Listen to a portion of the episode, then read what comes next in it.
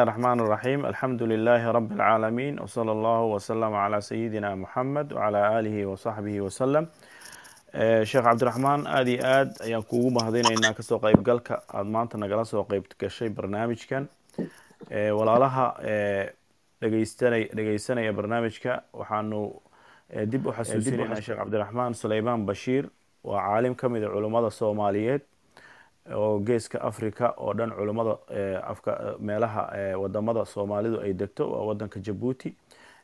Waanu naqaanaa waa caalim la yaqaano oo mufakira oo in badan soomaalidu ay garanayso dadka weliba af carabiga wax ku qorana waxay akhristaan maqaalaadkiisa af carabiga uu ku qoro. Maqaalaad aada u xeel dheer oo fikri dadka dhegeysta duruustiisana dee youtube-ka iyo kala socda facebookana dee duruus badan ayuu ka bixiyaa marka sheekh cabdiraxmaan wuxuu haystaa shahaado master degree oo shareecada islaamka ah. Marka waa taas waa xusuusin bay iga tahay dadka sheekha aan aada u aqoonin. Inta badan dadku way yaqaanaan sheekha. Wuxuuna ka soo shaqeeyey ama ka soo noqday mas'uul maxkamadda sare ee wadanka jabuuti. Marka muddadii ugu dambeysay sheekhu wuxuu ku nool yahay wadanka canada. Waa nin daaciyo dadku ay wada garan karaan marka insha allahu tacaala mawduuca aan ka hadlayno waa mawduuca hal ilislaamu marxala muaqata am anahu diinun caalamiy islaamku ma marxalo go-an buu ahaa oo ku ekaa mase waa diin caalami o ilaahay subxaanahu watacaala nebi maxamed ummadaas oo dhan uu u soo diray diintay rabta ha haysato in risaalada la gaarsiiye laga rabo mas'uuliyadeediina ay saaran tahay dadka muslimiinta oo diinta looga tegay mowduucaas oo in badan laga yaaba in laysku dayo dadku inay farafareeyaan dadka ka hadlana intooda badan laba qeybood bay u qeybsamaan qolo diintii ka siibatay oo ka dhex baxday ama shaki galay ama diimo kala qaatay oo loo tusay inay waxaas la saxan yihiin oo doonaya inay dacwadooda gudbistaan iyo waxa iyaga ay aaminsan yihiin qoladaas waa la garan karaa. Qolo diintii baan lug kula jirnaale lugna banaanka la taagan oo islaamka xayndaabkiisa banaankiisa ka soo eegaya islaamkii oo islaamkii ku arka fikir ama aragtiyo dad kale ay dejiyeen kuwaasaana waa aada u badan oo khatartooda ay ka badan tahay kuwa kaleeto maxaa yeele qofka cadaysta waa la garan karaa meeshuu wax u wado iyo hadafkiisa waa la fahmi karaa. Laakiin qofkan aada moodi lugna cayaarta kula jira lugna banaanka u taagan tahay islaamka xayndaabkiisa intuu gadaal ka soo eego banaanka isagoo ka soo eegaya wax ka sheegayana shaki iyo shubahaadka uu afuufi karo waa la garan karaa. Sidaa daraadeed marka insha allahu tacaala mawduuca sheekha ayaan u dayneynaa waa mawduuc aada iyo aada u xeel dheer sheekhuna masaa-ishaasoo aadka u xeel dheer oo fikrige waa qofkii ka jawaabi lahaa oo si fiican u cadayn lahaa sida aanu garanayno. Sheekh cabdiraxmaan adigoo mahadsan jazaak allah kheer waxaa marka ugu horeysa horta cinwaanka islaamku ma marxalad mu'aqad u ahaayo waqti buu ku ekaa mase waa diin caalamiye iyo waxaad kaloo isku keen raacisaa su'aasha odhanaysa diintu horta maxay tahay? Diintu ma xaajo rabitaan basharku uu u baahan yahay baa ilaahay diimaha ugu soo diray mase wax uusan basharku u baahnayn bay ahayd diimaha ilaahay subxaana watacaala uu soo dirayay labada arrimood inaad xoogaa isku keen raacisaan jeclaan lahayn. Kusoo dhawow. Jazaaka allah kheer assalaamu calaykum. Calaykum assalaam waraxmat ullaahi wabarakaatuhu aad baad u mahadsan tahay ustaadii ustaad cabdulqaadir iyo kuwada kale walaalaha kale ee mashruuca iyo barnaamijka inoo qaban qaabinaya aad baad u mahadsan tihiin dhammaantiin walaalaha qolka iyo walaalaha kaleete ee ku jira iyakana aad baan ugu mahadnaqayaa dhammaantood iyo dadka dhinaca kale inagala socda facebooka insha allahu tabaaraka wa tacaala. Waxa weeyaan jazaakum allahu khayran. Ilaahay baa mahadle. Nebigeenii moxamed ahaabaan naxariis iyo nabadgelye ilaahay uga dalbaynaa isaga iyo aalu beytkiisii iyo saxaabadii oo dhan. Ridwaanullahi calayhim ajmaciin. Intaa marka aan ka baxno walaalayaal waxaan idinku salaamayaa dhammaantiin salaamta islaamka. Asalaamu calaykum waraxmatullah waxaan mowduucan horta wuxuu leeyahay sabab. Iskama imanuun sababta uu leeyahay waxa weeye dadka maanta adduunka ku nool tiro statistic marka la sameeyo waxa ay u kala baxaan laba qolo oo waaweyn. Waxa u kala baxaan dad diin leh diintay dooni ha sheegtaan iyo dad aan diin lahayn oo aan rumaysnayn wax la yidhaahdo diin statistic marka la sameeyo iyaa badan dadka diinta leh iyo dadka aan diin lahayn waxaa badan dadka diin leh iyaa ka badan dadka aan diin lahayn matalan dad lagu qadaro laba milyaar oo bini aadana waa kristan. Dad lagu qadaro hal milyaar iyo badh waa muslim. Saddex milyaar iyo badh waxay yihiin kiristan kala haysta madaahib kala duwan sida ortodogoska protestanka katoliga iyo madaahib kaloo aad u fara badan. Muslimiintuna waa sunne iyo shiico inta ugu badan. Sunnaana ka ah boqolkiiba siddeetan iyo shan. Marka dadka marka laysku geeyo saddex milyaar iyo badh wey. Waxaa soo raaca dadka la yidhahdo buudiyiinta iyo handuuska oo iyakuna noqonaya dad ku dhow hal milyaar. Marka afar milyaar iyo badh ayaa halkaa ku haynaa waxaa soo raacaya dad la yidhahdo aladyaan albidaa'iya. Diinaha yaryar ee bilowga ah oo meelaha africa laga haysto amba asia laga haysto amba koonfurta america laga haysto amba waqooyiga america laga haysto ilaa iyo maaragtay boqol iyo konton boqol iyo siddeetan milyan bay yihiin. Marka dadkaas waxa weeyaan diinay leeyihiin dadka aan diin lahayn een waxba rumaysnayn waxaa lagu qadaraa hal milyaar marka la badiyo. Haddii la badiyo weeyaan oo jaynaha lagu daro jaynaha lama huba inay dadku wada bilaadiin yihiin. Oo beritoola marka shuuciyadda laga dul qaado dadku way abtirsan doonaan sidii midowga sofiyetigiba ka dhacday. Marka taas waxa weeyaan stastigii wuxuu ina siiyey inay dadku yihiin dad diin leh. Iminka waxaa jira ninka la yidhaahdo samuel hantecton ee maraykanka. Ah wuxuu sameeyey tirakoob uu ku sameeyey dalka maraykanka. Dadkan maraykanka ee afarta boqol ee milyan ku dhow maxay yihiin buu baadhay wuxuu sheegay inay ka badan yihiin shan iyo siddeetan boqolkiiba dad diin leh yacni diin bay leeyihiin dadka maraykanka waana waddanka koowaad ee cilmaaniyadda weeyaan adduunka. Amba ugu xoog badan dunida maanta. Kow arrin kalaa la baadhay waxaa la baadhay waxaa la weydiiyey dhallinyarada maraykanka maxaad rumaysan tihiin boqolkiiba lixdan iyo shan waxay sheegeen inay rumaysan yihiin jiritaanka ilaahay tabaaraka wa tacaala iyo inay aakhira jirto iyo inay akhlaaqdu muhiim tahay lagaba maarmaan tahay. Iyay sheegeen waxay ku qoran tahay stastigaasi buugga hentacton uu qoray ee ladhahdo ma naxnu annaku iyaa nahay. Ninkani waa jaamacadda harvard buu dhigaa.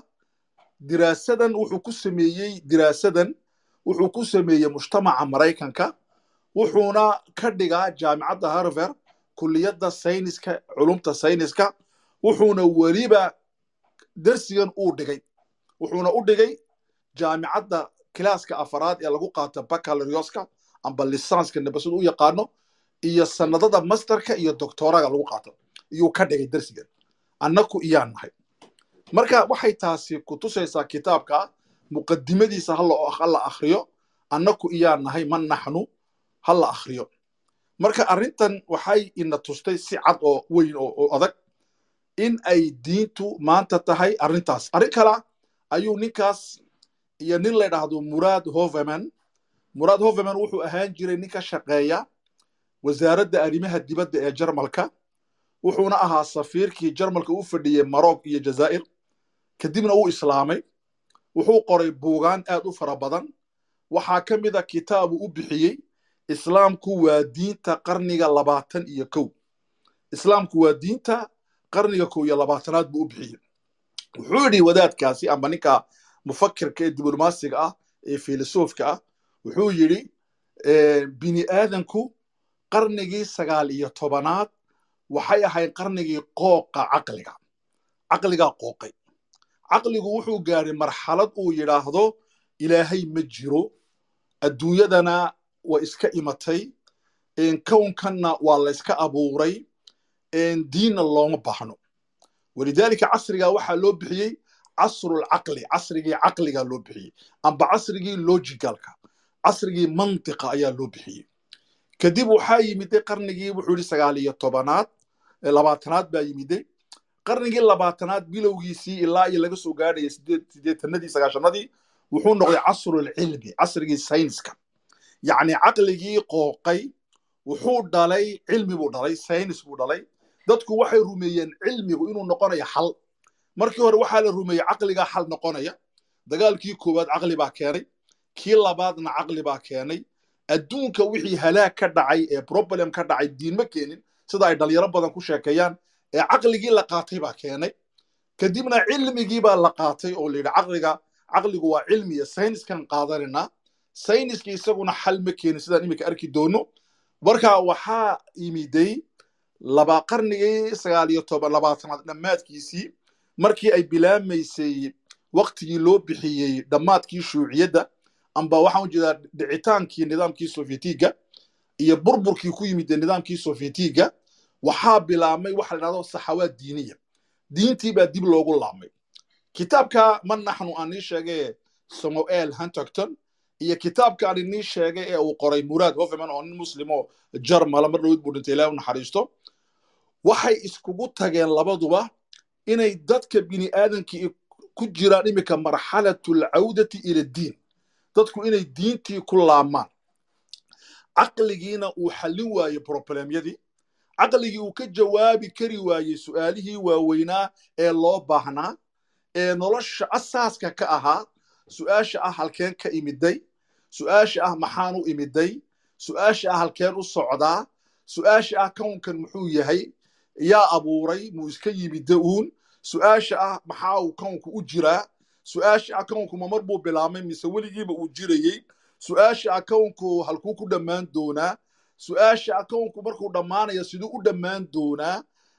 Ma wuxuu ku dhammaan doonaa si kaarisiya oo argagax leh mise si caadiya u dhammaan doonaa?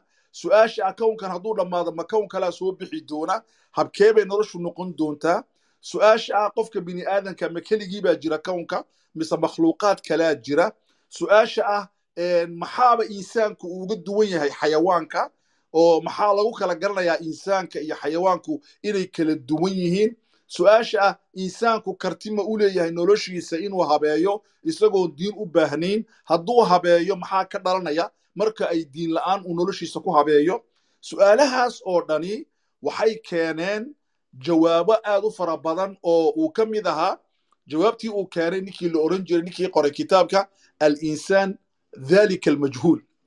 Ninkaas oo ahaa nin faransiis asalkiisu yahay kadibna maraykan noqday jaa'izada amba abaalmarinta nobelka ee dhakhtarnimadana ku guulaystay. Ninkaas waxa uu qoray kitaabka uu bixiyey alexis carel baa dhada alexis carel wuxuu qoray alinsaan amba lom etan coni faransiis buu ku qoray ingilish iyo carabina waa lagu turjumay. Insaanku wax la garan karo la macnayn karo guntiisa la gaari karo. Haddii aan diin la haysan ma aha ayuu qoray. Marka waxa weeyaan qarnigan labaatan iyo kow wuxuu yidhi ninka la yidhaahdo muraad hoveman waa qarniga diinta. Amba wuxuu nin kale yidhi waa qarniga diinaha. Walidaalika tirakoob laga sameeyey caasimadda ruushka ee moscow waxaa la arkay maalintii uu midooda sovyetig uu dhacay waxaa ka dhisnaa dhowr kaniisadood. Maantana waxaa ka dhisan kumaan kun kaniisadood. Dowladihii islaamka ay dowladda ruushku haysatay waxaa ka dhisnaa dhammaantood marka la isku geeyo toban miskiid baa ka dhisnaa. Waa loo diri jiray maantana waxaa ka dhisan dhowr kun kuma ilaa lix kun oo miskiid baa ka dhisan. Waxaa ka dhisnaa hal iskuul amba hal madrasadood. Maanta waxaa ka dhisan maaragtay boqolaal madrasadood oo lagu bartay diinta islaamka oo lagu xafido. Markaasi dadku waxay ku laameen diintii bay ku laameen hadday orthodox yihiin iyo hadday islaam yihiin. Marka natiijay gaadheen cilmi ah raggani. Natiijada cilmiga ay gaadheen maaha rag iska hadlaya iska soo fadhiisanaya oo sheekaynaya maaha waxay gaadheen natiijada cilmigoo ah. Diintu waa baahi aan la dhaafi karin waxay diintu ka jawaabaysaa ay jawaab ka bixinaysaa haraad hoose oo diintu uun ay qancin karto. Waxa ay diintu keenaysaa akhlaaqda ayay la tahay. Midda akhlaaqda ka dhigta akhlaaq diintu waxay la wadaagtaa nolosha fidradda abuuritaanka qofka biniaadanka qofka aadamigaan noolaan karin hadduu noolaadana sida aan arki doonno ayaa dhacda. Marka intaasi waxa weeye marka aan leenahay diin ma la dhaafi karaa? Dee waan odhan karaa waa la dhaafi karaa? Sidii uu yidhi ninkii la odhan jiray maaragtay filosofka ahaa ee yidhi maaragtay maraaxishu bini aadamku ay soo mareen waa saddex marxaladood. Marxaladii khuraafaadka iyo marxaladii diinaha iyo marxaladii caqliga. Oo just cont baa dhaa ninkaas. Oo just cont baa dhahdaa. Wuxuu yidhi markii hore bini aadamku waxay aaminsanaayeen wax maskaxda geli karin oo khuraafaada oo caqliga aan geli karin. Marka waxay caabudeen waxay arkayeen. Qaar baa danabka caabuday way ka cabsoodeen. Qaar baa maaragtay caabuday hillaaca way ka cabsoodeen. Qaar baa caabuday maxaanku idhahdaa adceedda iyo dayaxa. Qaar baa caabuday maxaanku idhahdaa madaahirta najarka ee dabeecadda. Qaar baa caabuday kownka. Qaar baa iyagu mayae wax ka hooseeya sida lo'diya iska caabuday. Yacni waxay ahayd marxalatu lkhuraafaat marxaladii dabka la helay ee nolosha bilow bilowga ahayd bay dhahdeen markii dambe waxaa yimid bay dhahdeen rag filosofiya oo dadka ka yidhi nebiyaal baan nahay calayhim asalaatu wasalaam. Isagu wuxuu aaminsanya inay nebiyaal ahayn laakiin dadka ay ka caqli badnaayeen noloshay u habeeyeen. Waxay dhahdeen waxaanaad arkaysiin waxaa ka dambeeya wax ka weyn. Ilaahay baa ka dambeeya waxaan abuuray. Marka waxaan iska dhaafo oo ilaahay caabuda bay ka idhahdeen idan taasina waxay bay marxaladii labaad ee basharku markuu bislaanayey uu gaadhay. Marka saddexaad markuu bini aadamku bislaadeen ay diintii way dhaafeen waxay u yimaadeen marxaladii caqliga iyo lojiga marka marxaladii caqligu waa marxaladii saddexaad ee bini aadamku ay soo gaadheen. Idan diintu waa maxay dhahdeen waa marxalatun zamaniyatun intahat. Waa marxalad wakti ku sognayd oo la soo dhaafay oonan dib u soo noqonayn sidaas buuri oo just cont laakiin hadduu maanta joogi lahaa oo just cont wax kaluu ku sheekayn lahaa. Wuxuu arki lahaa ragga adduunka ugu caqli badan oo diintii ka maarmi kari waayey. Hadday doonaanba diin kaleo maaragtay saxayna qaataane amba islaam noqday buu arki lahaa. Kana isaga aqoon badan kana cilmi badan hadday noqoto sayniska iyo hadday noqoto cilmiga bini aadanka iyo hadday noqoto cilmiga diinaha iyo hadday noqoto cilmiga ilbaxnimada iyo hadday noqoto cilmiga taariikhda iyo hadday noqoto cilmiga epistemologiya dad isagaba ka aqoon badan oo maanta diin le yuu arki lahaa. Marka wuxuu ka soo noqon lahaa jawaabtii uu bixiyey waktigaas oo isagu sidaa ula ekeen. Okay ikhwaanii fillah walaalayaal intaa haddaan ka soo durko waxa weeyaan diintu marxalad zamaniya ninkaa baa yidhi oo just cont baa yidhi. Caalim wuxuu ahaa ijtimaaciya oo dhinaca sociologiga takhasuskiisu yahay. Wuxuuna diraaseeyey daahirad yurub ka jiraysay oo ahayd isku dhicii weynaa ee ku dhacay diintii kristanka ee ka jigaysa yurub iyo iyo cilmigii baa isku dhacay. Aqoonyahankii isxaaq newton iyo galiilo iyo iyo waxaa isku dhacay kaniisaddii kaniisaddii baa aaminsanayd wax cilmiga ka hor imanaya. Marka maadaama ay kaniisaddu aaminsanayd wax cilmiga ka hor imanaya waxaa arrintaasi ay keensatay in uu maaragtay ay isku dhacaan culummadii iyo iyo diintii ay isku dhacaan. Okay su'aashaas marka aan ka imaad waxaan bal jecelahay inaan tacriif ka bixiyo ikhwaanii walaalayaal kelmadda addiin dadku inta badan kelimatu diin way isticmaalaan. Kelimado layska isticmaalaan arkaa marka marka aan dhegaysanayo maaragtay doodaha amba waxaa la isticmaalaa ilaah. Ilaahay muxuu yahay. Yani si cilmiya maaha waa layska qoraya waa kalaam waxa dhahdaa inshaa'i waa inshuhu waxa weeyaan waa waxa madaxaaga iskaga jirood qorqortidoon adoona meelna ku noqon baadhin ka daba tegin ogaan. Marka kelimaadka waxay leeyihiin dalaalaat cilmiya waxay kutusayaan wax cilmiya oo saynis ah oo kelmaddan halkee laga soo qaaday iyaa soo qaaday dadkaasi maxay u yaqaanaan? Saasa saa weeyaan cilmigu waa inaan waktigii dhaafna layska hadlaya soo maaha waxa weeyaan kelmadda ah addiin. Ninka la dhahdo saysron waa nin reer galbeed ah. Wuxuu dhahdaa diintu waa waxa ku xidha qofka ilaahay. Diin haddaad maqashid buu yidhi saysron waa shayga dadka bini aadanka ilaahay ku xidha kant filosofkii jarmalka kant wuxuu yidhi diintu waa dareen uu qofku dareemayo waajibaadkiisa. Isla markaasina ku taagan amre ilaahay. Yacni waajibka iminka anaku markaan joogno wadanadan reer galbeedka ingiriiska ama maraykanka ama jarmalka dadku waxay gutaan waajibaad laakiin awaamirta xukuumadda ku taagan. Muslimkuna wuxuu gutaa taa marka laga yimaado waajibaad buu gutaa awaamirta ilaahay ku taagan. Kiristanku wuxuu gutaa waajibaad awaamirta diintiisa ku taagan. Marka taasi waxay kutusaysaa diintu waa maxay? Wuxuu yidhi kant wuxuu yidhi waa shucuur waa dareen. In aan waajibna saaran yahay ilaahay naga dalbay tabaaraka wa tacaala. Markaabaa diin la dhahdaa buuri taylor ninka la dhahdo isagu wuxuu yidhi diintu waa in la rumeeyo kaa'inaad ruuxiya waxyaalo kaa maqan oo ruuxiya. Matalan muslimku wuxuu rumaysan yahay ilaahay. Ilaahay waa kaa'in ruuxiya ma dhahayno waa kaa'inkii ruuxda abuuray ee makhluuqaadka abuuray waa jire weyn insaanku. Ilaahay tabaaraka wa tacaala idan kaamaan rumaysannahay malaa'ig baan rumaysannahay kaa'inaad ruuxiya wey marka kiristanku waxbay waa iimaan la rumaysan yahay waxyaalo ka sarreeya kownkan aan ku noolnahay markaaba diin la dhahdaa buuri okay maxaa dhahdaa qaamuuskan dictionarykan oxford markuu diinta macneynaya wuxuu yidhi diintu waa mustalax waa erebixin waxaana loo yaqaanaa caqaa'id rumayaal iyo fikrado iyo dhaqanno ku taagan dadka bini aadanka ay ka soo qaataan hee alghaayatu min alxayaati walkown ujeeddada nolosha laga leeyahay kownkanna ujeeddada laga leeyahay maxay tahay? Waxaabaa diin la yidhaahdaa bay tiri maaragtay oxfordna haddaan waxaan u jeedaa maaragtay oxfordna saabay tiri hawakaas okay taasi waa erebixinta diinta siday u macneeyeen aqoon-yahanka amba mufakiriinta aan muslimka ahayn culummadeenna islaamku maxay diinta ku macneeyeen? Waxaan u kala qaadi doonaa culummadeennii hore ilan culummada islaamku waxay leeyihiin iyaku marjic reference bay leeyihiin. Culummada aan muslimka ahaynna reference bay leeyihiin. Culummada aan muslimka ahayn referencekoogu waxa weeyaan waa taariikhda waa historica waa dhacdada waa nolosha waa najarka.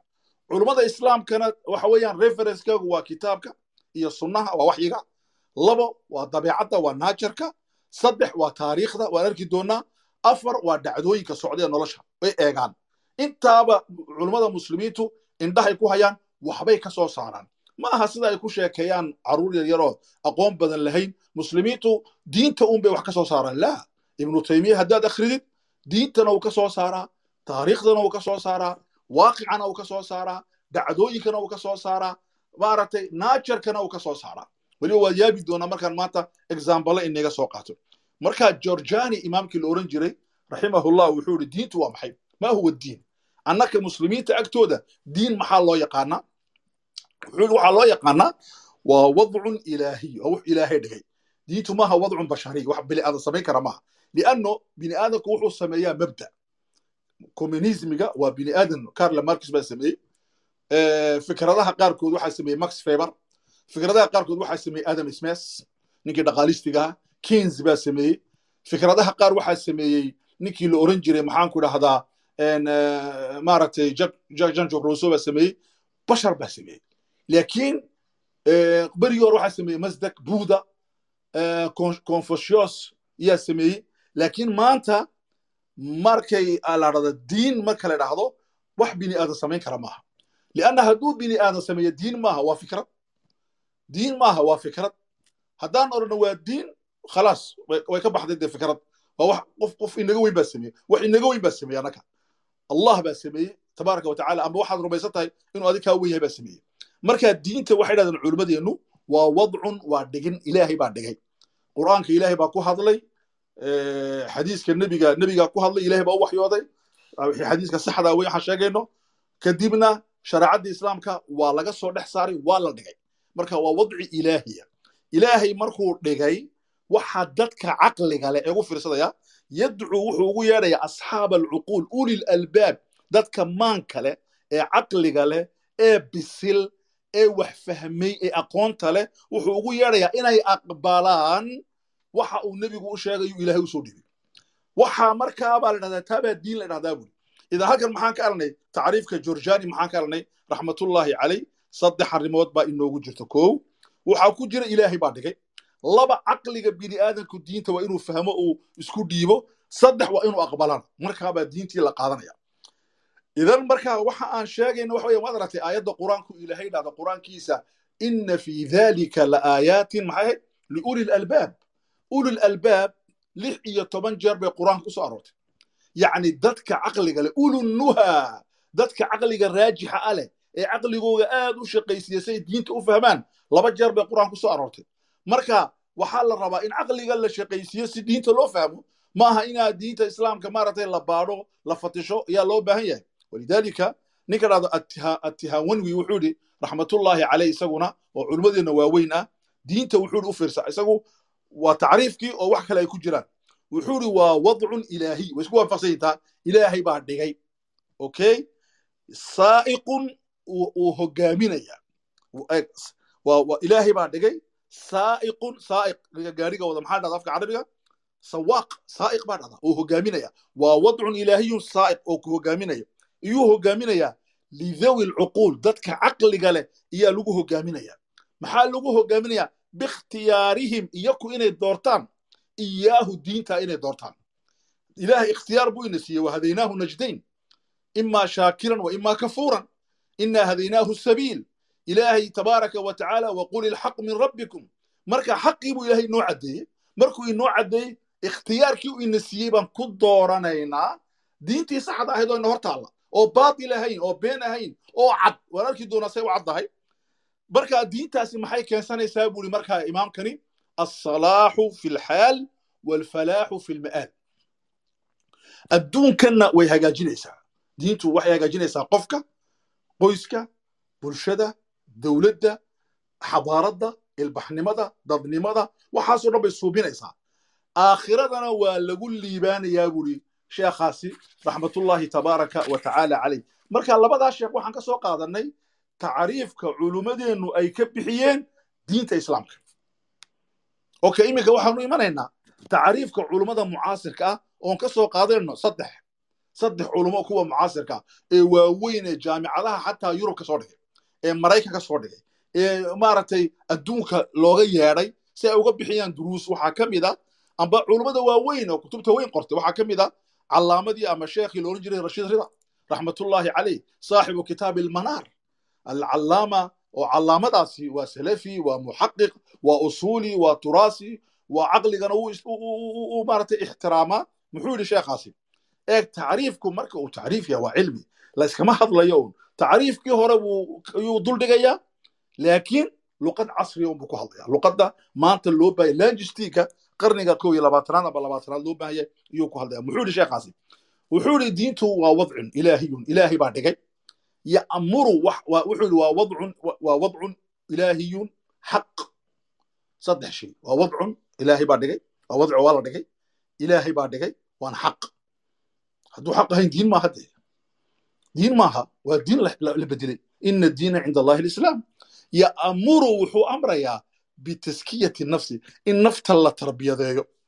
Wa tathiiriha lagana saaro waxa xun oo dhan.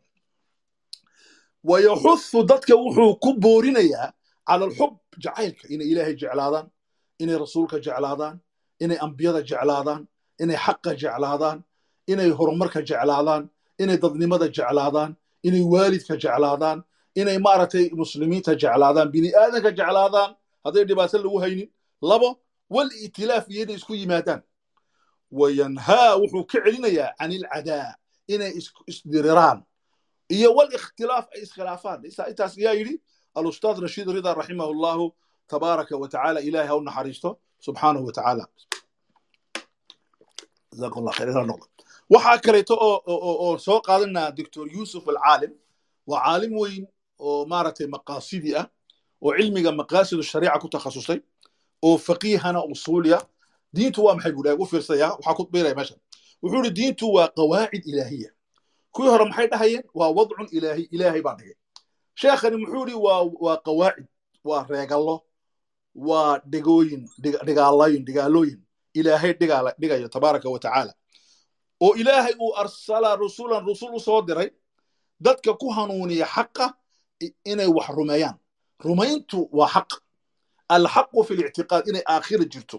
Inuu allah jiro inuu allah mid yahay inuu allah magac suusuuban leeyahay inuu allah sifaat sare leeyahay tabaaraka wa tacaala yaad rumaynaysaa marka khayrna waxay kugu amraysaa xagga dhaqanka iyo mucaamalada. Waxayna kugu daraysaa marka in aad ku biirtid beerta amba xerada qawaacidda ay dhistay. Yaad dhex galaysaa. Waanad u khuduucaysaa waad aqbalaysaa. Awaamirta ka imanaya ilaahay iyaad aqbalaysaa. Amran hadduu amar yahay iyo nahyan iyo hadduu nahy yahay. Taasi waxay markaa kuu keenaysaa sacaadatu dunya walaakhira inaa adduunkana liibaantid aakhirana ku liibaantid tabaaraka wa tacaala ilaahay agtiisa. Marka taasina waxaa yidhi sheekha yuusuf alcaalim. Ugu dambayntii waxaan imanaa doctor cabdalla daraas cabdalla maxamed cabdalla daraas wuxuu ahaa sheekh weyn oo jaamicat alazhar ka baxay kadibna egos serbon tagay ka qaatay darajada doctora kuna qaatay kitaabkiisii falsafatu alakhlaaq fi lqur'aan isagu falsafatu alakhlaaq kuma qorine wuxuu ku qoran la maqaal dans le quran. Alakhlaaq fi lqur'aan laakiin ninkii turjumay oo isaguna cabdisabuur shaahin la oran jiro masri ahaa iyaa ku turjumay falsafatu alakhlaaq fi lqur'aan isagoo afransiis buu kitaabka doctoragiisa kaga qaatay sheekha doctoraga markuu qaadanayey wuxuu diraaseeyey akhlaaqda reer galbeedka iyo akhlaaqda muslimiinta iyo akhlaaqda islaamka ee diinta qur'aan ku qoran marka kitaab dhan buu ka qoray oo ilaa iyo shan boqol bog ku dhow ninkaas wuxuu yidhi maxay tahay diintu diintu waa rumayn bura wax la rumeeyo oo la rumeeyo jiritaan ilaah kaa sarreeya oo aad dooratay in aad aqbashid amarkiisa tasarruf leh oo wuxuu doono sameeya tadbiir leh oo adduunkan wada isla markaasina ka shaqeeya danaha dadka adiga oo rumaysan ilaaha in lala sheekaysto la caabudo oo markaad caabudaysidna ka raba janno kana cabsanaya cadaabtiisa khuduucayana ka dambaynaya amarkiisa weynaynaya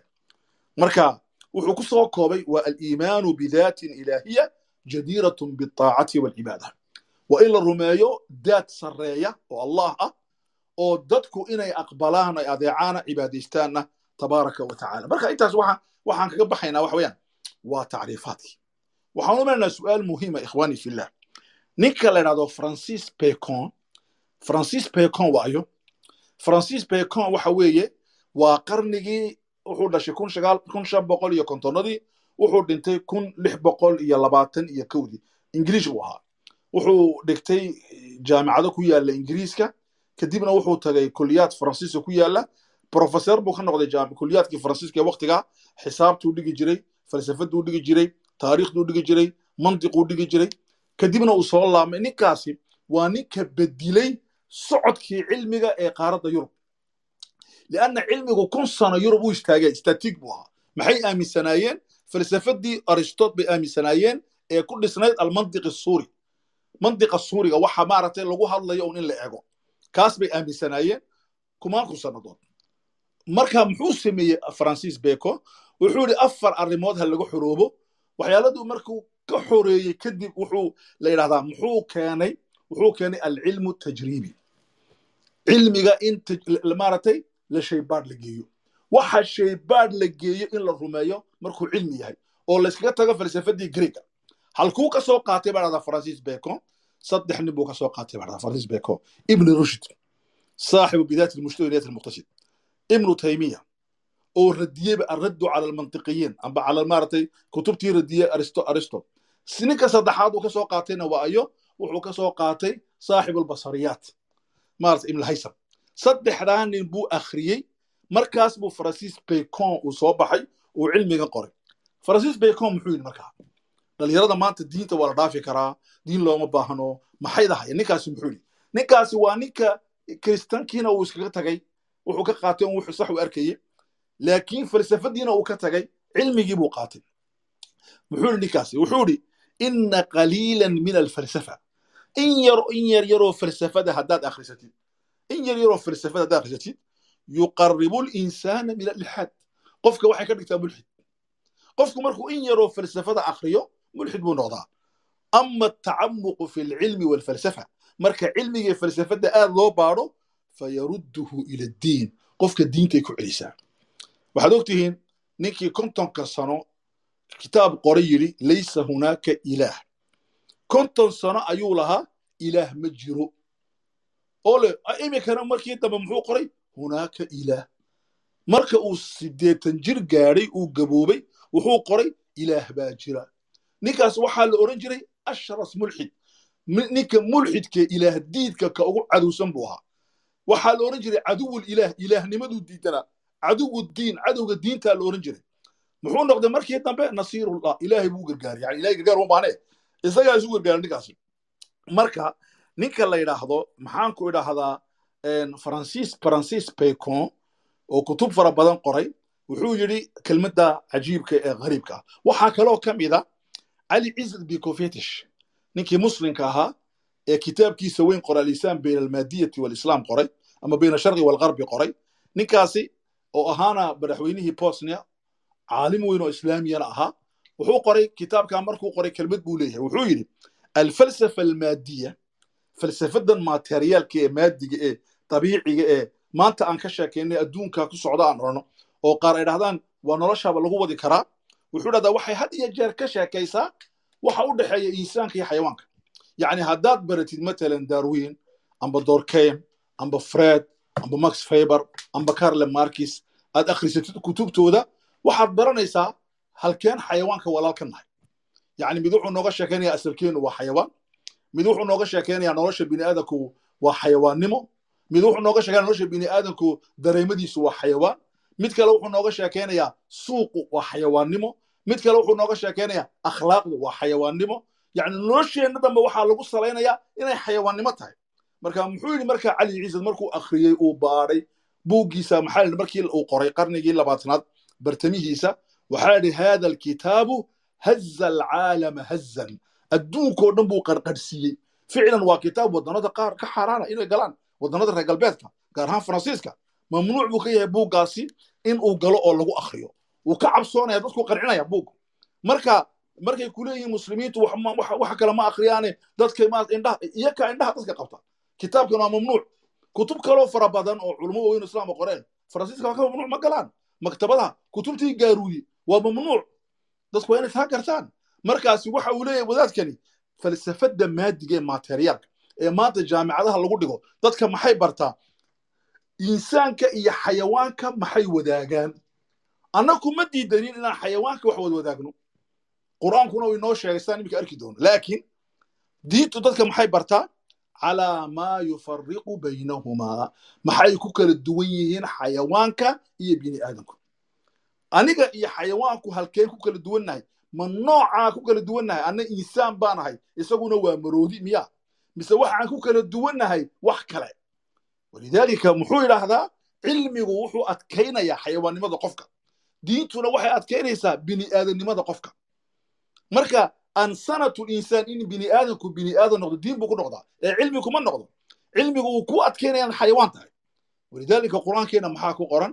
Waaladiina kafaruu yatamattacuuna waya'kuluuna kamaa ta'kulu lancaam kuwa gaaladii way raaxaystaan wayna cunaan sida xayawaanku u cuno. Macnaha xayawaanku afar afar afar arrimood buu qabtaa sida ugu qurux badan ugu qabtaa. Weli maaragtay xayawaan galmood samaynaya. Uu haasaawaa haasaawa uu maaragtay uu maaragtay uu daba guraa uu isku xaxamaaraa uu ka dhammaystaa gabadha uu ogolaysiiyaa way fadhiisataa markaana uu dhammaystaa. Maxay maanta sameeyaan biniaadamku markay halkaa samaynayaan way baxaan way soo shokaashadaan way labistaan cadar bay marsadaan. Dhar fiican buu xidhaa. Waxa xayawaanku samaynaya unbaad samaynaysaa maxaa markaa u dhexeeya? Waxba ma dhexeeyaan haddaa dhanka laga dhaqaaqo. Okay cuntada markuu cunaya xayawaanku cuntada wuxuu cunaa libaaxu meesha ugu fiican. Insaankuna muxuu cunaa garab baan cuni meeshaa baan cuni kalluunkaan shiili. Yani eeg wax kuu dhexeeya ma jiro. Way hagaajistaan. Okay marka galmoodkii hurdadii farqi nooma dhexeeyo. Waxa inoo dhexeeya waa maxay? Waa nooc. Nooc waa maxay aqalaan dhisannaa iyakuna hog bay galaan. Godad bay galaan iyaku annaguna aqal baan dhisnaa. Okay intaasaa inoo dhexaysa laakiin diintu waxay leedahay maaha taa waxa inii dhexaysa nooca maaha waxa inii dhexeeya maaha nooca sexiga maaha nooca waxa inii dhexeeya derajadana maaha. Inaad ka daraja saraysa maaha. Ee waxa inii dhexeeya waa hadafka. Waa hadafka iyo kala duwanaanshaha caqliga iyo ruuxda iyo iraadada volunteerga taasaa inii dhexaysa walidaalika diintu waxay ka sheekaysaa arrintaas bay inta badan ka hadashaa. Ilaahay qur'aankiisa wuxuu ku yidhi am taxsabu anna aksarahum yasmacuun aw yacqiluun inhum kalancaam inhum ilaa kalancaam bal hum adalluu sabiila. Ilaahay wuxuu yidhi ma waxaad u malaynaysaa nebi muxammedow sala allahu calayhi wasalam inay ku maqlayaan? Markaad diinta sharxaysid eed cilmi dad fara badan lianna caqliya xayawaaniya qaar leeyihiin ama inay caqli leeyihiin baad moodaysaa? May iyaku waxay noqdeenba xoolo oo kale iyakaa ka lunsan xoolaha buu ilahi tabaaraka watacaala yowma alqiyaamaha ilaahay muxuu yidhi waxay dhahayaan low kunnaa nasmacu aw nacqilu maa kunnaa fi asxaabi saciid? Haddaan wax maqli lahayn amba maanka aan shaqaysiin lahayn cadaabta ma aan galleen ninka la dhahdo hene hene dowlo wuxuu yidhi annaku maanta qarniga labaatan iyo kow waxaan nool nahay. Qarniga labaatan buu isagu hadlay waxaan nool nahay casrigii qalaq stresska. Wax walba qalaq baan ku jirnaa maan dhimanayna waan ka cabsoonaynaa haddaan bukoonno waan cabsoonaynaa haddaan cunto weyno waan cabsoonaynaa hadduu dhulku gariiro waan cabsoonaynaa haddaan argagax baan ku noolnahay casrul qalaq. Stress baan ku noolnahay wuxuu yidhi walaa shak shaki kuma jiro. Waxyaalada bini aadamku uu soo saaray ee teknolojiga ee cilmiga inay bini aadamka u siyaadisay raaxo iyo horumar. Shaki ma leh. Waxaa lagu safri jiray maaragtay dameero iyo awrar. Waxaa maanta lagu safraa baabuuro iyo tareeno iyo diyaarado iyo maraakiib aad u qurux badan. Waxa awal toole layskala hadli jiray waraaqad baa laysku diri jiray socon jirtay bilo. Maantana waxa weeyaan telefonkaad qaadaysaa daqiiqadaa laysku soo jawaabayaa. Insaankii uu koray xagga rafaahada raaxada iyo horumarka. Laakiin buu yidhi dhinaca kale waxay u siyaadisay sayniskii iyo teknolojigii uma ayna siyaadin buu yidhi sacaada raaxo habbi boneer qalbiga iyo tumaanina deganaan iyo xasilooni uma ayna faa'iideen bal waxay u faa'iidaysay buu yidhi qalaq argagax yas quus amraad nafsiya cudurro psychologicala ama psychologia oo uu ku waayey nolosha macnaheegii quruxda badnaa o dhan qofka biniaadamkii u waayey maanta. Walidaalika su'aashaasi waa muhiim diintu ma marxalad la soo dhaafi karaa mise marxalad dhaafi kara ma aha waxan baa kaaga jawaabaya cilmigu diintu meesha ay gaadhay ma gaadhi karo. Jawaabta ay bixinaysa ma bixin karo. Cilmigu iyo diintuna waan arki doonaa iskama hor imanayaan markay diintu sax tahay. Okay su'aal ma weydiiyaa su'aal ma isweydiinaa su'aashu waxa weeye diinaha oo dhan ma wada xaq ba? Waxa adduunka diin yaallo oo dhan qaar baa ku odhanaya okay waa sax diin lagama maarmayo. Laakiin diin kasti waa su'aashaas aan ka hormarino su'aasha ku saabsan caqligu badiil ma ka noqon karaa diinta. In badan waxaa laga hadlaa arrinta caqliga marka caqliga ma ka noqon karaa badiil oo diinta intaan iska dayna caqligeena keliya ma haysan karnaa? Su'aashaas bal aan ka hormarino kadib baan u gudbi doonaa su'aasha ku saabsan arrimaha diimaha iyo inay wada xaq yihiin iyo sababta diimaha looga baxo. Waa mahadsantaa sheekhan okay. Waxaan jeclaa okay sheekh cabdulqaadir sheekh cabdulqaadir waxaan jeclahay su'aashan iyo taa inaan isdhex dhiga ka waran. Waa okay. Isku isku qabo labada su'aalood. Isku qabanaya jazakum allah khair okay allah ku barakeeyo waa mahadsan tahay. Eeg diinuhu ma xaq baa? Diinahoo dhan ma sawaab baa? Diin ma caqligu ma noqon karaa badiil can iddiin diinta ma inoo bedeli karaa. Caqligayga ma ku socon karaa anuuna diin u baahnayn? Caqligu ma ii noqon karaa wax nolosha ii habeeya keligii anuuna diin u baahnayn. Intaa waan ka jawaabi doonaa. Su'aasha horta waxa weeyaan su'aasha waxaan ka horanayaa caqligu badiil diinta ma ka noqon karaa? Waxaan ka jawaabaynaa saddex arrimood. Ikhwaani fillah kow su'aasha koowaadi waxa weeye caqliga iyo diintu horta dhinaca kristanismiga been maaha. Dadka idhahda maanta kristan baan noqonnay. Kristanku waa maaragtay wuxuuna siiyey jawaabo saxa oo diin islaamkuna sii weyday. Waxay akhriyeen baa iska yar. Kristanismigu mandiqa alif ba'duu ka hor yimaadaaba isagu. Eeg ilaahii weynaaye adduunkan abuuray baa karti u yeelan waayey tabaaraka wa tacaala inuu bini aadanka mideeyo simo xal u keeno ilaa uu ilmo isagu uu dhalay uu dilo walciyaadu billah. Ilmihiibuu u dilay inuu bini aadanka u dembi dhaafo. Dembigaas oo uu nebi aadan galay oo nebi aadan dembigu galay bay bini aadanku ilaa maanta la taahayeen. Okay caqliga saxda ah ee iminka maaragtay maxkamadaha adduunka lagu xukumo wuxuu gaadhay qofina qof dembigiisa ma qaado. Aadan dembigu ku dhacay anu shaqo kuma lihi aabbaheen calayhi salaam muxuu aanan shaqo ugu lahayn isagaa dembiga le facasaa aadamu rabbahu fagawa aadan baa ilaahay caasiyey uuna ku dhacay dembigii fataaba calayh ilaahayna uu ka toobad aqbalay markuu too noqday uu yihi maaragtay ilaahu waan innii tubtu ilayk ilaahayna uu ka aqbalay isagii hooyadan xaaba markaa taasi waxay ku tusaysaa in ay mandiq ahayn arrintaasi markaa diinta kiristanka caqligii bedilay sax buu ahaa ee war waxaan annagu kuma noola iyo su'aasha kale odhanaysaa jannada markaan ka soo baxayni xaawa inaga soo saartay. Qur'aankeenu uu diiday jannada xaawa inaga soo saartay.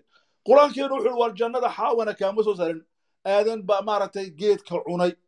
Kadibna isaga amarka bixiyey. Markaabay xaawana la cuntay geedka. Isagaa doortay inuu geedka facasa aadan baa cisyaanka keenay. Iyadna way racday markaa way wada cuneen geedkii. Ilaahayna uu ka wada saaray jannadii. Jannada in laga soo saarana maba ahaynba meel loo abuuray inay fadhiyaane meel ay ku tababaranayeen bay ahayd meesha loogu talagalay in loo abuuray iyakoo jannada la geynoo samada jooga yaa loo sheegay innii jaacilun fi lardi khaliifa dhulkaa la keenayay. Idan meesha aadan loo abuuray dhulkayba ahayd marka meesha wuxuu ahaa meel lagu soo tababarayey sida uu sheekh shacraawi raximahullah uu ku sheegay fii khawaatirihi aw fii tafsiirihi. Arrinta saddexaad waxa weeye markaa diinta ka imanno diinta caqliga bini aadamkii iyo diinta islaamku iskama hor imanayaan. Kitaab buu ka qoray ibnu taymiya uu bixiyey macquulka waxa sariixulmacquulka ah ee maanku uu dhalo maanka saxda ee cilmiga iyo waxa saxiixulmanquulka ee diinta saxda i dar u tacaarud weeye. Iskamaba hor iman karaaba weligood yaa looyi waa mataano waa walaalo. Limaada? Lianna aladii khalaqa alcaqla anzala alnaqla. Ilaahay caqliga abuuray ee u talagalay inuu caqligu wax maalo yaa soo dejiyey naqligana qur'aanka iyo xadiiskana isagaa soo dejiyey hadday iska hor yimaadiin waxaa la eegayaa labadan mid baa qaldan. Amba waxan baa saxiix annagu aan moodaynaa saxiix ahayn amba waxaan sariix moodaynaa sariix ahayn oo in dib loogu laamo u baahan. Okay marka arrintaasaa la baadhaa toban mujallad buu ka qoray. Eeg maaha laba kelmadood iyo saddex kelmadood maaha toban mujallad buu ka qoray raximahullah ibnu taymiya. Imaam khazaalina uu kaga hadlay kitaabkiisa mustasfaha ee usulfiqiga uu kaga hadlay. In uunan caqliga saxda ee sariixii saxmaya sariixii uunan ka hor imanin naqliga saxiixa ah. Marka taasina waa mid caqli sax ah sariixa kama yimaado diin saxa kama hor yimaado arrin afaraad baa jirta. Arrinta afaraad waxa weeye diintuna majaal bay leedahay. Caqliguna majaal buu leeyahay. Maxaaba isu keenayba? Diintu waxay nooga jawaabaysaa qaa'iyaatlxayaat nolosha ujeedooyinka laga leeyahay. Caqliguna wuxuu ka jawaabayaa tartiibulxayaat noloshu inoo tartiibinaya. Dikadaha jidadka dowladda habka loo xakumayo sida la samaynayo maxaan u samaysanaa ma baarlaman baan qaadanaa ma keyra baarlaman baan noqonnaa? Maxaan samaysanaa halkeen u soconnaa? Waxa maaragtay maxaan maanta horreysiinaa ma warshadaha? Ma beeraha? Ma adhiga maxay antum aclam biumuuri dunyaakum caqliga majaalkiisu waa kaa diinta majaalkeeguna maxay? Maxaa lay abuuray? Marka aan dhinta hageen tegi doonaa. Cibaadada layga doonaya maxay tahay? Akhlaaqdu maxay tahay shareecadda laysku xakumaya maxay tahay? Waxay iga jawaabaysaa alqadaaya alkubra masaa'il alkubra masaa'isha waaweyn iyo diintu iga jawaabaysaa. Marka labada majaal baaba kala duwanba. Midna majaalkeegu waa tasliim ilaahay buu ka yimid waxaad eegaysaa ma sax baa bes. Saxnimadana sida loo garto waan arkaynaa maanta. Inay diintu sax tahay sibaa loo gartaa layskama sheegta un ilan qof walba diintaas wuxuu oran karayaayo. Marka arrintaasi waa taas weeye. Haddaanu imana diinahoo dhan ma xaq baa si ay dad badan ay sheegayaan waa mustaxiil inay diintoo dhan xaq noqoto. Diinta kule aakhira ma jirte. E qofku markuu dhinto hadduu fiicnaa wuxuu noqonayaa barambaro amba deksi amba quraanjo amba jiir amba bisad. Hadduu xumaa hadduu fiicnaana qof fiican buu soo noqonoo dib aduu ku soo laami. Oo waa diinaha maaragtay istinsaaqul arwaax rumaysan. In ruuxdu ay soo laamato oo jirkuna uu dhinto la gubo. Diinta iyo diinta rumaysan qofka binaadamka waa la soo saari doonaa aakhiro. Jasadan wa ruuxan jir ahaan iyo ruux ahaanba waa la soo saari doonaa. Kadibna hee waa la itixaami doonaa. Kadibna janno iyo cadaab baa la kala geli doonaa. Labadaas ma shay waaxida. Okay diinta rumaysan ilaahay waa mid lalama keliyoobi karo. Kownka uu ka baxsan yahay kuma dhex jira kownka ilaahay. Laysa fi lkown wala lkownu fiihi. Kownku kuma dhex jiro kownkuna isaga ka mid maaha iyo diinta rumaysan inuu ilaahay bini aadanoobay. Bini aadankuna ilaahoobay naasuutu laahuutu laahuutu naasuutu kulanaya. Ilaahay baa soo dhaadhacay oo bashar noqday. Kadibna intuu insaankii sara kacay buu ilaahay dhex galo u ilaahoobay subxaana wa tacaala diinta odhanaysa labadaasi ma sax diinta ku odhanaysa ilaahay waa keli fi kulli shay. Suuratu likhlaas huwa axad allahu axad samad lam yalid lam yuulad lam yakun lahu kufuwan axad iyo diinta kule ilaahay iyo jibriil iyo ciise waa mid saddex noqota haddana mid noqota ma sax ba may midoobayaan may midoobayaan diinta leh ashacbullahi almukhtaar ilaahay adduunka wuxuu ka doortay tobankaa malyuun amba soddonkaa malyuun ee yuhuudda inta kalena waa xayawaan dadka yuhuudda loo abuuray iyo diinta kule walaqad karamnaa bani aadam bini aadankoo dhan maa karaamayni khalqigoo dhan waa isku mid annaasu sawaasiya ka asnaani lmusht ma midoobi karayaan diinta rumaysan in sanam la caabudo iyo diinta rumaysan in ilaahay weyn la caabudo may midoobi karayaan mustaxiil walidaalika culimmadeenu waxay dhahdaan alxaqu waaxidun laa yatacaddadu xaqu waa mid ma bato sawaabtaa badan karta marka fiqiga la baarayo furuucda waxaa la odhan karaa hadalka uu ku tagay sheekh hebel waa sawaab hebelle hadal ku tagay waa sawaab laakiin waxaa sii sawaab badan hebel. Waa waxyaalada la baarbaara ee adduunyada ka mid a waxaad odhan kartaa matalan mufakir hebel wuxuu yidhi sidaa? Waa sax weeyaan. Mufakir hebelna wuxuu yidhi waa sidaa? Waa sax weeyaan. Laakiin waxaa sii saxsan sidaa? Taasi waa waxyaalada farciga.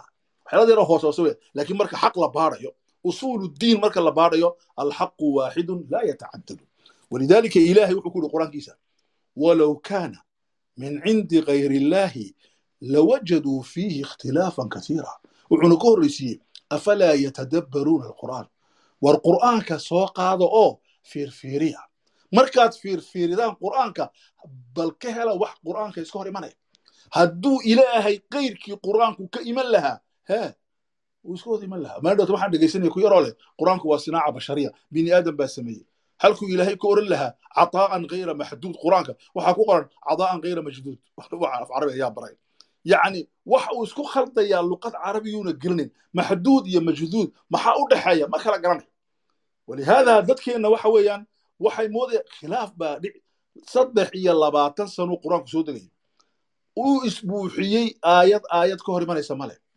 kulluhu yatakaamal waxaa jira diraaso uu sameeyey almuqri ulidriisi sheekh dhahdo oo dalka u dhashay maaragtay maqrib oo profeserka jaamacad ku taalla marog baarlamanka marogna ku jira calaamadaas wuxuu baadhaa qur'aanku siduu isku buuxinayo min xaysi luqa min xaysi lbinaa min xaysi lmacna min xaysi lmawduuc xagga luqadda xagga dhismaha xagga macnaha xagga mawduucaadka. Intaba qur'aanku siduu isku buuxinayo iyo si cilmiga u baadhaa ninkaasi caalimka.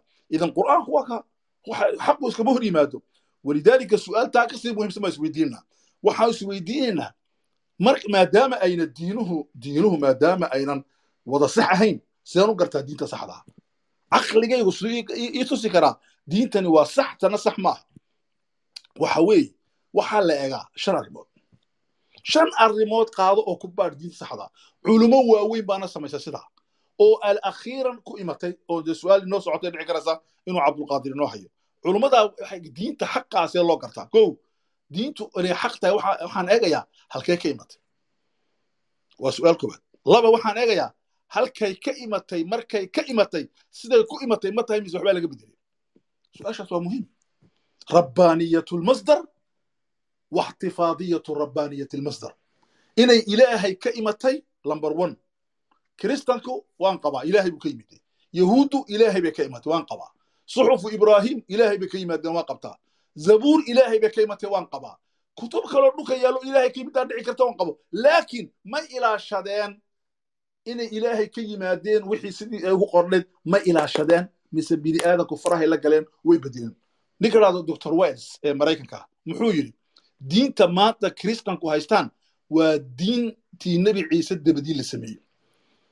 Diintii nebi ciise uu ilaahay ku soo dejiye maaha waa diin nebi ciise dabadii la sameeyey markii roomaanku ay diinta kristanka galeen. Saddex boqoloo sano kadib maxaa uu yidhi ninkaasi kelmad buu leeyahay wuxuu dhahdaa roma ma tanasarat walaakina anasraaniyata tarawamat. Wuxuu dhahdaa rom ma ayna noqon kiristan ee kiristankiibaa romaaniyoobay maalintan la yidhaahdo kow iyo labaatanka maxaa dhahda maalintan december loo dabaaldego december maa december. Ee adduunka kristanka o dhan dhaw maalintu nebi ciise dhashay. Maaha maalintu nebi ciise dhashay. Waa maalintay roomaagu u dabaaldegi jireen ciidahoogii wasaniga ahaa. Tii baa la kiristaaneeyey nebi ciise waktigan maba dhalanbaba cilmiyan haddii la baaro wuxuu dhashay wakti maaragtay rabiica oo adduunyadu ay maaragtay barwaaqo tahay oo bashbash ay tahay oo laga leeyahay hooyadii xaawa hooyadii maryam calayhi wa calayhi assalaam ilaahay uu ka leeyahay maryam maaragtay geedka ruux. Waxaa kuu soo daadani maarata tusaaqid calayka rutaban janiya fakulii washrabii waqarrii cayna. Saa lagu leeyahay. Markaasi ma ahayn meel maaragtay abhaara oo jiilaala oo maaragtay uuna waxba baxsanin ma ahayn. Okay marka ta koowaad waxaa lagu gartaa diintu waa inay ilaahay ka imato waa inay sheegatana inay ilaahay ka imatay. Waa inay wadatana mandiqeegii sheegaya inay ilaahay ka imatay. Waa inay daliilkeegii wadato. Ay ku tiraahdo inaan ilaahay ka imid waxa u daliila. Waa kan. Ay keento adilo ay keento daliil maraqye ay keento. Waa diintu waa taa arrinta labaad waxa weeye diintu waa inay waafaqdo fitradda hadday diintu fitradda ka hor imato diin maaha waxaa doonaya kala u bixi. Iminka maaragtay shuuciyadu fitradday ka hor imatay ra'samaaliyadu fitradday ka hor imatay haddaan soo qaadano sisteemyada kale adduunka maanta fitraddii ba isku dhaceen. Alfitra alinsaniya. Marka aan idhahdo ninku ninka maaragtay iyo naagta iyo naagta iyo waxa ha isgaraacaan marka idhahdo fitraddii ahwe weli ma aragtay libaax nina oo libaax nina garaacaya maaragtay. Weliga ma maqash aragtay. Maaragtay curi curi eryanaya weli ma aragtay waraaba nin oo ma arag weliga weliga allah mooji inaad aragtay xayawaanka waan daawanaa maaragtay aflaanta xayawaanka. Laakiin waxaan aragnaa riddig iyo labood isdoodoonay fitraddii wey walidaalika fitraddu waa maxay? Maa hiya alfitra fitraddu waa alinsaniya waa bini aadanimada suuraddii ilaahay ku abuuray insaanka bilowgiisi wey qur'aankana waxaa ku jirta aayad qur'aana oo cajiib ah. Ilahay wuxuu ihi faaqim wajhaka liddiini xaniifa fitrat allah التي فطر الناس عليها ذلك الدين القيم لا تبديل لخلق الله ولكن أكثر الناس لا يعلمون قرآنكم قرآنك أرجع بيو أبو رانيكم فعلا شن الريموت باكو جرتا إلهي وحوري ودين تها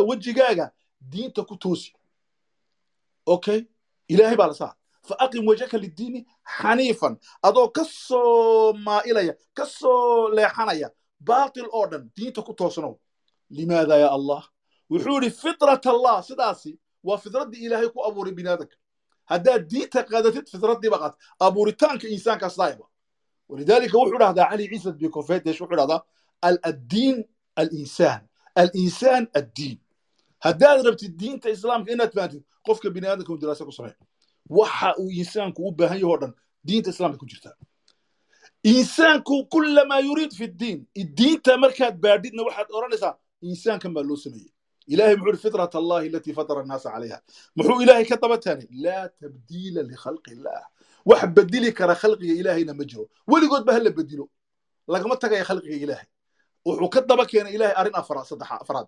Dalika diinu qayb diinta toosani waa taa waa tee waa saddexdaa shay u fiirsaya waa diintoo lagu toosnaado fidraddii ilaahay oo laga bixin oo markaana maaragtay la bedeli waayo khalqiga ilaahay. Iminka sooma jiro dad hormoonaadka bedelo nin naag noqda sooma jiro. Waa tabdiil likhalqillah naag nin noqoto. Dad wax isku wada tuma. Noloshii baa laga baxaya. In la sameeyo qoysas boqol nooca waa tabdiil khalqillah marka ilaahay muxuu ka daba keenay? Dalika diinu xayi xaq.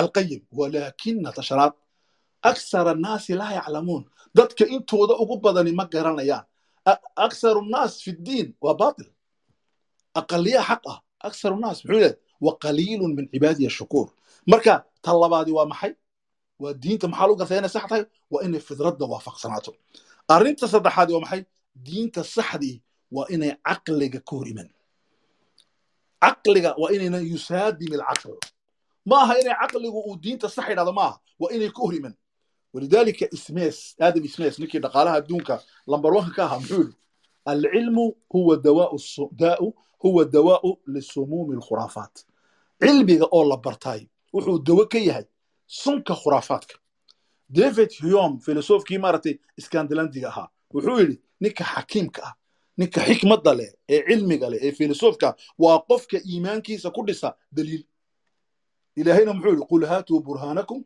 in kuntum saadiqiin haddaad waxhaysaan daliil keena oo run sheegaysaan. Marka ta saddexaadi waa maxay? Cilmiga iyo caqliga diintu kama hor imato diinta saxdii. Arrinta afaraadi waa maxay? Waktigu diinta saxda ma dhaafi karo? Diinaha kaloo dhan waktigu u dhaafaa. Xadaasadu modernizationka way dhaaftaa. Dadkeenna waxay isku laaqaan modernisation modernizationka iyo maaragtay reer galbeednimada taqriibku ma aha ilbaxnimo. In la reer galbadoobo oo systemka reer galbeedka la qaato ilbaxnimo ma aha ilbaxnimadu waxa weeye waa xadaasa taxdiiska xayaatada. In nolosha la moderniseeyo inaan maaragtay waxaan amisaan u wada hadlayna iminka. Adduunka iska dhegeysayno waa modernization. Ee maaha reer galbeedkaa sameeye maaha. Reer qarbi ma sameeye iminka matalan berigii la xidhan jiray dharka ingiriiska maraykanka dee maraykan baa dharka shiinaan xidhanaa malaysaan xidhanaa turki baan xidhanaa baabuur jabanaan wadanaa saacad waxaan sidanaa maaragtay lagu sameeye turkiga adduunku sidii hore maaha. Marka taxdiiska iyo in la isku laaqin taqriibka in la reegalbadoobo walidaalika islaamku waqtigu ma dhaafi karo. Diinaha kale waqtigu u dhaafay kristanka u dhaafay yahuudda u dhaafay weligood baa ku soo noqdaan uu dhaafay. Waa adiga arkay inay waqtigii annakuse islaamka uu dhaafi kari lahay. Eeg u fiiri filosofkii ruushka ahaa. Waxaa dhahdaa u islaamay. Hadduu islaamay ilahi u naxariiso waxaa sheegana almuqri idriisi baa sheega waxaa sheega maxaanku idhahdaa maxamed nin idhahdo alcawadi rag badan baa sheegay inuu islaamay. Wuxuuna ku islaamay wuxuu akhriyey kitaabkii xadiis arbaciinka. Labayo afartanka xadiis buu akhriyey ninkaa la dhahda filosofka tolstoy la dhahdo wuxuu yidhi u xaggan kelmaddan buuggiisaan ka soo qoray. Laakiin inuu islaamay aanay tusaysaa muxuu yidhi sheekhaas odaygaa filosofka wuxuu yidhi laqad fahimtu waxaan fahmay. Laqad adraktu waa laba shay waan fahmay. Uu baadhay uu baadhay uu baadhay uu fahmay. Adraktu macta uu baadhay uu baadhay uu gaadhay waan gaadhay laqad adraktu ana maa taxtaaju ilayhi albashariya. Bini aadamku waxay u baahan yihiin maanta waxa weeye shariicatun samaawiya diin samada ka imatan subxaan allah wuxuu ninkani wuxuu nool yahay waktigii ruushka shuucidu dhalan doonto wuxuu nool yahay waktigii reer galbeedku cirkaa marayaan. Waktiga cilmigu cirkaa marayo. Waktiga caqligu cirkaa marayo. Waktiga dagaalada ay dhacayaan. Adduunku suu socduu eegaya. Waa filosof boqolaal buug buu leeyahay. Inkastuu ku dhintay markii ugu dambaysay isagoo hurdaa meelaha laga raaca tareennada oo bugaantiisii oo dhan ayuu yidhi waxaan u hibeeyey cilmiga ilaahay baan siiyey iyo bini aadankaan siiyey. Anu mar raba buri lacag ninka noocaas ah wuxuu leeyahay laqad fahimtu waxaan fahmay. Laqad adraktu waxaan gaadhay. Ana maa taxtaaju ilayhi albashariya. Waxay bini aadanku maanta u baahan tahay waa shariicatun samaawiya tuxiqu alxaqa xaqana xaqiijisa wa tuzhiqu albaatila baatilkana erida arrinta shanaad ee lagu karkarta diin xaq iyo diin baatil waa maxay diinta sax maxaa lagu gartaa alfaslu bayna maa huwa ilaahi wamaa huwa insaani waa diinta kala kaxaysa ilaahnimada iyo bini aadantinimada maanta eeg laba shay baa jira kiristaanismigu waxay rumaysan yihiin insaanku ilaahay buu noqon karaa ilaahayna insaan buu noqon karaa laa xawla walaa quwa waxay rumaysan yihiin dadkani kapitalismiga ee reer galbeedkuna insaankaaba ilaah noqon karaa waa superman. Uma baahnin ba ilaahay laakiin islaamku wuxuu inaga leeyahay insaanku ma noqon karo ilaahay mana bedeli karo ilaahay mana la awooddaa abadan weligii ali waa miskiin waa daciif laakiin waa qawi haddana. Qur'aanku waa qariib. Mar wuxuu koranayaa ina alinsaana khuliqa daciifan. Insaanku waa daciif. Haddana wuxuu ku leeyahay adduunka dhanba waxaa loo sakhiray insaanka. Qur'aanku wuxuu ku tusayaa insaanka xaqiiqadiisu ku tusayaa walihaada buu qur'aanku inoo kala saaray baynamaa huwa ilaahi wuxuu ilaahay u leeyahay xaq wamaa huwa insaani iyo waxa bini aadamku xaq u leeyahay diinta ku guulaysata arrimaha yaa la sheegaa inay tahay diinta saxda waxaas oo dhanna waxaan ka dhex arkaynaa islaamkan ka marka islaamku huwa diinulxaq islaamka ah diinta dhabta ah walaalayaal intaasaan kaga bixi lahaa wajazaakum allah khayr su'aalaha waxaan ku soo celinayaa walaalkeen sheekh cabdulqaadir jazaaka allah khayr sheekhana baaraka allahu fiika si fiican baad u dhigtay marka haddii aad tilmaantay caqligu inuusan diinta beddel ka noqon karin. Diintuna ay tahay baahi uu basharka u baahan yahay oo aysan ka maarmi karin. Maxaa keenay in dad ay diimahooda ka baxaan? Mathalan dad inay islaamka ka baxaan oo dad kalena ay soo galaan islaamka mathalan. Maadaama mas'aladu ay tahay mas'ale caqligii bini aadanka iyo baahidii bini aadamka ku xiran ay tahay. Diintii ugu dambayso ilaahay subxaana wa tacaala uu ku khatimayn ay tahay. Marka arrintaasaan insha allahu tacala ku soo dhowow okay jazaaka allah khayr waa su'aal muhiim ah. Horta su'aasha markaan ka egno dad baa jira sidii siyaasadoo kale diinta ka dhigay oo ay noqotay rimaal mutaxarika siyaasaddeeda badan waxaa la dhahdaa waa caras dhaqdhaqaaqaysa. Qofku shalay midig buu ahaa maanta waa bidix. Shalay bidix buu ahaa maanta waa dhex. Shalay wuxuu rumaysnaa fardaniya individualism qof qofnimada iminka wuxuu rumaysan yahay popularismiga maaragtay bulshada shalay wuxuu rumaysnaa maaragtay nidaamka siyaasiga ee dhaqaalaha dowladdu inay gacanta ku hayso. Maanta wuxuu rumaysan yahay nidaamka shirkaduhu inay dhaqaalaha wadaan. Waxaasi waa qadaaya caqliya. Diintii dad baa saa ka dhigay oo maanta waa muslim beri waa christian sahan dambe waa buddhismi. Diinaha maarata sidii waraaqad maarata la qaadanayo kaart la qaadanayo amba nationality nationalityga la bedilayo qofku ingiriis buu noqon karaa uu ka tagi karaa jarmalku tagi jarmal buu noqon karaa isagoo dastuurkii waddanka ilaalinaya diinuhu saas maaha. Diintu waxay ku salaysan tahay qofka bini aadamkii saddex arrimood. Marka laga yimaado galitaan iyo bixitaan saddex arrimood bay diintu ku salaysan tahay. Ko diintu waa masiirkaagi weeye.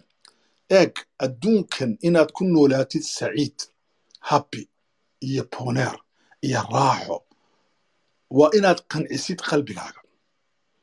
Labo adduunkan si aad u garatid maxaad u imatay waa inaad qancisid caqligaaga saddex. Beritoole markaad dhimatid marka lagu soo saaray inaad janno gashid waa inaad ku qanacdid diintaada intaa haddaad ku guulaysatid noloshaada waad ku guulaysatid. Marka wax lagu safaado waxaasi maaha wax lagu ciyaarana maaha mabda lagu safaado maaha diintu. Diintu waa liibaantaadii waa guulla-aantaadii adduunya aakhiraba walidaalika maxaa markaa lagaga baahan yahay? Inaad fikirtid aad u fikirtid. Okay su'aal waxaan isweydiinaynaa diinta islaamka iyaa ka baxa. Diinta islaamka iyaa ka baxa. Iminka waxaan su'aal isweydiinaynaa waxaad ii sheegtaa min waktigii nebiga ilaa iyo maanta qof caalim ah oo aqoon-yahana sheekh ah faqiiha mujtahida musaqaf ah weyn oo islaamka magac ku leh oo islaamka intuu ka baxay kirista noqday. Ibse qof baa jirta. Waa inaad tirano weyaan ibse qof baa jirta. Way jiraan dad yidhaahda waxaana gaadhay derajad inaan diinahoo dhan ka shakiyo. Diinahoo dhan baan ka shakiyey. Way jiraan. Oo rag waaweyna oo la yaqaano. Ma badnana islaamka marka la eego ma badno. Ma dhaafayaan labaatan qof labaatan qof ma dhaafayaan. Laakiin inay ka baxaan islaamka oo ay kristan noqdaan amba buudismi noqdaan lama hayo. Laakiin waxaan haynaa bilcagsi daalik dad dhalinyaro ah oo aqoon badan aan lahayn oo qaarkood xer ahaayeen xer masaajidda wax ka barata oo cilmigan u baranaysay labadan nidaameed cilmiga masaajidiina lagu barto ah cilmu talqiin. In wax lagu yeedhiyo waxa laqabaynta ku dhiganaysay. Iyo qolo kaleeto oon wax badan akhrisan siduu sheegaya maaragtay francis bacon wax yar akhristay oo diinta ah iyo wax yaroo falsafadda ah oo qalqala ay ku samaysay oo diinta ka baxay waan arkay hableer yaroo kristana waan arkaa inama yaroo kristana waan arkaa. Meelahan soo fadhiisto oo dood baan doonayna dhahda waan arkaa. Markaan dhegeysto dee waxaan arkaa inay yihiin carruur sheekeynaya ciyaal sheekeynaya.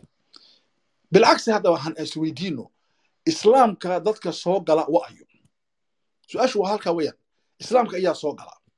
Eeg dadkan islaamka soo gala aadka u fara badan ee masaajideena ku islaama ee ilaahay uu soo hadeeyo iyakuna axbaaray ilaahay ha ku adkeeye way badan yihiin tira male waa boqolaal kun waa malaayiin bay gaadhayaan laakiin haddaad akridid kitaabka dhahda haaulaa'i aslamuu kuwaasi way islaameen amba kayfa aslamtu kitaab dhahdo seen u islaamay amba kitaab uu qoray cimaadudiin khaliil dokteerka profeseerka ka ah jaamicad urdun ku taalla iminka markii ciraaq ka dhigi jiray oo taariikhda ku takhasusay kitaab buu ka qoray maada qaaluu can alislaam islaamka maxay ka yidhaahdeen waxaa ka mida fasal weyn oo kitaabku weyn waa dhowr boqoloo baash bog weeyaan waxaa ka mida fasal dhan oo la dhahdo mar dadka muslimiinta ee soo galay. Dadka muslimiinta ee soo galay diinta waxaa loo kala saaraa afar qolo. Waxaa ka mida dadka sameeyey muqaaranatul adyaan dadka diinaha isma bardhigay si cilmiga isma bardhigay ee soo galay. Waxaa ka mida dadkaasi kuwa filosofiyada dhabo ee maaragtay darajatul falsafa si cumqiga u gaadhay. Waxaa ka mid ahaa ninkii la oran jiray maxamed asad amba leopold face amba maryam jamila. Labadu waa yahuud la socdaa leopold facena waa yahuudi oo triish ah. Maryam jamilna waa yahuudiyad reer new york oo maraykana waxayna ku aasan tahay maryam jamila dalka bakistan waxa u imatay mawduudi raximahullah oo jamaacadiisay gashay oo ardaydii mawduudi baa guursaday. Halkaasina ku dhimatay. Wayna iska imatay maaragtay wadanada. Xijaabna ma qaadan wax kaweyn bay qaadato niqaab bay qaadatay oo ilaa halkaa gaadhay. Ninka la dhahdo leopold facena maxamed asad waa ninkii qoray adariiq ilaa maka labadoo yuhuud bay ahaayeen. Filosofiyana ahaayeen. Waxaa jira ragga cilmiga sayniska barta sida dhakhtarada kitmoro sida maaragtay ninkii la oran jiray maxaa la oran jiray muxuu ahaa ninkii faransiiska ahaa qoray kitaabkii min ayna jaa alinsaan halkuu qofka biniaadamkii ka yimid ee qoray magaciisa waa iga siibtay ninkaas iyo dad lamida dhakhtaro injineero waxaa ka mid ah cabdulwahaab cabdulwaaxid faransiiska ah cilmi falaga astronomiga ku takhasusay oo yidhaahda miskiidkana ilaahay baan ku caabudaa marka aan joogo majharkaygan daawanaya kawnkana ilaahay baan caabudaa oo wuxuu anaku indhaha waan eegnaa xidigaha isagoo xidigaha socodkooga say u socdaan kawnku suu u shaqeeyaa waxoo dhan buu ayuu kaga shaqeeyaa faransiiska markaas ina fi khalqi samaawaati waalardi wakhtilaafi alleyli wannahaar ayuu ku jiraa had ya jeer marka kaas baa soo islaamay waxaa kale oo islaamaa dad waaweyn oo maaragtay nolosha siyaasadda sida muraad hofeman iyo diblomaasiyadda eeg waxa islaamaya waxayn waa nukhbat lqowm celiyat lqowm dadka qimadii gaadhay xadaaradda reer galbeedka. Yacni inta is-iclaamisay waxaa ka badan intaana is-iclaamin laakiin ilaa iyo maanta islaamaan. Boqolaal intaan la kulmay anugu inta aan akhriyey boqolaal bay ka badan yihiin wuxuu qoray kitaab buu ka qoray maxamed ghazali raxmatullahi caley qarnigii labaatanaad markii dhammaanayey isagoo intuuna dhiman ka hor lix iyo ka hor wuxuu qoray kitaab uu bixiyey haulaa'i alqarbiyuuna aslamuu kuwa reer galbeedku waa islaameen wuxuu tiriyey konton kun oo qof. Konton kun oo qof oo dhammaan nukhba ah eliit ah labeen ah labeentii bulshada. Marka yaa islaama dadka kaleeto labeentaa islaamta oo diinta soo gasha. Iyaa ka islaama annaka yaa naga baxa dad maaragtay waxba aan hayn. Walidaalika haddaan kaftan nin baa beri nin reer hargeysa ayaa lagu yidhi hebel baa diintii ka baxay. Nin hargeysa reer hargeysa kaftan ka yaqaanin mogta wuxuu yidhi keed sheegaysaa ninkii hebel diin alla muxuu diinta foolxumo kala tagay? Buu yani qofkaasi hadduu inaga tagay wax uu inoo geystay ma jirto yidhi. Markaasi insha allah saasaan ku macnayn lahaa labadaa daahiro ee jirta. Jazaaka allah sheekh cabdulqaadir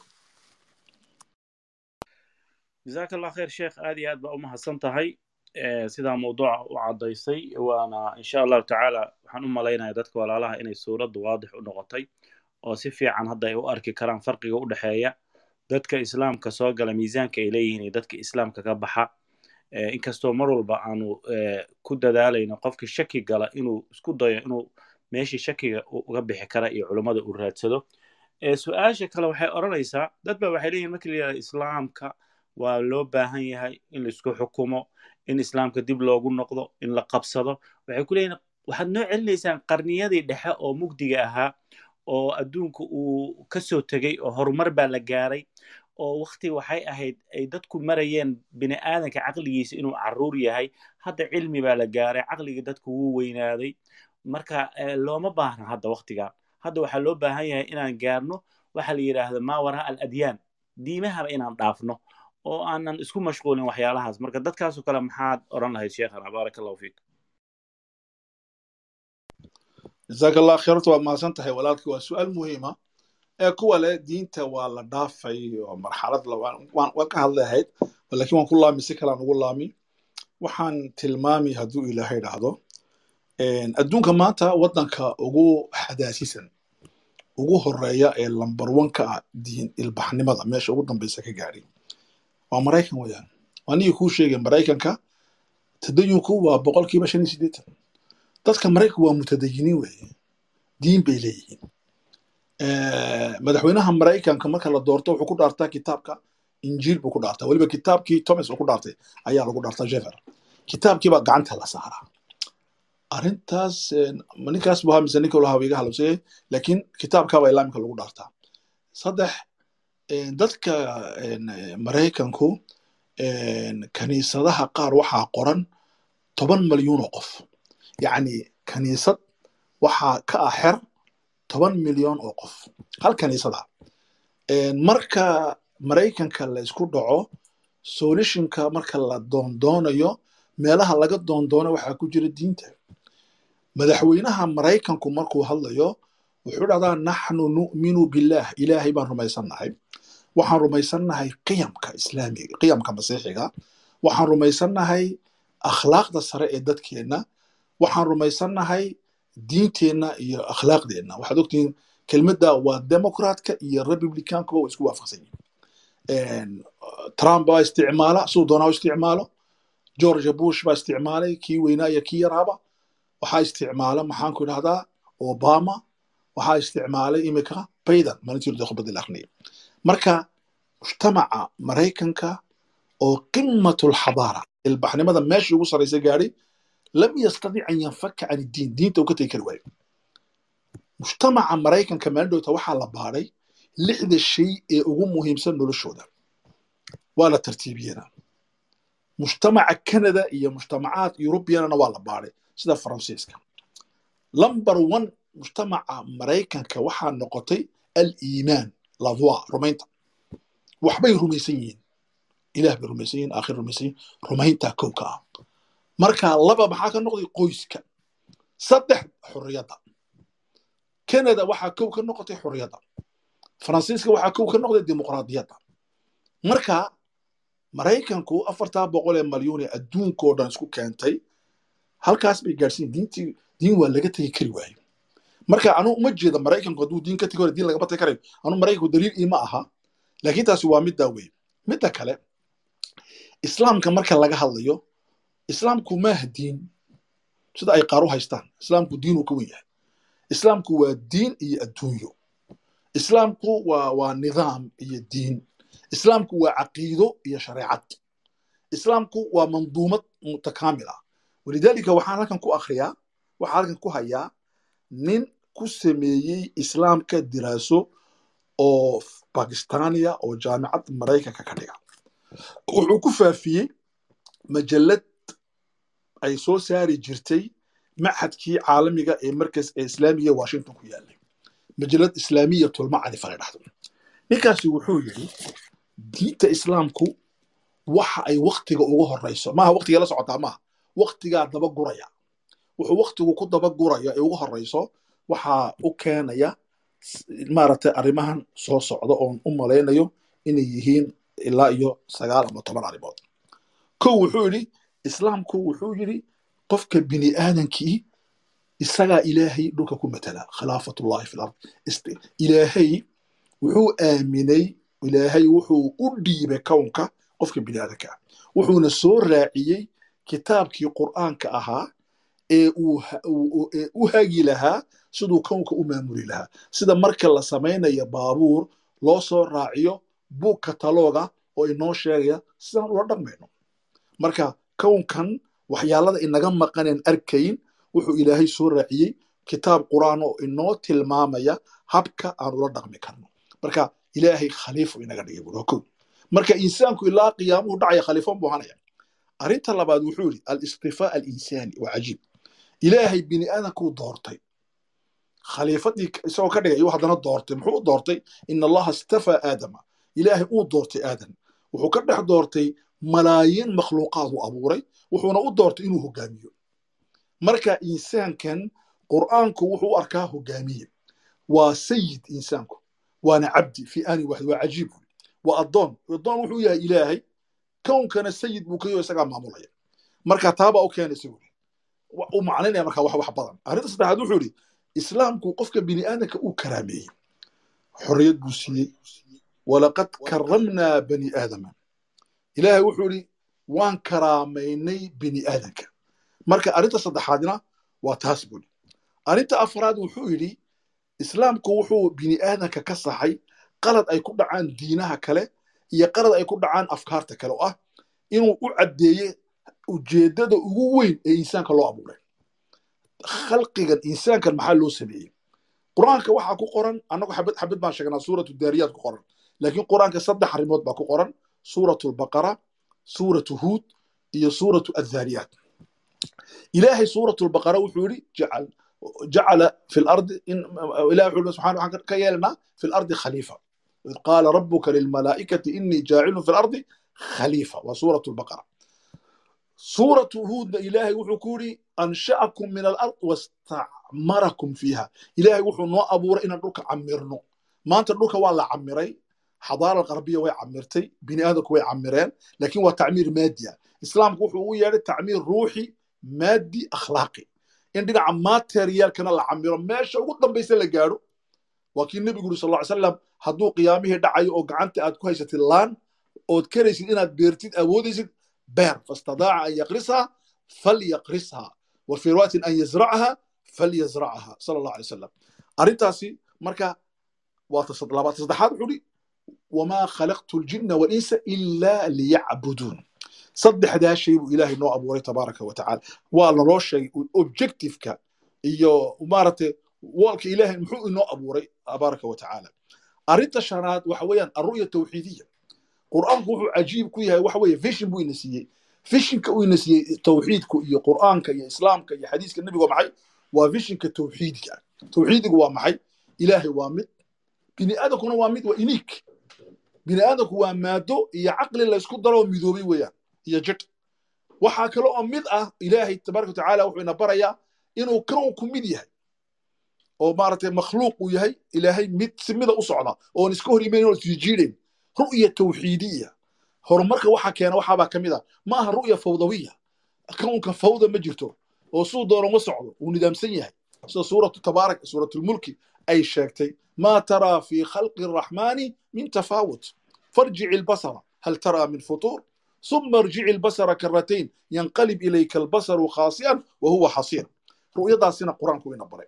Waxyaalada horumarka keenaya ka mid ah, qur'aanka lama dhaafi karo xadiiska lama dhaafi karo akhi fillah. Waxaa kaloo ka mid a alru'ya takaamuliya islaamku wuxuu ina siiyey vishinka isbuuxinta ah insaanku wuu isbuuxinayaa insaanku isma dirirayo maanta waxa weeyaan reer galbeedka waxaa ka jira ninka iyo naagtu dagaal baa ka dhexeeya assiraac bayna aljinsayn laakiin islaamku wuxuu yidhi waa ru'ya takaamuliya gabadhu ninkay buuxinaysaa ninkuna gabadhuu buuxinayaa nebiguna wuxuu yidhi calayhi salaatu wasalaam inama annisaa'u shaqaa'iqu rijaal arrinta kale wuxuu qur'aanku soo bandhigay arru'ya tawaasuniya waxaa loo baahan yahay vishinka nolosha si si miisaan leh in loo wado.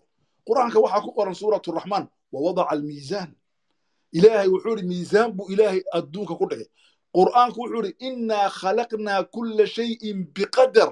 Dunidan waxaan ku dejinnay miisaan. Insaanka markii la abuuray wa nafsin wamaa sawaaha waa la miisaamay. Ilahay wuxuu laqad khalaqna alinsaana fii axsani taqwiim. Marka miisaanka hadduu hallaabo kownka waa hallaabaysa maanta dhacday. Nidaamkan ecologiga dhacdo ee munaakhi maanta sanadkan adduunka waqti u kullaa adduunka waxaa la iclaamiyey tobanka sane ee soo socota haddii la qaadan waayo siyaasaad ina badbaadiya macnaha haddii qur'aanka iyo xadiiska loo soo la'mi waayo adduunkuu burburaya. Ru'ya tawaasuniya xataa dhinaca ribada waa ru'ya tawaasuniya. Waxaa jira waxa dhahdo ru'ya binaa'iya. Qur'aanku wuxuu si dadka loo xadiisku si ay nooga horeeyaan wuxuu ina siiyey aragti dhismo see wax loo dhisaa caqli buu caqliga see loo dhisaa iraadada see loo dhisaa rabitaanka qudradda kartida see loo dhisaa insaanka sidee loo dhisaa xayawaanka sidee loo habeeyaa yacni waa wax dhan oo xadiisaadka ka buuxa. Cilmiga ziraacada maa waxa laga hadlayo? Waa fiqu ziraaca. Cilmiga ziraacada waa caqligaa samaynaya laakiin fiqiga beeraha. Cilmiga maaragtay tashriixa qaawinta qofka gawriciisa iyo qaritaanka waxaa samaynaya cilmiga laakiin fiqiga iyo akhlaaqiyaadka shareecaddaa ku baraysa arrinta ugu dambaysa waxa weeyaan alansana badel alxayawaaniya islaamku wuxuu isku dayayaa inuu qofka bini aadameeyo si joogto ah oo laga ilaaliyo in la xayawaaneeyo walidalik bay xadaaraddu daba soconaysaa maxaan ku dhahdaa insaanka daba soconaysaa marka insha allahu tacaala inahaas waxay ku tusayaan inuu ka horeeyo islaamku lama dhaafaya maaha islaamka waa la gaaraya maaha beri bay odaygii la oran jiray boqor xuseen ilaa u naxariistee xukumi jiray boqortooyada urdun. Ayaa yidhi naxnu laa narjic ila alislaam. Islaamka uma laamayno limaada? Lianna alislaam laysa wara'ana. Wa nataqadamu ila alislaam. Islaamkaan gaadhaynaa lianna alislaama amaamana. Islaamku horteenu yaallaa. Marka intaasaa ka bixi laha tacala alaa aclam jazaaka allah khayr sheekh. Aad iyo aad baa u mahadsan tahay sidaad u caddaysay farqiga u dhexeeya aragtida dadka ay ka qabaan noqoshada diinta marka waana runtahay cabdulwahaab masiri ba wuxuu oran jiray marka ay reer galbeedku yidhaahdeen oo nietzsche uu soo qoray uu yidhi ilaahay waa dhintay. Wuxuu yidhi waa calaamad caddaynaysa waxay noqotay insaanka inuu dhintay. Maxaa yeele iyagu ilaah ay ka hadlayaan markaas ay bilaabeen waxay inay yidhaahdaan insaaniyad baan ka shaqaynaya lakiin calaamad sax oo ay waxay u noqotay inuu insaankii dhintay. Marka dhimashadii insaanka ayuu si u cabira garan waaye markaasuu wuxuu u cabiray inuu ilaahay dhintay. Marka hadda haddii aan dhinacaas ka gudubno oon u gudubno dhinaca xukunka islaamka waxaa in badan lagu soo celceliyaa markii laga hadlayo islaamku inuu diin shaamila oo kaamila oo wax walba leh xukun nolosha ilaahay subxaana wa tacaala in dadku ay noloshooda ku saxaan qaanuunkooda iyo shareecadoodana ay isku dhaqaan si ay ilaahay subxaana wa tacaala ugu dhowaadaan. Dad baa waxay ku leeyihiin xukuumadda islaamku waxay la mid tahay waa xukuumad diiniya waa xukuumadihii ka jiri jiray qarniyadii dhexe waddamada reer galbeedka oo kaleeto ama xukuumadda leedahay xukuumad theocratiya theocrat marka ma xukuumadda islaamku ma xukuumad theocrat ah mase waa xukuumad ilaahay subxaana wa tacaala dadka uu u jireeyey oo xukuumad shareecadeeda iyo waxeeda ay la mid tahay basharku wax uu fahmi karo oo uusan aan ahayn xukuumad ilaahay subxaana wa tacaala amarkeeda keliya ka imaan aan la fahmi karin. Fadal sheekh. Jazaak allah horta walaalkay had iyo jeer waxaan idhaahdaa azmatul azmatunaa azmadeennu iyo ishkaaliyadda dhiba problemkeenna iyo dhibaatadeennu waa caqligeenna. Caqligeenna dhibaatadiisuna waa aqoonteenna aqoonteenna dhibaatadeeduna waa akhris la'aanteenna akhris la'aanta dhibaatadeeduna waxa weeyaan waxaan rabnaa haddaan wax akhrino inaan akhrino waxyaalaheeda fudfudud een cilmiga ahayn.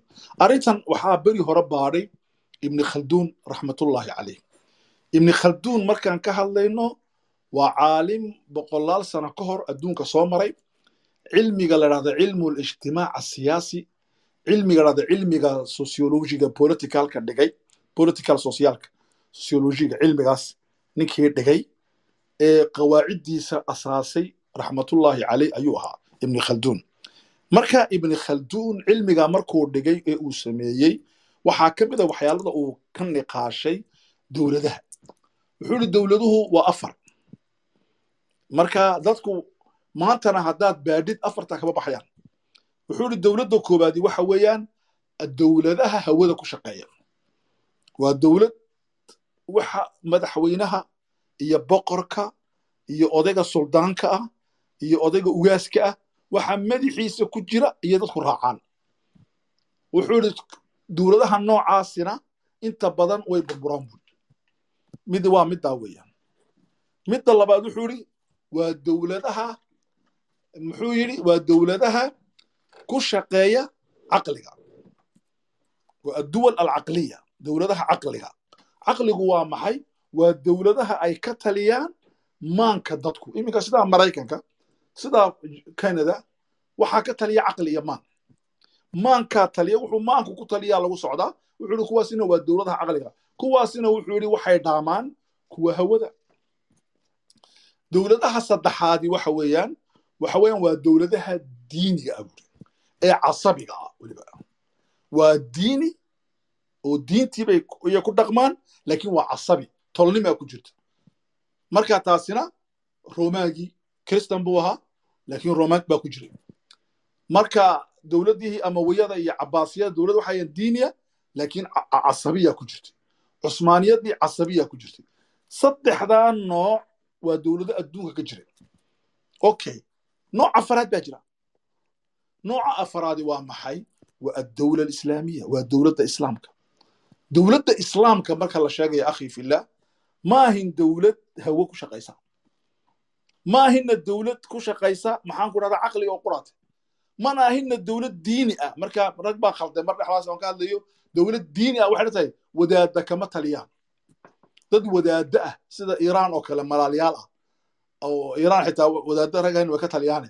Amba sida maxaan ku idhaahdaa loo haysto kristanku ahaan jireen tiyokratiga berigii hore maaha dowlad diini ah wadaadku ma doorto sistemka dowladda lagu xukumayo dowladda islaamka waxaa mabda ah afar arrimood kow waxaa ka ah ashuura in la tashado yaa tashanaya wa amruhum shuuraa baynahum amarka muslimiinta humtu waxay ku noqonaysaa muslimiinta oo dhan muslimiin oo dhan baa tashanaysa muslimiintuna waa maxay waa muslimiintu takhasusaad bay leeyihiin waxaa tashanaya ninkii dhakhtarka ahaa isagaana wixii dhakhtara loogu noqonaya. Waxaa tashanaya ninkii injineerka ahaa wixii injineera isagaa ka aaba ama gabadha injineerka ahayd. Waxaa tashanaya ninkii maaragtay caskariga ahaa wixii ciidan iyo istaraatiijiya isagaa ka aabaa waxaa tashanaya dhaqaalihii wixii oo dhan culimaudiinkiina waa ka mid. Wixii diina iyakaa loogu soo celinaya wa amruhum marka amarkoogu waa talo. Taluu ku salaysan yahay talaa lagu xukuma muslimiinta.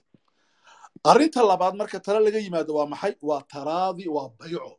Ninka madax noqonaya muslimiin xakumayay waa la dooranayaa sidii abubakar loo doortay sidii cumar loo doortay cusmaan iyo cali kuwaabuu nebigu naga yidhi ku dayda. Lama odhan wixii kuwaa ka dambeeyey ku dayda. Kuwaasi khulafaa raashidiin maaha.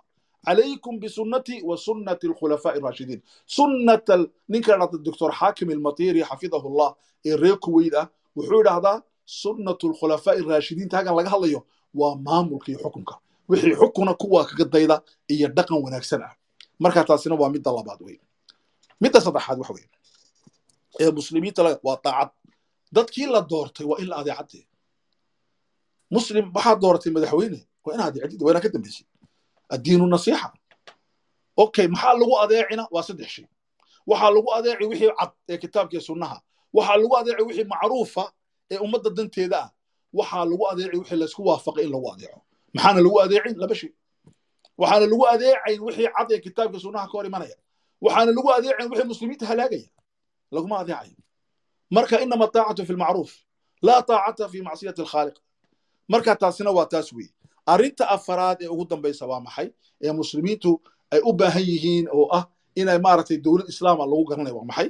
Waxa weeye wax wal oo dowladda faa'iido u leh oo adduunka ka jira way qaadanaysaa oon ka hor imanayn kitaabkii sunnaha idan haadihi dowla macnaheegu waa maxay?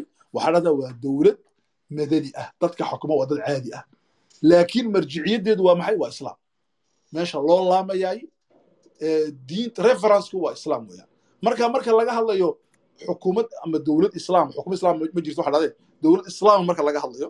dowlad islaama waxay ka dhigan tahay waa dowlad dadka waddanka deganna muslimiin yihiin madaxdooduna muslimiin yihiin marjicooguna islaami yahay habkay u dhaqmayaan ee ilbaxnimana xadaaradda islaamka ku abtirsanaysa bini aadankana wax la qaybtamaya waa saas weeyaan. Ee kama dhigno dad wadaada ah oo bes wada maaragtay khamiisaan wada sitaa oo dadka kale sidaa yeela oo haddii sidaa la yeeli waa dadka garaacaya oo jeedal sitaa oo maaragtay dadka gacmaha un ka gura oo dadka laaya sida loo sawira. Hada waa taswiir walidaalika dadkeenu. Waxyaalada yaab kale waxaa ka mid ah.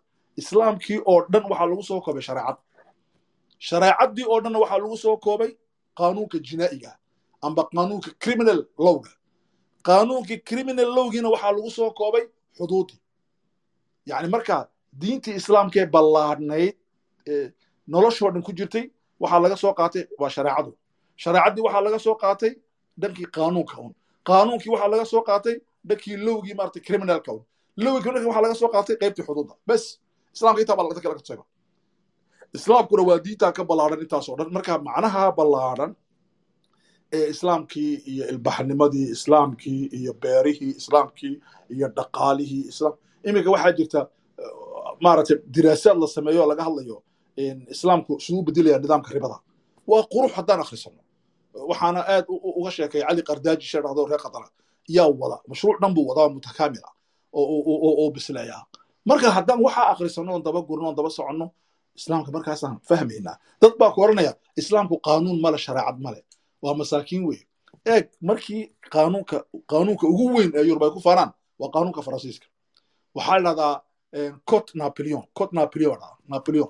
Codka napoleon odhanaya markuu dejinayay qaanuunka wuxuu ka soo qaatay madhabka imaam malik waxaa jira diraaso uu sameeyey sheekh masriya oo doctoraa kaga qaatay jaamicadda serbon oo dhammaan qawaaniinta faransiiska ku wada celiyey maaragtay dhinaca madaniga ah wuxuu ku wada celiyey ee koodkii napoleona kulligeega wuxuu ku soo wada ceshay qaanuunka maaragtay madhabka imaam malik raximahullah raxmatan waasica.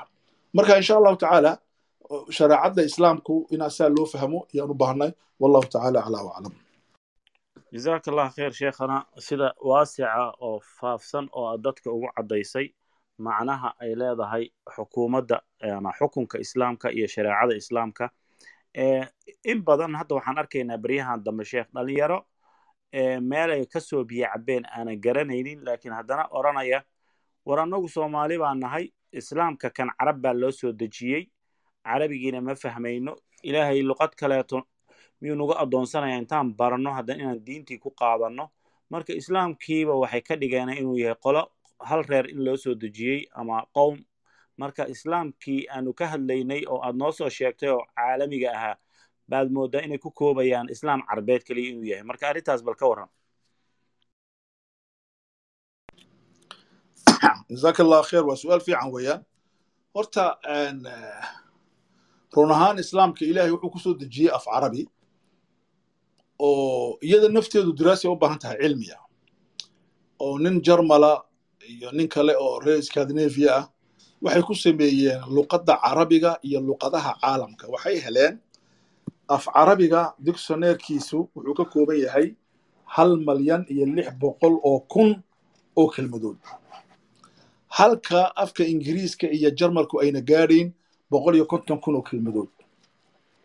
Marka qur'aanka ilaahay wuxuu u doortay afka la isyidhi la is leeyahay yani ilaahay og yahay waa afka ugu ballaadhan anu ma oran waa nin jarmala waxa leh waa nin maaragtay scandinavia waxa sidaa leh malyuun iyo lix boqol oo kun oo kelmadood baa ku jirta. Malyuun iyo lix boqol oo kun oo kelmadood afka ay ku jirto adduunka ma jiro. Ilaahayna qur'aankiisa wuxuu ku yidhi allahu aclamu xaythu yajcalu risaalatahu. Ilaahay baa ugu ogaan badan meesha uu diintiisa dhigayo. Macnaha risaaladdu afar shay bay keensanaysaa. Kow rasuulka. Doorashada rasuulka adu markaad madaxweyne dooranaysid caqligaagaad miiri waxaa leeda wallahi ninkan baa ninka ka fiican ninkan waxa buu ka ilaahay oo nebigii aadamaha u diraya dooranayna ka waran. Waa inuu doorto ninka bini aadamka ugu caqli badan ugu cilmi badan ugu mantiq fiican ugu qalbi wanaagsan ugu markaa nebi maxamed doorashadiisa ilaahay baa abuurtay uuna doortay. Waa kow bii'ada waa laga doortay maka waa la doortay.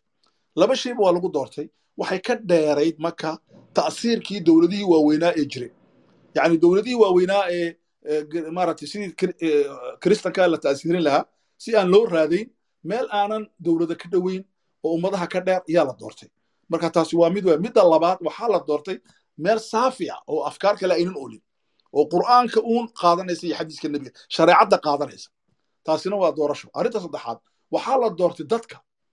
Dadkan waxaa loo doortay waxa weeyaan iyakuna sifaad bay lahaayeen. Waxaa baadhay sheekh weyn oo hindiya abulxasan nadowi maaha caraba? Abulxasan nadowi baa baadhay raximahullah. Wuxuu yidhi waxay lahaayeen geesinimo waxay lahaayeen fitrad saafiya waxay lahaayeen caqli xaada waxay lahaayeen waxay qaataan kama soo noqonin waxay aaminaanna u dhimanayeen marka waa la doortay marka iyakana ilaahay baa doortay tabaaraka wa tacaala. Arrinta afaraad ee la doortay waxa weeyaan allahu aclam waa luqadda luqaddana waa la doortay. Marka luqaddan carabiga ilaahay markuu doortay wuxuu yidhi wa qur'aanin carabiyin mubiin. Waa qur'aan carabi ku dhigan oo weliba si cad loogu dhigay meel kale wuxuu ku waa kitaab carabiya af carabi buu ku dhigan yahay wey maha carab bale maaha. Af carabi buu ku dhigan yahay. Laakiin waxaa la dhahdaa arrintan markaan ka baxno islaamku badaa carabiyan. Dadkii ugu horrey islaamka rumeeyey wada carab bay ahaayeen. Suma taxawala caalamiyan markiiba caalami buu noqday goormuu caalami noqday. Dadkeenu ma yaqaanaan. Islaamku wuxuu caalami noqday diin caalami ah isagoo maka jooga oo weli madiina tegey ilaahay suuratu lfurqaan wuxuu ku yidhi tabaaraka aladii nazala alfurqaana calaa cabdihi liyakuuna lilcaalamiina nadiira lilcaalamiina nadiira marka nebi muxamed caalamiyadda dacwaddiisu goormay ahayd waa bilowgiiba wamaa arsalnaaka ilaa raxmatan lilcaalamiin adduunka o dhan baad raxmad u tahay waa caalamiyatu dacwa waa goorma waa maka weeyaan wamaa arsalnaaka ilaa linnaasi kaafatan bashiiran wa nadiiran iyaduna waa marxala almakiya waxaas oo dhan waxay sheegayaan caalamiyatu dacwa okay. islaamku wuxuu ku qoran yahay maanta saqaafo ahaan wuxuu ku qoran yahay saddex luqo oo sharqi ah wuxuu ku qoran yahay af carabi wuxuu ku qoran yahay af farisi alluqa alfarisiya wuxuu ku qoran yahay si kayra caadi ah wuxuu ku qoran yahay alluqa alurdiya. Alluqa afka urduska ayuu ku qoran yahay walidaalika waxaa jira maanta culamo waaweyn oo urdi ah oon carabiga aqoon laakiin culamo waaweyn oo waddanka maaragtay bakistan iyo hindiya iyo fadhida bangladesh. Culamo weyn oo farisiyiina jira oo islaamka taqaan oo macnaysa oon carabiga aad u aqoon. Maxamed iqbaal baa ka mid ahaa caalimkii weynaa. Af carabiga aad uma aqoon uu yaqaan laakiin aad uma aqoon waxaa ka mid ah bilacl mawduudi ninkii tafsiirka qur'aanka qoray tafhiimu lqur'aan markaa kama dhigno in aad af carabiga inaad taqaanid waa muhiim si aad af qur'aanka u fahantid laakiin qasab ma aha inaad carabi noqotid si aad u noqotid muslim iskuma xidhnaba maaragtay laakiin waxaa shardi ah haddaan rabo anigu inaan fahmo maanta sida loo barto kombyuutarada iyo ordinateerada kombyuutarka sida loo furfuro waa barto laa asdic an caalim maanta muhandisa oo injineer weyn ah anoo aqoon afkaas ma suurto galayso haddaan idhaahdo qaanuunka faransiiskan baranaya si aan u noqdo nin lowga adduunka amba looyar ah caalami ah oo yurub ka shaqeeya haddaan jarmalka iyo faransiiska ingiriiska qawaaniintooda baran waayo waa inaan markaa jarmal iyo faransiis iyo ingiriis barto laabudda min dalik haddaan doonayo inaan callaamo noqdo islaamka waa inaan af carabiga barto af carabiguna maaha luqad iminka aan baran annagu annaka af carabigu waa luqadeenna ahayd intuuna isticmaalku inoo yimid luqadeenna ahayd bal waxaa jiray culmo waaweyn imaam zaylici baa ka mid ahaa oo xanafi aha raximahullah aclaamteen waxaan ku gebli jirnay carabiga annagu marka carabigu ma aha luqad maaragtana lagu addoonsanayo bal annaka adduunka luqadda carabiga berayna xataa carabtaan berayn carabta dhan iyaan luqadda carabiga berayna ilaa iminkan carabta luqadda carabiga waan kaga fiicanna in fara badan oo carab ah marka taasina waa inaan garanno marka iskuma xidhno alluqa iyo walcaalamiya iskuma xidhno. Waxan waa lagu soo dejiyey laakiin shareecaddu waa shareeca caalamiya. Maxay muxtawaheega caalamiya. Waxaa ku dhex jira caalamiya. Wallahu tacaala aclaa waclam jazakallah khayr sheekh waa kugu dheeraynay raalli ahow. Fursadda maanta aan helnay baan ka faa'iidaysanaynaa oo dad badan oo walaalahan ay u baahan yihiin. Su'aasha ugu dambaysa haddaan u soo gudbo ka waran islaamka sida uu u arko dad badan ba waxay leeyihiin arrimaha xuquuqul insaanka ama human rightska. Dadka insaanka xuquuqdooda gaar ahaan xuquuqda haweeneyda ay leedahay islaamku hoos buu u dhigay bay leeyihiin. Marka loo fiiriyo nidaamyada tan cusub oo jira oo reer galbeedka marka sidaa daraaddeed waxaa noo fiican bay leeyihiin haweenkii inaan nidaamyadan qaadanno maxaa yeele islaamka xuquuqdeeni bay hoos u dhigay. Dad baad moodaa hadda culumo sheeganaya ama magac diimeed wato inay xataa arrimihii shareecadu ay goysay oo aan qadciyad dilaala ah aan shakiba ku jirin culummada isku khilaafsan sidii dhaxalkii oo kaleeto ayay hadda waxay leeyihiin waa arrin loo baahan yahay ahlulxalli walcaqdiga inay wax ka gaaraanoo marka iyagoo isku muujinaya inay xuquuqdii haweenka ay meeshaas ay wanaag u qabanayaan. Bal arrintaas sheekhow ka waran jazaka allah khayr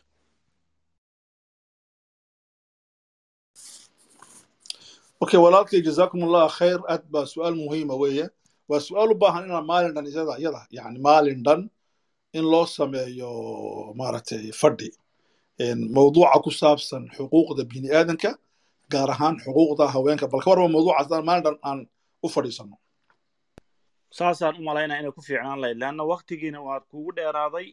Marka inaad xoogaa iyadu waa su'aal weyn xuquuqda dumarka xuquuqda insaanka iyo islaamka siduu u arko inaan maalin u xadidna ayay ku fiicnaan lahayd aad baan u soo diyaarin lahaa mawduucaas waanan xoog u baadhay waanan ka sheekaysan karnaa insha allah masaba fiican leanno inaan taataabanno iyada muhiim maaha waana waana dood maanta dunida ka jirta insha allah oo siraaca kownka ku salaysan. Yahay waa arrin aad iyo aad muhiim u ah. Marka insha allahu tacaala wixii su'aala oo na soo gaaray ayaan insha allahu tacaala furaynaa inta su'aalaha walaa haddii la soo diray la fiirin doono ama dadka walaalaho nala jooga ay su'aalahooda ay caddayn doonaan waxaan insha allahu tacaala sheekho kaa codsan lahayn wax yar oo aan aad u badnayn dad badan way isoo weydiiyeen inaad afghanistan waxa ka dhacaya aad wax nooga tilmaantid. Inta su'aalaha dadka walaalaha ay soo qoreen aan isku soo aadin doono. Jazaka allah khayr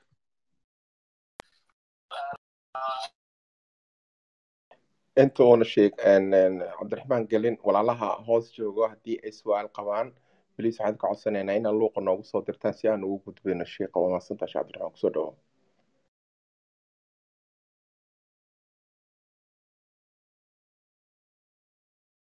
Jazaakum allahu khayran. Aad baad u mahadsan tihiin su'aashaas waa muhiim. Iyada nafteeda waxaan ka diyaariyey barnaamij aan isleehay beritoola soo gal oo ku saabsan taalibaan iyo isbeddelka ka socda qaybtaas horta waxaad ogtihiin saddex arrimood baan ku soo koobi. Marka hore waxaad ogtihiin dalka maraykanka siyaasaddiisa waxaa ka mid a.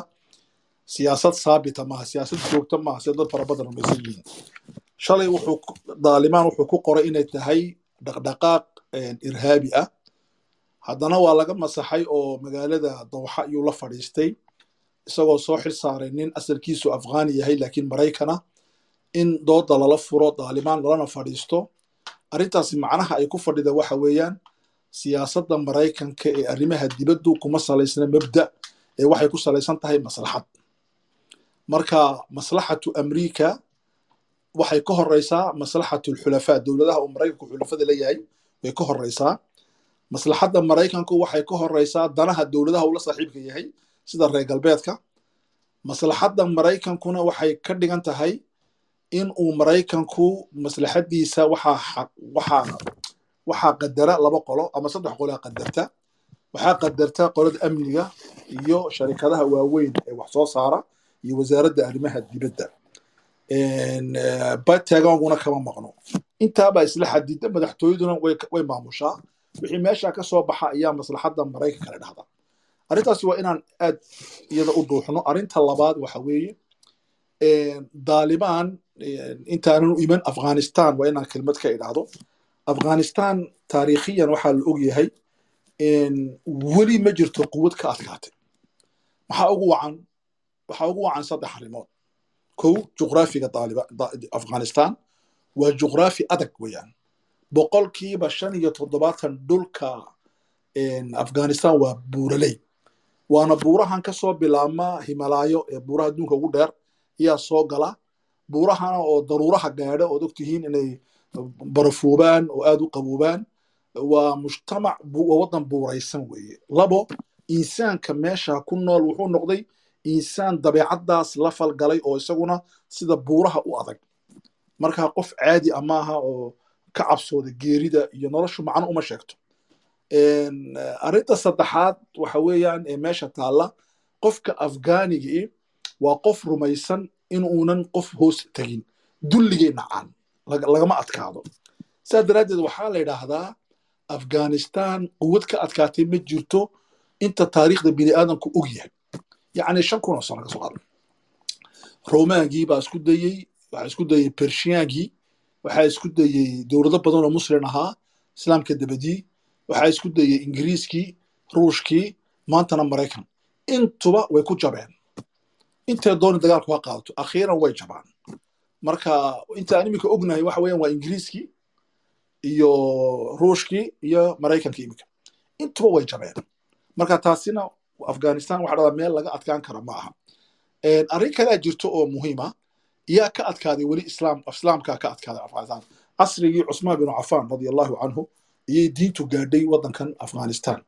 Markay saxaabadii iyo taabiciintii diinta side ay geeyeen dagaal way galeen waa laga adkaaday wayna isdhiibeen diintiina way qaateen.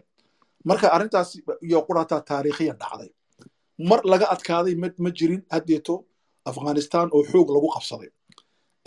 Shacbiga reer afghanistan waa shacbiga weeye marka shacbigaasi guud ahaan wuxuu rumaysay afkaartaas iminka ugu dambeyn su'aasha waxaan ka jawaabaynaa ma maraykankaa ka insixaabay maraykanku ma isagaa ka insixaabay oo qaraar ku qaatay inuu ka baxo?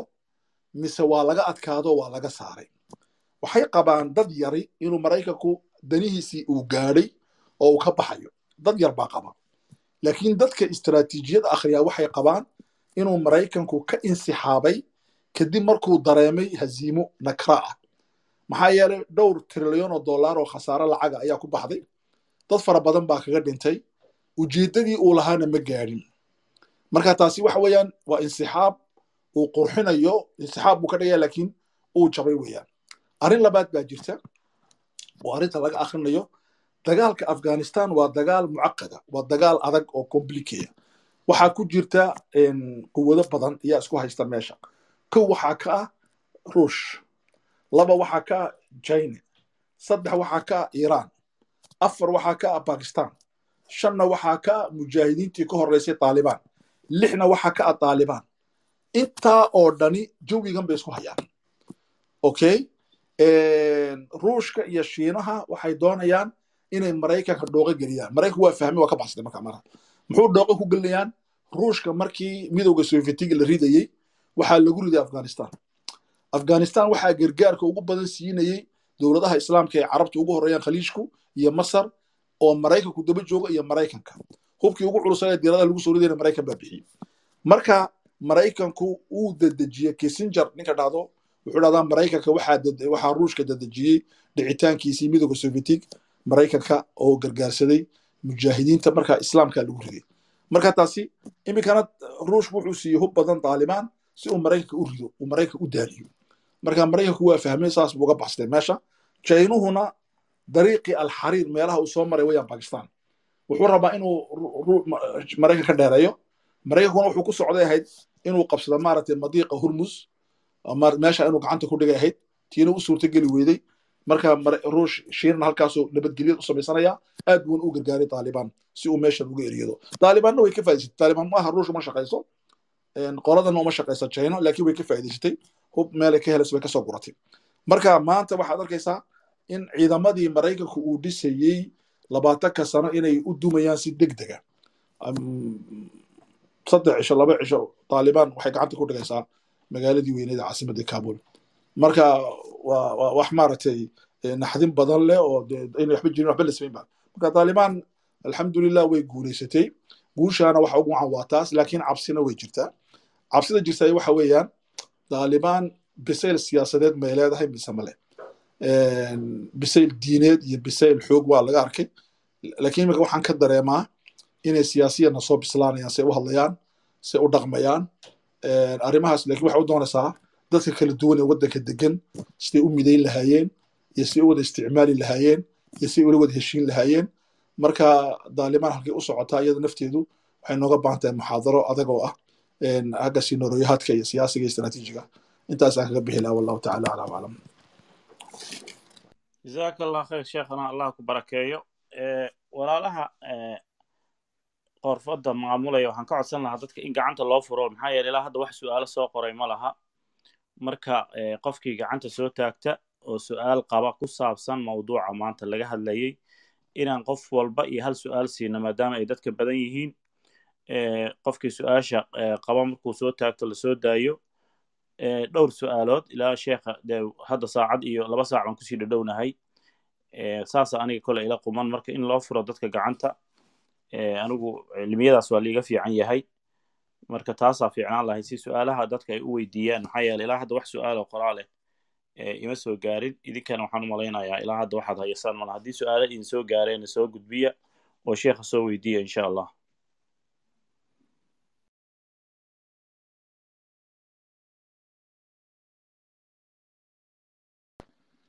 asalaamu calaykum sheekh abdiqaadir ma lay maqlaa si fiican sheekh mustafa lagu maqlaa sheekh cabdiraxmaan aad baan ku salaamay sheekhayga allah ku xafido jazaaka allah khayr calaykum asalaam waraxmatullah jazaaka allah khayr sheekh mustafa wayaaka sheekh baarak allah fiik sheekh cabdiqaadir gacanta way furan tahay ma aqaan qofkii markaa su'aal qabo mawduuca ku saabsan saad tilmaantay gacantaa soo taagto si kor loo soo saaro gacantu way furan tahay marka taasaan rabay inaan kula socodsiiyo mahadsantahay baarak sheekh mustafa inta ka horeysa culimada hadday su'aal weydiinayaan sheekh cabdiraxmaan laftigooda way u furan tahay insha allah maadaama culimada ay kor saaran yihiin hadday su'aal weydiinayaan. Culummadu amba ay wax ku darayaan ugu dar culummada ha sorry waa tacliiqan ay ku darayaan insha allah jazaak allah khayr laakiin aad ha u soo koo aad ha u soo kokoobaan maadaama dadka aan jaani siinayno kalo waxaan is leeyahay muxaadarada sheekha ujeediya wax kaloo lagu dari kara ma leh. Eh, Eh, anigu kulle meelaan wax kaga dari kara ma jirto. Marka jazaka allah khayr. Allah yakrimak ilahay ha ku cizeeyo ilaahay subxaana watacaala cimrigaaga iyo caqligaaga iyo caafimaadkaagaba ilahay hanoo daayo. Eh, adigana ha kugu anfaco. Yowma laa yanfacu maan walaa banuun ilaa man ata allah biqalbin saliim. Marka soo dhawaada culimo in sha allah baaraka allah fiikum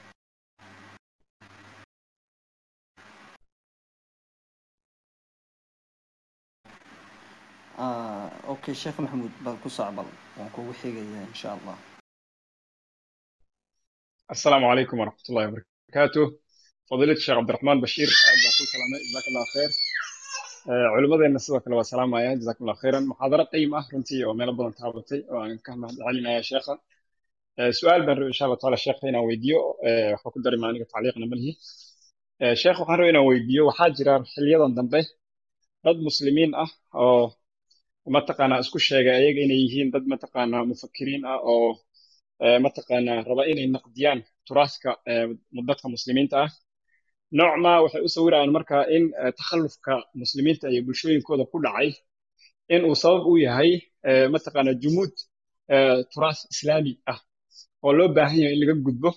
Oo mataqaana sida eh, reer galbeedkaba mataqaana ay uga gudbeen jumuudka diimahooda iyo kaniisadda. Kadibna ay u gaareen mataqaana xadaaraadka maanta ay gaareen in sidaas si la mid a muslimiinta u baahan yihiin inay naqdiyaan mataqaana eh, turaaskooda marka xuduud eh, xuduud marka la leeyahay eh, hal la naqdiyo turaaska muslimka ah ama muslimiinta turaaskoodii iyo xadaaradoodii hal la naqdiyo marka la yani xuduud intee la egayo qofka muslimka raba inuu ku ekaado waxyaabaha la rabo in qofka muslimka ah inuu mataqaana ku yeesho talooyin naqdi ah iyo waxyaabaha lama taabtaanta mataqaana see loo kala saari arrimahaas rabi insha allahu taala sheekh inuu noo iftiimiyo maadaama hadda xogaa saaxada ay ku soo bateen dad fara badan oo tanwiiriyiin ah oo raba inay mataqaana muslimiinta u tusayaan in mataqaana la gaaro xilligii taqliidka laga bixi lahaa. Wax badan oo afkaar ay sheegeenna runtii aa moodo inuu wax badan mataqaana aan la karin inay ku imaadeen. Marka sheekh arrintaas inuu noo taabtan waa rabay insha allahu taala. Jazakum allahu khayr okay jazaaka allah kheer walaalkay waa su'aal aada u muhiim ah dadkan eh, horta reer galbeedka oon degannahay markii ay bilaabayeen waxaan loo yaqaano horumarka waxay soo mareen marxalad laba ah. Marxaladda koowaad waxay soo mareen inay naqdiyaan turaaskoogii diiniga ahaa ee ay haysteen diintiina way naqdiyeen. Kadibna waxay galeen marxaladdii labaad oo ahayd inay diintaba iska dhaafaan oo cilmiga iyo caqliga ay galaan. Diintii islaam diintoodii kiristanka iyo kaniisadiina ay ku xidhaan axadda. Noloshiina ay ka xoreeyaan oo ay sidaa ku noqdeen cilmaaniyiin waxa ay la yaqaano qaarkood. Cilmaaniyaduna labay u kala baxday. Yurub dadku waxay u haystaan cilmaaniyaddu inay hal tahay.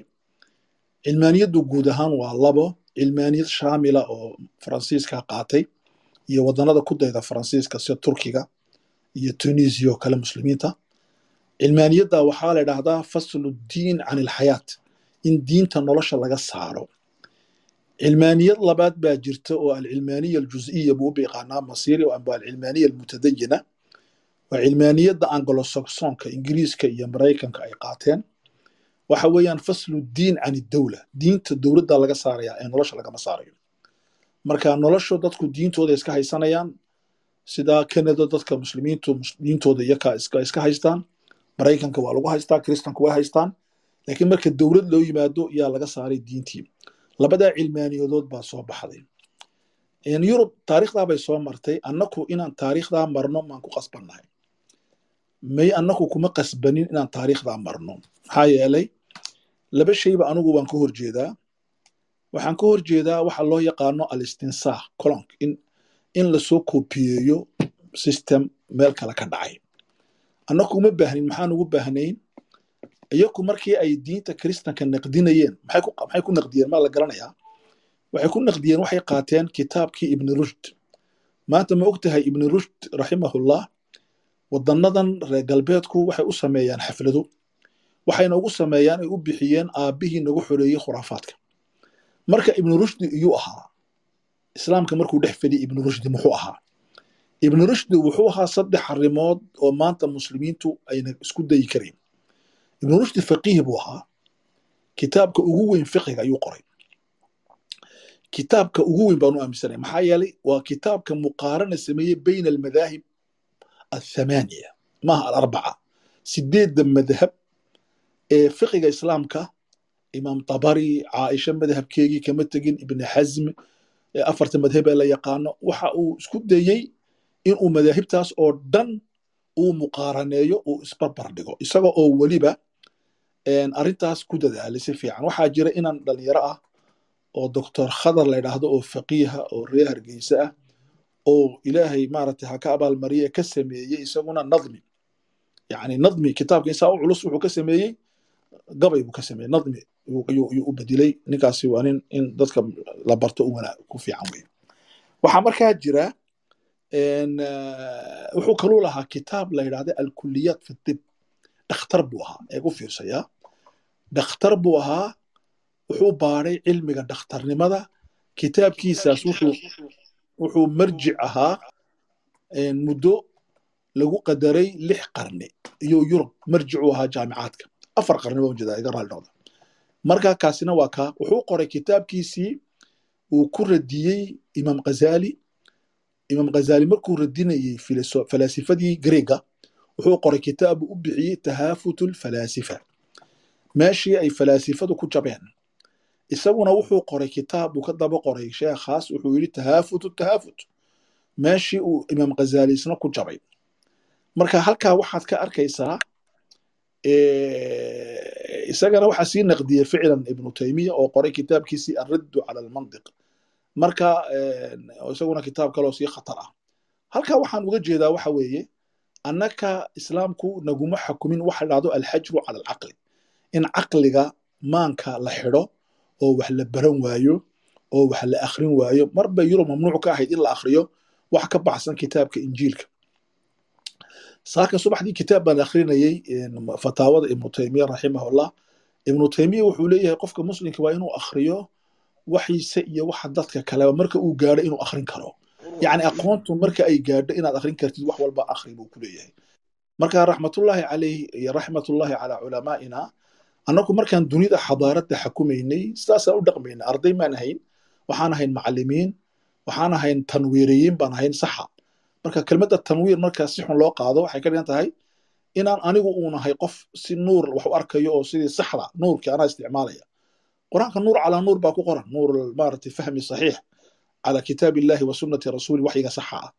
Marka nuurka iyo nuurka hadday isku biiraan waxaa ka soo baxaya ibnu taymiye ibnu rushdi iyo waxaa ka soo baxaya maaragtay axmed bin xambal iyo imaam shaafici ayaa meesha ka soo dhalanaya. Raxmatullaahi calayhim ajmaciin. Kitaabka arrisaale haddaad akhridid waxaad arkaysaa qofka muslimka caqligiisa markuu isticmaalayo naskana isticmaalayo sida weyn u isticmaalayo. Liannu annaku daahiriyadda ibnu xasmina waan diidannahay imaam tuufina waxaan diidannahay caqlaaniyadda siyaadada ee maslaxi maslaxiga ah waan diidannahay. Saa daraaddeed waxaan dhexdhexaad baan nahay anaku ummatan wasatan. Marka waxaan oran lahaa dhalinyaradaas sidaad rabta waa sax weeyaan waxaan ku oran lahaa si horta wax loo naqdiyo waa in la barto asawaabitu iyo iyo wixii isbabedilaya amba waxa loo yaqaano mandiqatu alqadciyaat iyo mandiqatu dhanniyaat maxaa mala ah? Maxaana male aan ahayn? Waa kow laba waa inaan baranno. Maxaa ma aragtay caqliga loo ogol yahay? Maxaase caqliga loo ogoleyn saddex waa inaan baranno kitaabka iyo sunnaha marka ay ka hadlayaan ghayb. Sidaan ula dhaqmaynaa yani hadduu ilaahay dhahdo tabaaraka wa tacaala aayad qur'aana uu inoogu sheego jid siraad inuu jiro oo qiyaamaha la marayo.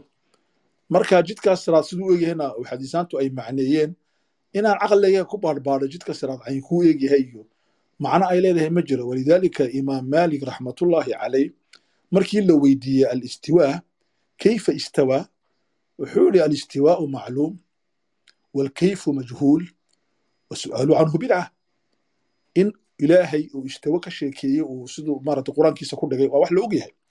Alraxmaanu cala alcarshi istawa. Laakiin sidee buu ilaahay carshiga ugu istiwooday waa majhuul annagu warkaa ma hayno. Su'aasha in layska weydiiyena waa bidco. Kama dhigna caqligii baa la xidhay waxay ka dhigan caqligii baa loo naxariistay. Caqliga bini aadamku wuxuu leeyahay xuduud weeyaan. Walidaalika culummadu waxay baadhaan caqligu hadduu baadho kayf uu ku baadho majaalka limaada. Amba uu baadho limaada uu ku baadho majaalka kayf caqligu uu lumaya waa cilmi taasi. Yani annaka qur'aanku wuxuu ina baray marka aan rabno inaan horumar gaadhno su'aasha qaadanna kayf afalaa yanduruuna ila alibili kayfa khuliqat ila alsamaa'i kayfa ruficat ila aljibaali kayfa nusibat ila alardi kayfa sutixat siiruu fi lardi fanduruu kayfa bada'a alkhalq kayf baa lagu baadhayaa shaahidka laakiin marka la baadhayo caalamka la yidhaahdo caalamul ghayb haddaad kayf gelatid waa khaldamaysaa kayfa allah laa ilaha ila allah kayfa almalaa'ika kayfa aljanna kayfa annaar kayfa asiraat kayf shaqa kuma li leanno majaalkii maaha cilmi baadhista shay baadhistu ma gali karayo kayfka meeshaabaa la geliyaa laakiin ma maa waraa alghayb waxaa la geliyaa limaada limaada allahu mawjuud limaada allah waaxid muxuu ilaahay waay miduu yahay limaada aljanna ilahay muxuu janna u abuuray limaada annaar limaada almowt geeridu maxay u jirtaa limaada halka waa waay marka falsafadu maxay ku khaldantay khaladat bayna almajaaliin labadii majaal baad isu keenay marka dhallinyaradan waxaa leenahay labada majaal isu keenina meel wal majaalkiiga ku baara ta kale waxa weeyaan marka lagu idhaahdo qofka muslimka ah markuu islaamka ku qanco ilahay diisan ku qanacnay lianna ee qur'aanka maxaa ku qoran suuratu baqara aamana arasuulu bimaa unzila ilayhi min rabbihi nebi maxamed baa aaminay wixii lagu soo dejiyey sal ll slam uu aaminay marka bal u fiirso uu aaminaa lagu leeyahy isagaa rumeeyey wixii lagu soo dejiyey. Marka rumayntaa kadib istislaamba waa isdhiibaysaa isdhiibistu waxay ka dhigan tahay xaqiyad waxan waa mutlaq xaqaa'iq mutlaqa weeye islaamku diintu waa xaqaa'iq waaweyn oo jawaabteeda diinta un laga heli karaa meel kale aan laga heli karin. Marka waad ku wareeri wixii inta aan ahayn intaasaan ka bixi lahaa wallahu tacaala aclaa waclam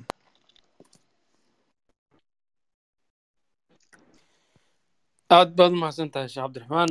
Allah subxaana wa tacaala ha ku barakeeyo adigoo kalena ha badiyo wax badan baan aad kaaga faa'iidnay.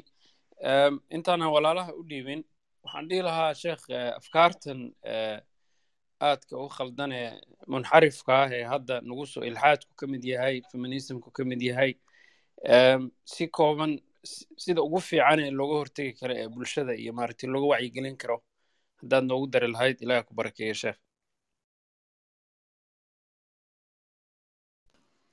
in yara inta dambe igu soo celi waa la yaro mashquuliya jazaaka ha hadda beryahan waa waxaa soo kordhaysa maaragtay maadaama aynu bulshada soomaalidu ay meelo badan kala tageen afkaar aad u maaragtay u khaldan oo munxarifa oo maaragtay dhalinyaradii oo maaragtay ilxaadkii iyo feminism iyo islaamkii qaar sida hadda su'aashii hore maaragtay qaar aaminsan in maaragtay takhallufka inuu maaragtay fahmi diiniga loo ama diinta loo tiirinayo iyo dibdhaca duruufta caalam islaami ku jira iyo waxyaalahaasoo dhan socda.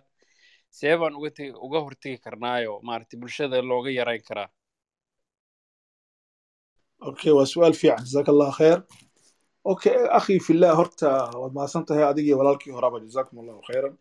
Waxa weeyaan n waxaan aad ula yaabaa dhalinyarada muslimiinta ah waxaa ku dhacay laba jiro amba saddex jiro dheh amba saddex cudur dheh. Kow cudur dhahda atiih kii reer bani israel ku dhacay tiih. Yatiihuuna fi lardi arbaciina sana. Tiihaasi wuxuu kaga dhacay saddex meelood. Fikri ahaan uu ku dhacay tiih fikriya ku dhacay. Oo caqadi ah agga ah. In badan tiih waxaa ku dhacay dhinaca siyaasadda ah dhinaca saddexaad tiih waxaa ku dhacay dhinaca ilbaxnimada ah waa tiih min ayna nabda? Halkeen wax ka bilownaa. Kayfa nabda? Seen wax u bilownaa.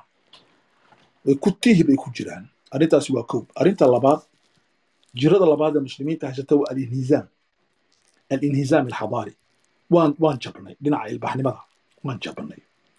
Waxaa inagu dhacay imbihaar xadaariya waxaan moodnay dadka kale inay naga horumarsan yihiin.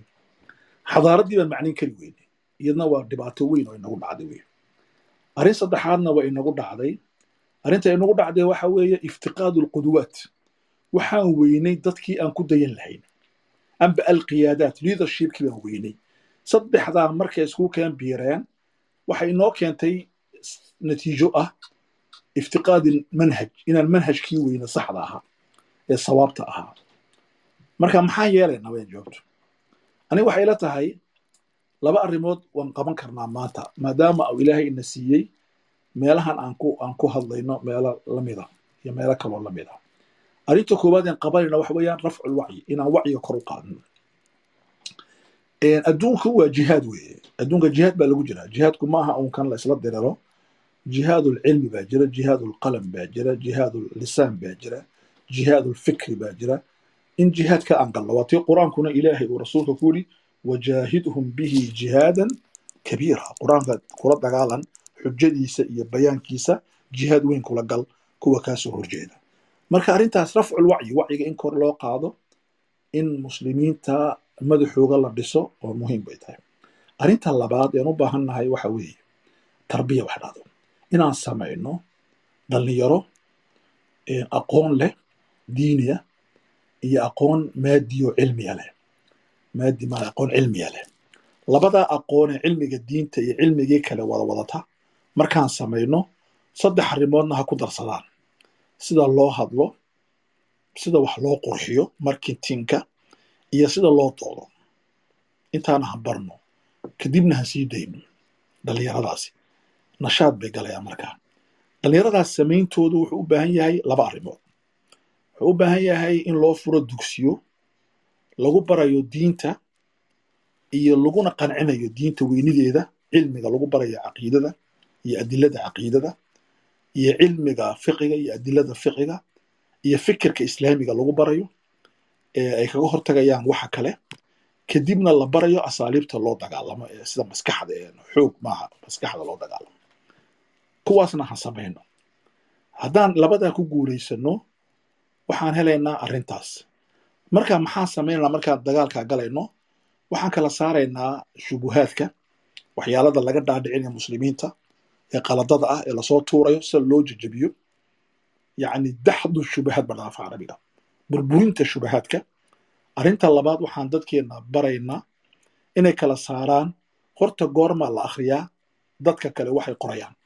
Waxaa la akhriyaa markaa dhisantid nebiga cumar baa u yimiday radia allahu canhu sal slam nebigeenna isagoo siita kitaabkii towraat saxiifatan min atowraat nebigu u cadhooday wuxuu yihi atatahawakuuna yabna alkhataab ina khataabo maashi kideen kitaabkan gacanta aa ku sitid muxuu tahay waa towraat wuxuu yihi wallahi hadduu nebi soo baxo maanta calayh salaam anuu ii raaci lahaa idan waxaa loo baahan yahay marxalatu tamayus in la galo horta marxaladda qofku wixiisa markuu barto uu haddeeto ogaado inay adiladiisa iyo cilmigiisu ku faano kadib inuu waxa kala akhristo laakiin laguma bilaabo shubahaadka inaad akhrisatid dhalinyaro fara badan baan garanaya aniga dhiilo degan kanada oo shubahaadka ku bilowday oo khalad khatar gaadhay marka shubahaadka laguma bilaabo akhrista waxaa lagu bilaabaa waxaaga laakiin loo akhriya si weyn oo cilmi lagu qanco marka waxaaga meel dhigtid baa la galaa arrinta labaad waa sidaa wuxuu nebiguna yeelay sal slam horta towraad iyo injiil akhriya ma oran ee qur'aanku cabba yidhi markay saqaafadii islaamka iyo dhaqankii islaamka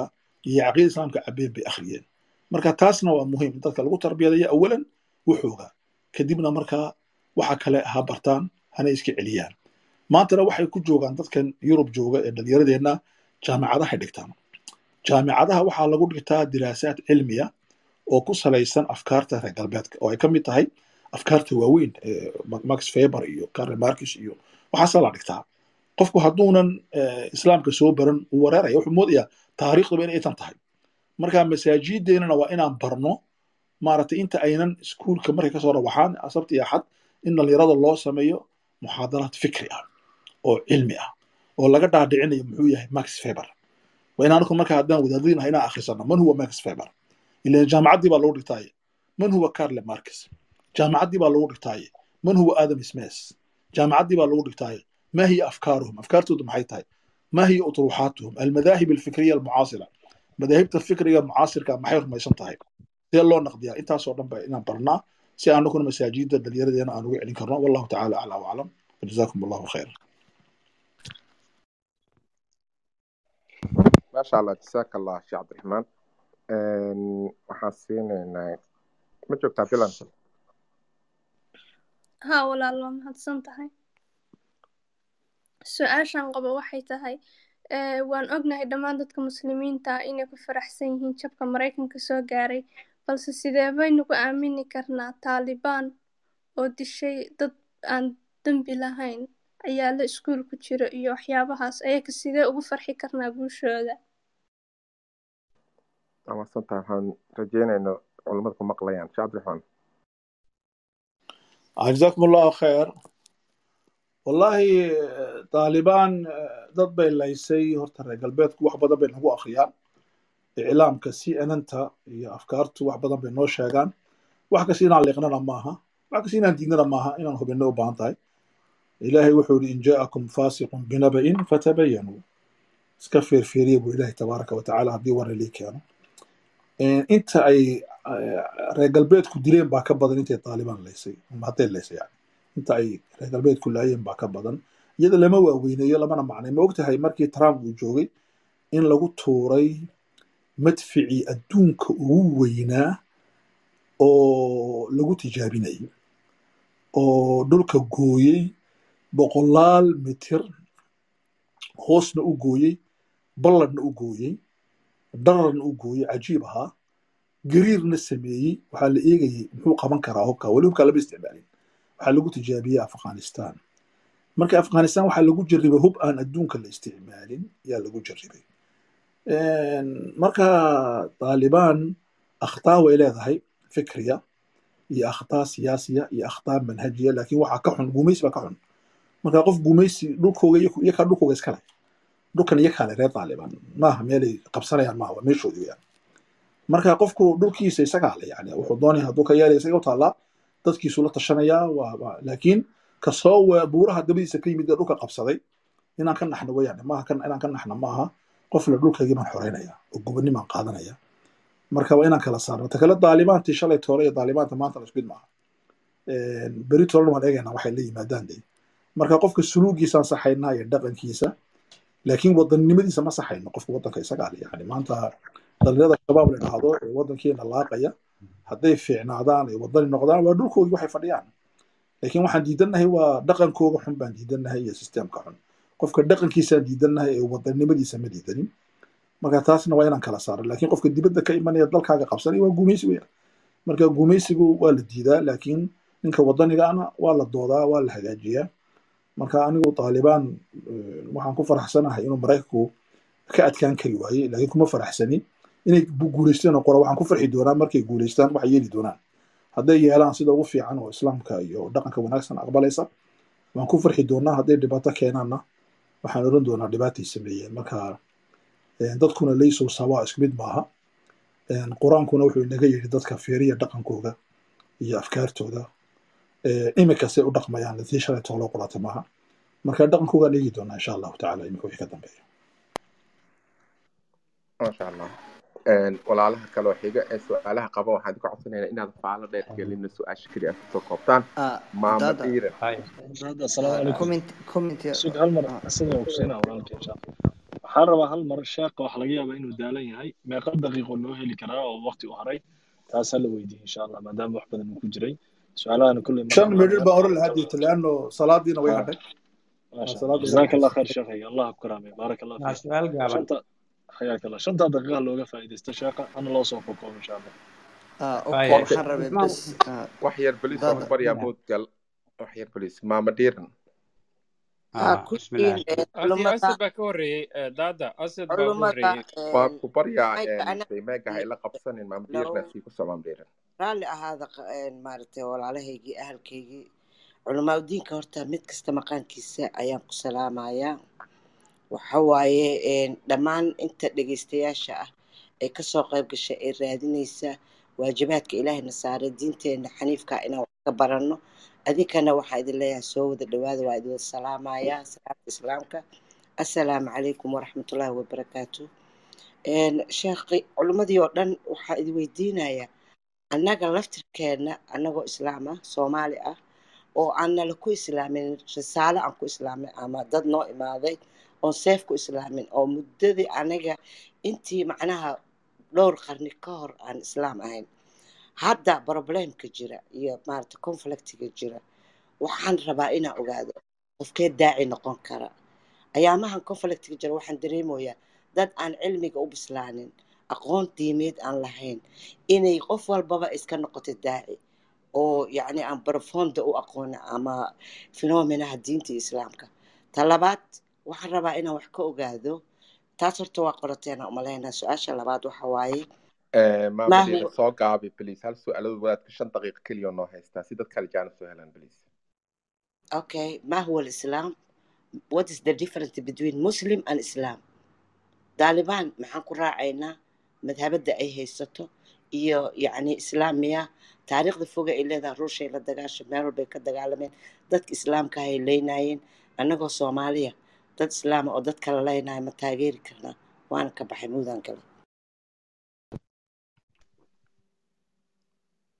Sheekh cabdiraxmaan hal mar su'aalaha isu raacay daada sheekha si uu hal mar uga wada okay waa isku raacina. Siinaya walaalana su'aal baa soona asi allah ku khayr soco ah dada maasha allah waa mahadsantahay. Bes waxaan rabay maaragtay tii uu taalibaan oo sheekh cabdiraxmaan ka hadlay kheyr ilaha siiyo oo ku saabsaneyd eh, iskooladii iyo waxaasi. Dadku waxaa jira inaysan garanayn laba nooc oo taalibaan taalibaanka bakistan iyo taalibaanka afghanistan. Ayna kala yihiin laba taalibaan oo kala duwan. Tii bakistan oo la dhaho inay taageertay hindiya ama hindiya ilaa iyo maanta ay taageerto kuwa ayay ahaayeen kuwa iskoolada qarxiya oo ilaa iyo malaala gabartii markii la qaaday ay ku xadgudbeen kuwii afghanistanne kuwaasi waa kuwo kale oo kala duwan. Marku magacyadu waa la isla wadaagaa laakiin waa kooxyo kala duwan. Marka taa un baan rabay commentigaas inaan ku daro. Ah, caadi waa marka sheekh su'aasha waa la siin karaa. Baaraka allah fiikum mahadsanta asid waxaan siinaynaa koonfuri ma joogtaa? Haa walaal waa mahadsan tahay sheekh cabdiraxmaan waxaan weydiin lahaa su'aal yar oo kooban oo ku saabsan mawduuca. Su'aashu waxay odhanaysaa mawduuca maadaama uu yahay islaamku ma diin caalami ah muxaadaradaadii waxay u muuqatay mid confirm garaysay oo ah jawaabtaadu ay ahayd waa diin caalami ah. Marka marka laga tago aayaadka sheegaya qur'aaniga oo sheegaya in maaragta diintu ay tahay diin caalami ah ma jiraa wax qur'aanku sheegayo oo tilmaamayo oo qofka Japan jooga kan Maraykan jooga kan Sacuudi Arabia jooga dadka oo dhan ay isku si ugu dhaqmaan ama isku si u saameeya arrin noocaas oo kale ah oo caalaminimada qur'aanka lagu fahmayo oo qur'aanku sheego ma jiraa asalaamu calaykum. Maasha allah sheekh cabdiraxmaan ku soo dhawo marka.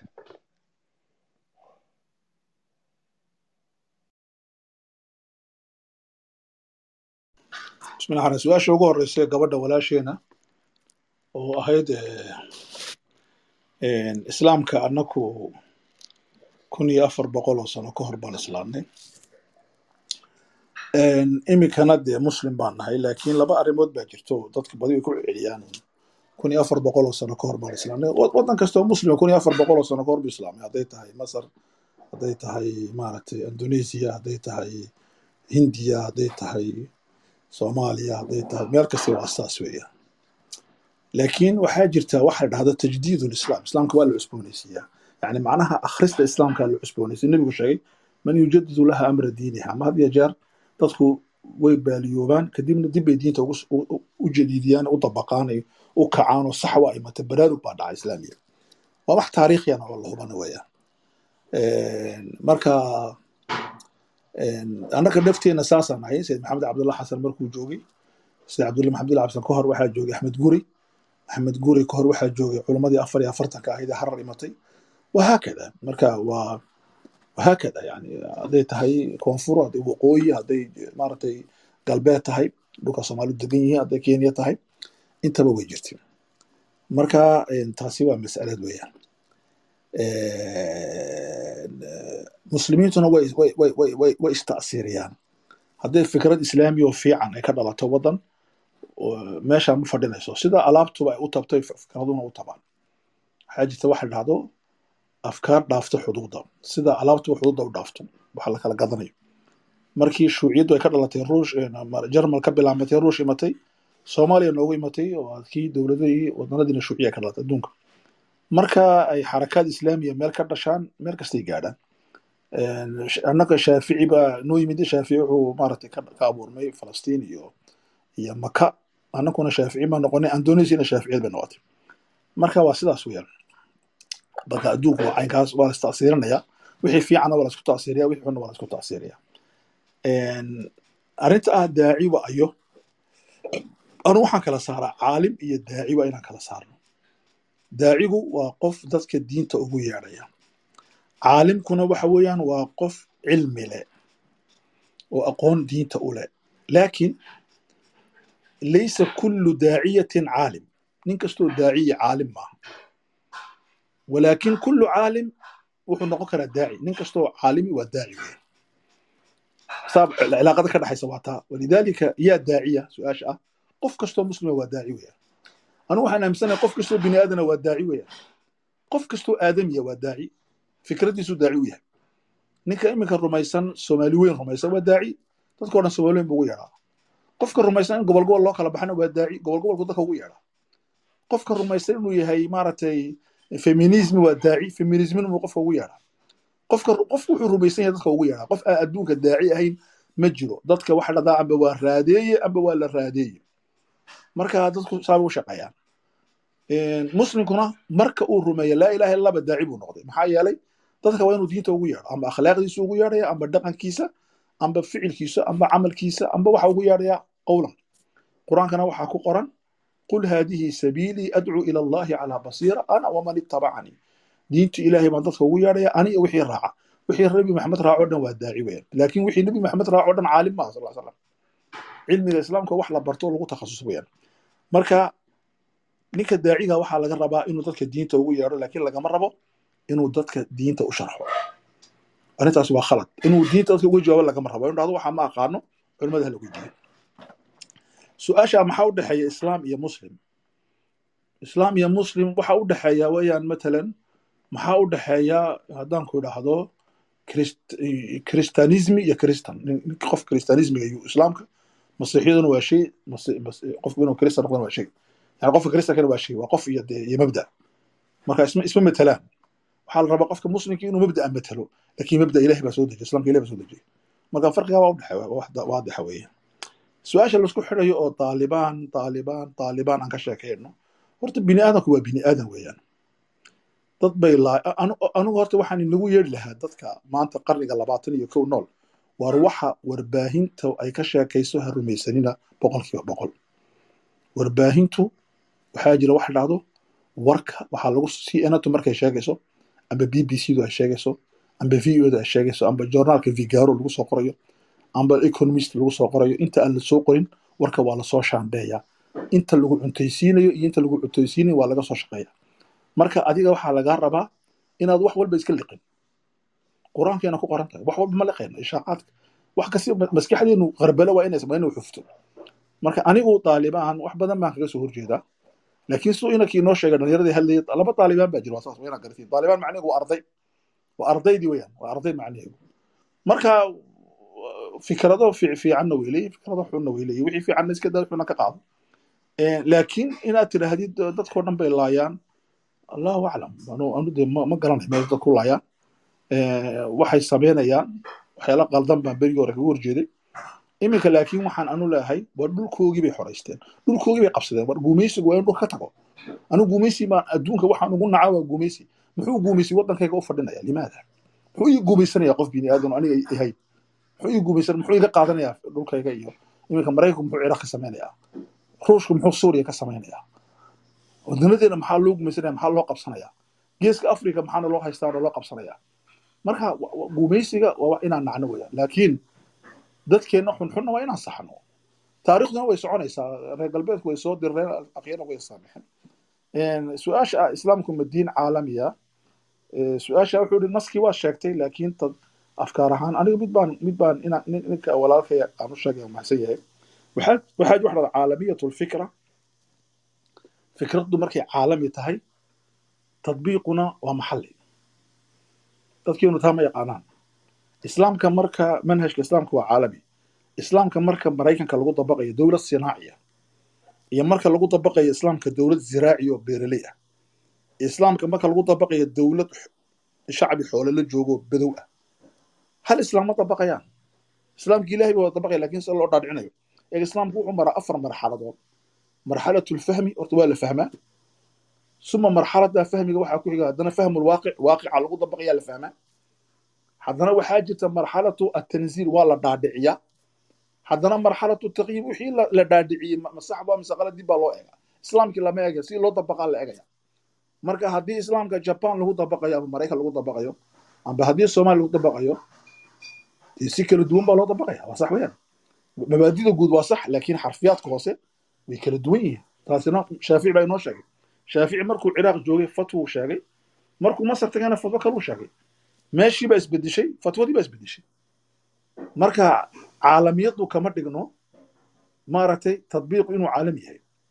Mujtamaca beeraleyda islaamka waxbuu ka dabaqi way ku jirtaa beeruhu. Mujtamaca warshadeyntuna islaamka waxbuu ka dabaqi warshada ku jirtaa mujtamaca maaragtay teknolojiga horumar ka gaadhi iyo kaan horumar ka gaadhin nin kastiba islaamka meel buu ka dabaqaya marka taasina waa wax maaragtay loo baahanya inaan fahno waa saxeen marka taariikhyana way dhacday iminkana saasoo kale yaan u arkay anigu inay maaragtay qofka jabaanku markuu islaamo muslim jabaanin oo insaanku waa insaan diraasaad waxaa jirta insaanka laga sameeyey kitaabka uu qoray alinsaan bayna almaada bayna alislaam wa bayna islaamka maaragtay marka maxaanku idhahdaa sharqiga qarbiga kitaabka uu qoray cali cizad waa kitaab aad u muhiima waxaan jeclaan lahaa kitaabka in la akriyo insaanku halku mushtarak kale insaanku waa insaan. Insaanka jabaanka iyo ka jaynaha iyo ka soomaaliga dhinaca insaaniyadda waa mid un baahidooduna waa mid quraata un laakiin waxay ku kala duwan yihiin marxaladda ay socdaan ee ilbaxnimada. Marka taasina waxay u baahan tahay xulul kala duwan. Islaamkana xulusha kala duwan ay ku jiraan. Xagee laga saaraya ijtihaadka qofka biniadamka ee faqiiha waan ka baxay jazaakum allahu khayran maasha allah khayr sheekh aadaa u mahadsan tahay wax badan baa dad su'aalo iisoo qoreen sheekh jawhar waa ku siinaya allah ku barakeeya su'aalo badan baa liisoo qoray waktigana waan kugu dheeraynay marka wax yar noo dulqaado su'aashan cabdiqaadir asalaamu calaykum waxaa laga yaabaa inaa maqnayd sheekha wuu cudur daartay salaada iisu dhow buu yiri shan daqiiqo uu qabsaday shan daqiiqo waaba la yaro dhaafaan u malaynayaa marka intaas ha marka waa maqan aniga taas hadduu sheekha marka sheekh cabdiqaadir hal talaan soo jeedin lahaa idinkoo raalli ah sheekh axmedna waa siinaynaa ana waxaan dhihi lahaa sheekha hadda muddo badan uu ku jiray casarna uu aadayaa wixii su'aalaha haddii ay suurtagal tahay habeen kale in loo ballamo ayaa ila wanaagsan oo sheikhana uu noo soo diyaargaroobo su'aalaha keliya waxaan kaloo ku dari lahaa qadiyadda taalibaanka waxaan dhihi lahaa walaalayaalow sheikhu muusan oran taalibaan baan taageersanahay iyo waa taageeraynaa qadiyad siyaasada la weydiiyey. Waana middaa uu sheegayo saxaafadda sidaa moodeen ma aha. Berigii jaamacaddaan dhiganaynay saxaafadda maada dhan oo waxaa jirta naloo dhigo la dhaho wax nidaam saxaafadda ka jiro la yidhaahdo partisanship in journalism. Nidaamkaas wuxuu yahay warka waxaa loo dhigayaa sida ay rabaan qolada markaa hoggaanka haysata. Marka waxaa la socotaan ama aada ogaataan wararka nalagu cabayo ee reer galbeedka xataa idaacadaha luqadda soomaaliga ku hadla warar qorshaysan oo diyaarsan oo hadba ciddii rabta say rabtay u dhigta inay tahay. Marka ayaan war walba la cabin taasna la socdo baaraka allah fiikum. Maasha allah jazaak allah cabdirasaaq okay wax yar raalli ahaada sheekh haddii aad tegaysid waa runtaa waqtigii salaada casarka aad buu gabaabsi nooga yahay annaga. Marka sheekh haddaad tegaysid su'aalahana insha allahu tacaala waqti kalaa ka dhiganaynaa wax badan oo su'aalahana soo gaaray. Haddaad waqti aadan hadda u haynin inaad su'aalaha ka jawaabtid. Kelimad khitaame insha allahu tacaala kabacdi culummada iyo ragga kale ayaa noo sii wadi doona barnaamijka. Annaguna salaada casarkaan aadaynaa waa saa sheegtay sheekh cabdiqaadir sheekh cabdiraxmaan waan fasaxaynaa culummada mid ugu dhiibaya. Sheekh cabdimustafa sheekh axmed u dhiib sheekh mustafa ku inaa horta sheekh axmed iyo hanoo dambeeyaan sheekh cabdiraxmaan hadduu joogayo hadduu tegayo bal sheekha horta aan ogaano markaasaan qof kala siinaynaa insha allah in yar shan midh oo kale waan joogi karaa insha allah marka su'aasha maxaa su'aasha liigu diiday? Hal su'aal baan sheekha weydiinaya kaadi dee waxay u keentay un hadalka dib u furfurteen maya hal su'aal hal su'aal oo ka baxsan mawduuca oo shaksi adiga kugu socotaan ku weydiinaya raalliga ahow. Su'aashaas wixii ka dambeeya ama soo gaabi weliba aad u soo gaabi soona koob. Waa su'aal hadal hadda ka hor aad tiri oo si kaleeto lagu weydiinayo sheekh marka waxaa su'aashan ay leedahay gabadha soo qortay hadda ka hor waxaad noo sheegtay sacuudiga markaan wax ka baran jirnay waxaana la soo baray cilmu tajhiil wa takfiir alumma culimmadii sacuudigana hadda waxaad moodaa inay arrimahaas ka soo noqonayaan oo in badan oo hadda ka mid a culimmadii sacuudiga arrimahaas ay ka soo noqonayaan. Culimmadii soomaaliya marka maxaa ku dhacay? Oo arrimahaas ay uga noqon laayihiin su'aashaas inaad soo gaabisid si aad salaadaadan uga gaartid kabacdi culimmada iyo dadka kalena ay isku haraan baan jeclaan lahaa waa mahadsanta cabdiqaadir adoo raalli ah asalaamu calaykum raxmatullah sheekh cabdiraxmaan waa ku salaamay. Axbaabta joogta dhammaan culummada iyo walaalahana waa salaamay. Su'aashaas waa mid runtii meesha ku jirta. Anigu waxaan rabay in aan laba su'aalood sheekha weydiiye khayr allah siiyo oo iyaduna waaqaca taagan. Gadaal inuu kaga daro haddii la yidhaahdo su'aashan hore. Labada su'aalood midi waxa weeye atacaamul maca kheyr atacaamul maca kheyr waxaan ka wadaa ummaddu way kala duwan tahay. Sidee loo wada noolaan karaa loola mucaamaloon karaa qof kaa diin duwan kaa dhaqan duwan kaa kaljar duwan kaa kala duwan? Markaad adigu tahay qof muslima si kale haddii loo dhigo atacaayush maca bacd wada noolaashiyo hadda waxaan ognahay in ay dagaalla ka jiraan geeska africa gaar ahaan etoobiya qowmiyado wada degan haddana aan tadaafuc u ka dhexeeyo sidee yacna loo wada noolaan karaa nabadna loo heli karaa jazaak allahu khayr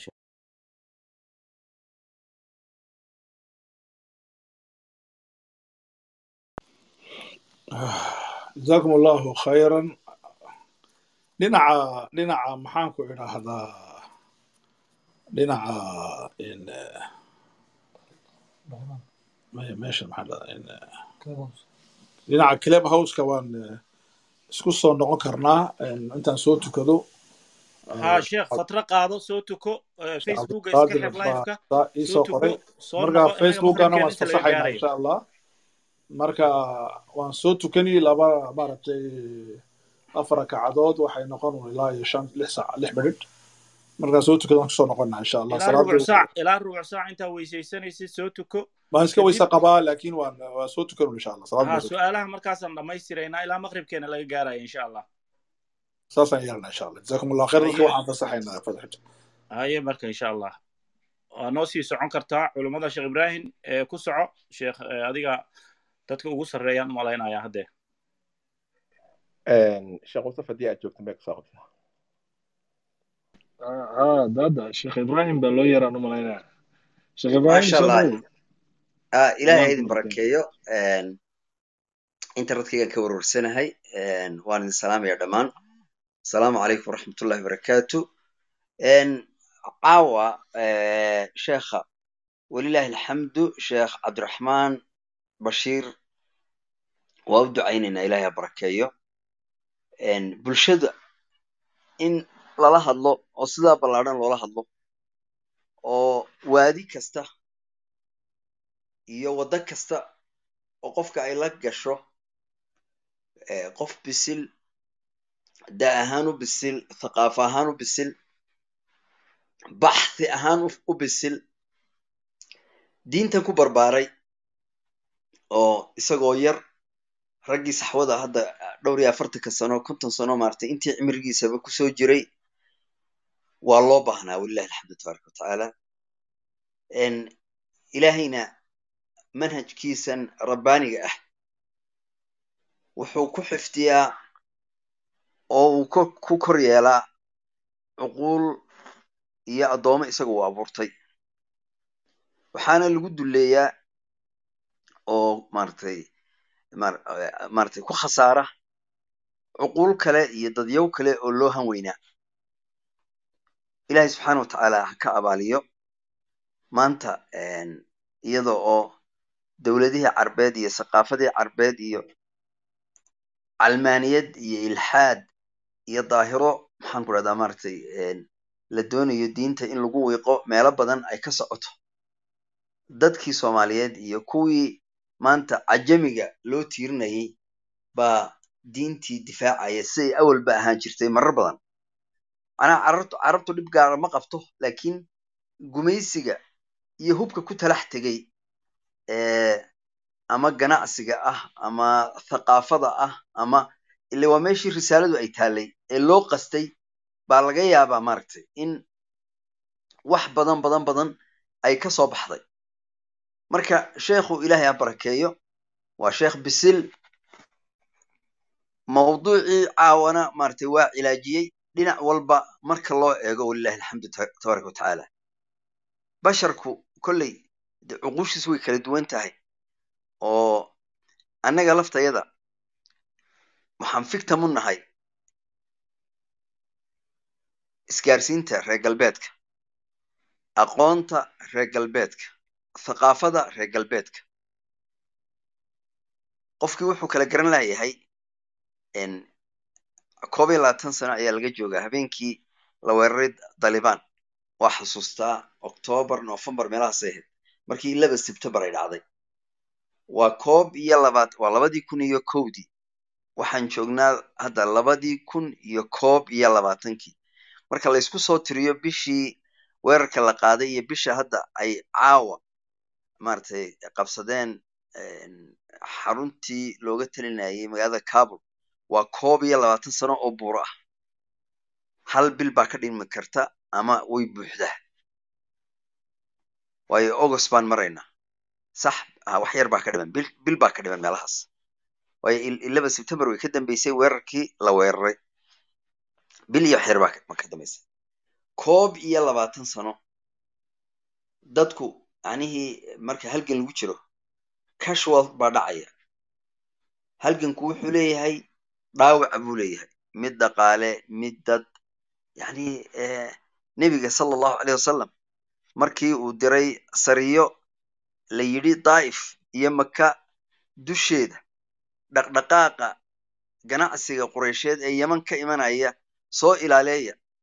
Daa'ifo yaroo ilaa lix nin oo saxaabada ka mid ah oo nin la odhan jiray cabdillahi ibnu jaxsh nebigu u dhiibay sala allahu alay wasalam waa kuwii markii ay meeshii fadhiisteen maalintii ka horreysay ashurul xurumku maalintii dhalanaysay waa kuwii safarka helay. Kadibna iyadoo nebigu aanu amrin soo qabtay safarkii. Ninna maaragtay ku dilay xadrami ah.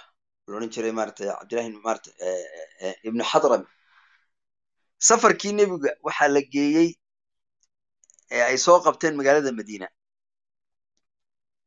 Iyaga oo adeegsanaya midiyihii markaas afku wuxuu la xoog yahay magliga xawda kaa jara waxaa la yidhi nebi maxamed maaha rasuul nebi ah oo adduunka islaaxinaya ee ifsaad iyo bilihii xurmada leh in dadka la laayo buu adduunka ku soo kordhiyey.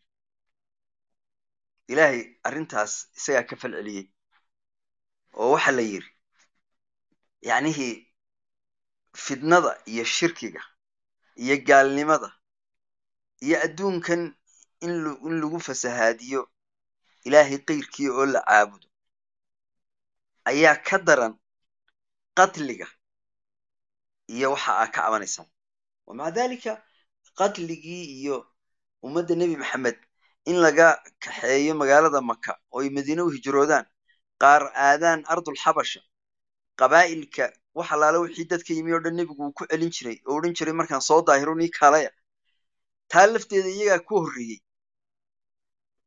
laakiin mar walba midiyuhu dhibkiisuu leeyahay marka macnaha waxa socday koob iyo labaatankaa sano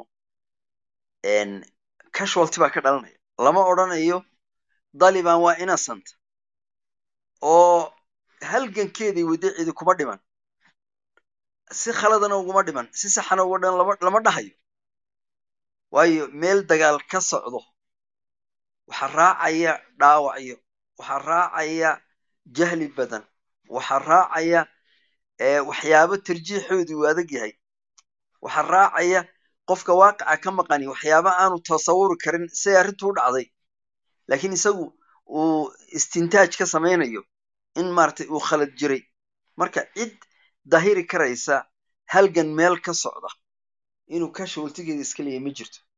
Laakiin mabaadida guud qofka muslimka ah ee maanta garan la xaq iyo baadil meelay ku legdameen koob iyo labaatan sano dad maxaan ku dhahdaa masaakiina salaam aleykum sheekh ibrahim hadalkaada quruxda badanna goyn allah ku barakeeyo wax yar waxaan rabaa dadka inaan ogeysiis yar la socodsiiyo walaalaha xidigahay dhammaan maamulka waxaan ka codsanayaa fadlan. Qofna yaan la tuurin. Xitaa hadduu si walba nooga aragtid weeyaan intaasaan idinka codsanayaa. Dad walaalaa la tuuray waxaan idinka codsanayaa fadlan. Ilaahay dartii inaan qofna la tuurin. Hadduusan qofka marna aflagaado samaynayn ama sawir foolxun uusan u saarnayn. Marka fadlan intaas wixii ka soo haro qofka si uu nooga aragtid weyn yahay yaan loo tuurin. Waa idinka codsanaya allah idin dhammaantiin ku soco allah ku barakeeyo xataa qofka ama sawir fool xun qaba ama wax markaa maaragtay offensive bulshada ku ah qofka xataa soo jeediya in hadda luuqa iyo meelo badan baa laga wada hadli karaa. In loo caqli celiyaa fiican. Marka halaynaga ilaaliyo ilaa qofku uu maxaan ku dhahdaa otherwise waxaan halkan loogu hayn karin oo bulshada dersigii socday iyo harmonizationkii waxaynu ku jirro qofku haddii aanu maaragtay beyond our capacity haddaanu la iman yaan la tuurin ilahay idin barakeeyo marka Eh, ibrahim. waxaan waxaan doonaya ku soo gebagebe ha Eh, waxaan rabaa inaan cadeyno inta hadda xidigaa haysto waa culimada iyo daadoo xiriirinaya marka qof la tuura ma leh. Arrinkaasna waa ka hadalnay maantaan ka hadalnay xitaa dhallinyaradana waan u sheegnay qof la tuuri kara hadda wixii ka dambeeya ma jiro weliba dadka blogga xataa halaga qaadaan niri marka qofka ma aqaan sheeganaya waa la tuura asagaa mal- malaha hawlo kala wata. Laakiin inta hadda hayso waa culimada iyo daadoo xiriirinaya qof la tuurana ma jiro saasaan ila socodsiinaya. Ha ilahay idin barakeeyo idanka ilaahay.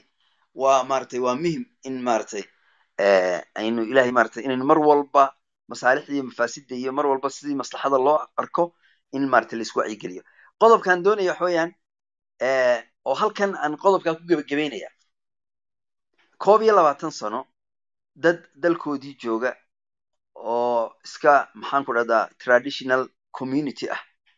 Bulsho xanafiya oo muslim ah oo kutubtoodii haysta oo dalkoodii jooga oo sunni ah oo ilaahay caabudaya oo waxyaabaha dadka khawaarijta noqday ee mutadarifiinta ah ee culimada fataawahooda caamka ah iyo ijmaaca bulshadan muslimka ah ee sunniga ah ee muctadilka ah aan marnaba ka bixin. Marka laga reebo halgan socdo casualtygu keenayo. Dariiqaa ku taagan. Isla markaana loo isticmaalay wixii quwad adduunka jirtay koob iyo labaatankaa sano. Hubka adduunka laga soo saaro oo dhan hadday tahay ciidamada cirkee sophisticatedka ah iyo fighter maxaan ku dhaha maratay judgeska rida missileska loo yaqaano supersonica kuwa rida bambariska la yidhaahdo maxaan ku dhahdaa qanaabisha maratay cunquudda leh ee adduunka laga mamnuucay gebi ahaanba in bashar lagu rido. Ee intaas oo mitir dhulka hoostiisa gooya lagu ridoy maxaan ku dhahdaa hubka fudud ee laga sameeyey nuclearka. Macnaha ammunitionka hadda lagu dagaalamo waxaa maratay lagu laga sameeyaa oo ku jira walxo maxaan ku dhaha nucleara oo basharka iska daa qofka markuu ku dhaco. Aagga ay xabaddaas ama madfacaas nuclearka laga sameeyey uu ku dhaco yani qofku isaga oon dhaawacmin mustaqbalka wuu googo'aya kansarba maarata ayuu u dhimanaya. Waxaa lagu tijaabiyey wax allaala wixii maxaan ku dhaha dabaabaad ama hub maratay maratay hubka gaashaamana. Waxaa lagu tijaabiyey maxaan ku dhahdaa maratay chemical maxaan ku dhaha maratay weapons. Ma jirto koob iyo labaatankaa sano hub la soo saaray ama hore loo haystay oo ay haysato nato ama maraykanka ama dowladaha kale ee dhowr iyo soddonkaa dowladood ee ka tirsanaa xilfiga nimankaa dabar goynayay. Waxaana isticmaalin ma jirto. Okay waa maxay? Waxaan ka faa'iidaynaa. Waxaan ka faa'iidaynaa dadka tabartaa iyagu leh laakiin damiir ahaan u nool iyo diin ahaan. Iyo dadka koob iyo labaatan sano janis u helay yacnihii quwad kastoo isu timi. Mid siyaasadeed mid dhaqaale mid hub mid maxaan ku dhahdaa xogta iyo maxaan ku dhaha warfareka sida loogu dagaalamo saxaafada. Marka laisu wada geeyo mid mukhaabaraad dadka lagu tijaabiyey ee maanta iyaga oo reer galbeedkii iyo nato iyo maraykan maratay goobjoog ah xaruntoodii gacanta ku qabsaday qofku miyaanu fahmi karaynin ilaahay inuu kownka ka taliyo miyaanu qofku fahmi karaynin kownkan ilaaha ka taliya iyo cidda uu quwadda gelinayo iyo cidda uu gargaarayo iyo cidda siraaca aakhirka ilaahay wa tacaala uu makansiiyey qofku miyaanu fahmi karaynin ilahay qur'aanka wuxuu yihi aayaddaas baan ugu dambaysinaya aayad ku jirta suuratu nuur ilahay wuxuu yihi subxaana wa tacaala acuudu billahi samiil calim min ashaitan rajim acuudu billahi samiil calim min ashaitan rajim ilahay wuxuu yihi subxaana wa tacaala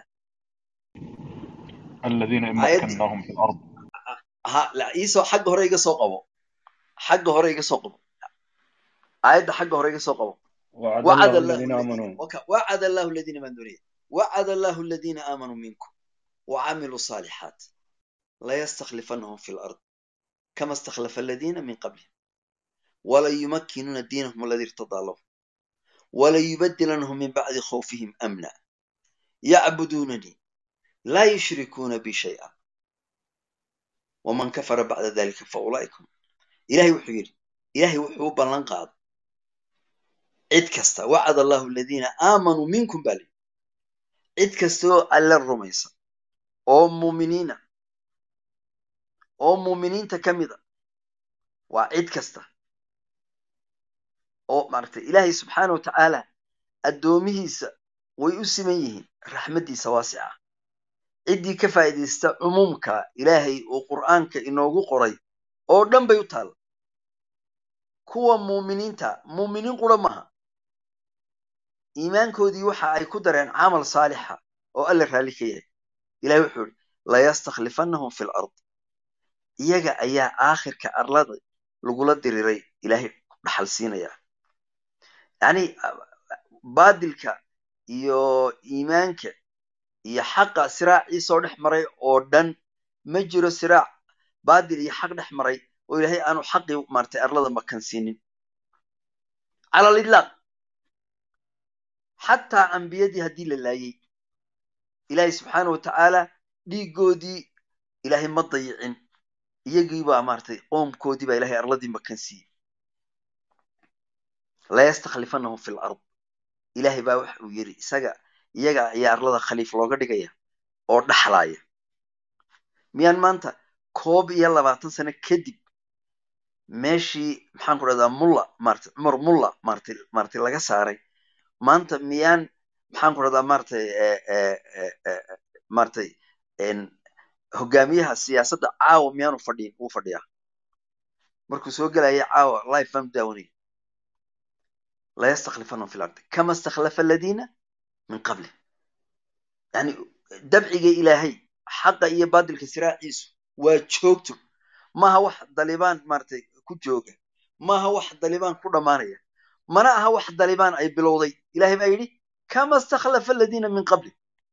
Sidii ilaahay uu ugu doortay ilaa inta nebiyullaahi aadam laga soo bilaabo kuwii ahlu xaq ahaa iyo ahlu baadilku markay alla ku doodeen kuwii ilaahay subxana wataala markuu u gar qaaday kuwii iyagu wixii alla uu ka doonay la yimi ee asbaabta qaatay sidii maratay uu awalba ilaahay uu makansiiye uu khaliif uga dhigay baa ilahay uga dhigay.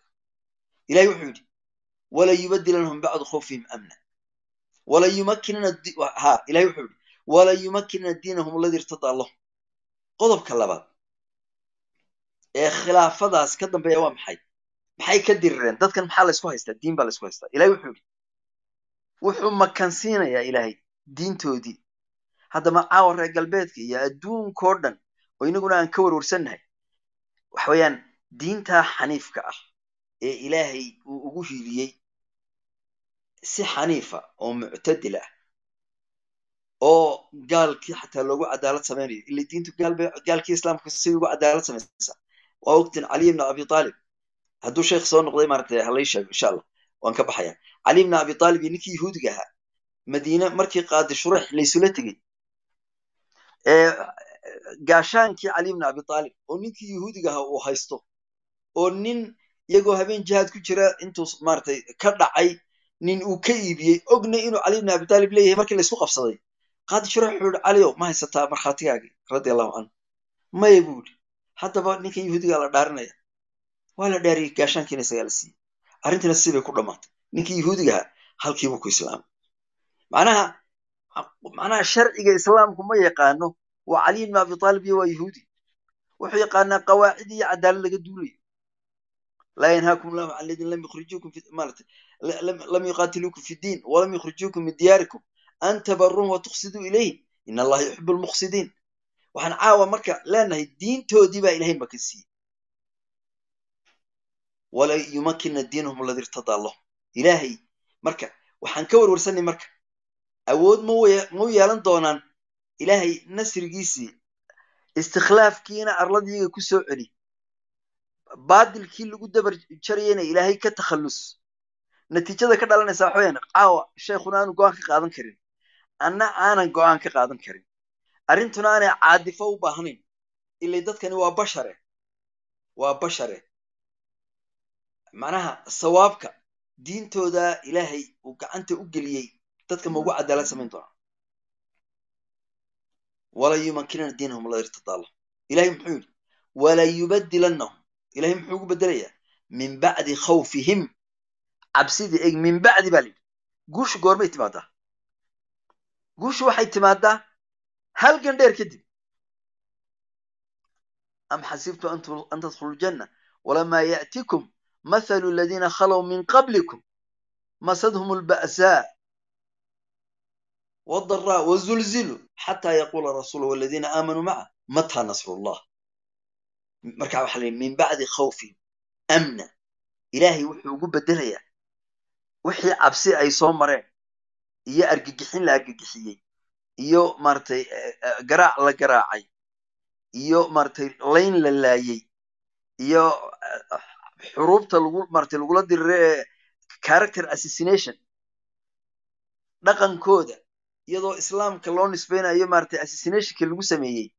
Maanta caalamka oo dhan waxay maaragtay ay maaragtay televis garaynayaan oo adduunka laga daawanaya laga daawanaya koob iyo labaatan sano kadib macnaha awooddii qarbiga iyo quwadihii adduunkee isbahaystay nimankaa yaryara iska masaakiinta ahi in maaragtay loo fadhii kari waayo. Sheekh Ilaahay waxaan sheekh wuu soo noqday. waayahay. Ilaahay wuxuu yidhi marka kuwa ilaahay uu doonayo subxaana watacaala inuu guushaa kaba dambaysaa siiya yacbudunani waxaasoo dhan maxaa ilaahay uu maaragtay ilaahay muxuu eh, camalka saalixa muxuu ilaahay maaragtay khaliif uga dhigay. Muxuu maaragtay diintooda u makansiiyey. Muxuu cabsidii iyo dhib waxay soo mareen ilaahay subxaana watacaala nabadgelyo ugu bedelay waa kan waa wixii ilaahay inoo abuurtay. Yacbudunani anay caabudayaan. Haddii addoonku uu alla caabudo adduunka macnaha adiga oo aan aydan cid farahaysula tegin inaad halkaa dariiqa iska marayso. Hadduu qofku alla caabudo buu kownkao dhan ka sarreeya. Hadduu qofku alla caabudo waayo ricaayadii ilaahay iyo ilaahay jacaylkiisii samada iyo kii dhulka iyo maarata xujo kasta qofkaa ilaahay caabudaya ilaahay subxaana watacaala kownka maraya ee alla uu og yahay. Faruba maaragtay maaragtay dhiiqi marayn ashcatha akbar dhiiqi marayn madfuucu can ilabwaab low aqsama cala allahi laa barra. Yani qofkaa halkaas maaragtay miskiinka ah ee labada haylo sita ee dadku nin waalan moodayo ee albaabada laga riixayo ee alla caabudaya hadduu alla ku dhaarto ilahay guushiisaa maaragtay degdegay soo imanaysa. Marka walaalayaal sidaa moodaysaan maaha waxa soo socdana maaragtay waa u toogahaynaynaa xaqa iyo baadilkuna mar walba siraac bay ku jiraan. Ilaahay subxaana watacaala diintiisuna maaragtay wax walba way noo sheegtay. Ilahay khayrka hayna waafajiyo sheekhana soo dhowo ilahay barakeeyo sheekhana soo dhoweeye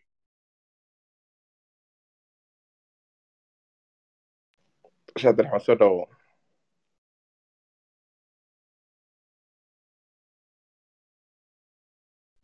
sheekh cabdiraxmaan soo dhowow insha allahu tacaala sheekha oo soo galay buu igu yidhi haddeer uu ila soo hadlay inuu joogaan u malaynaya sheekh cabdiraxmaan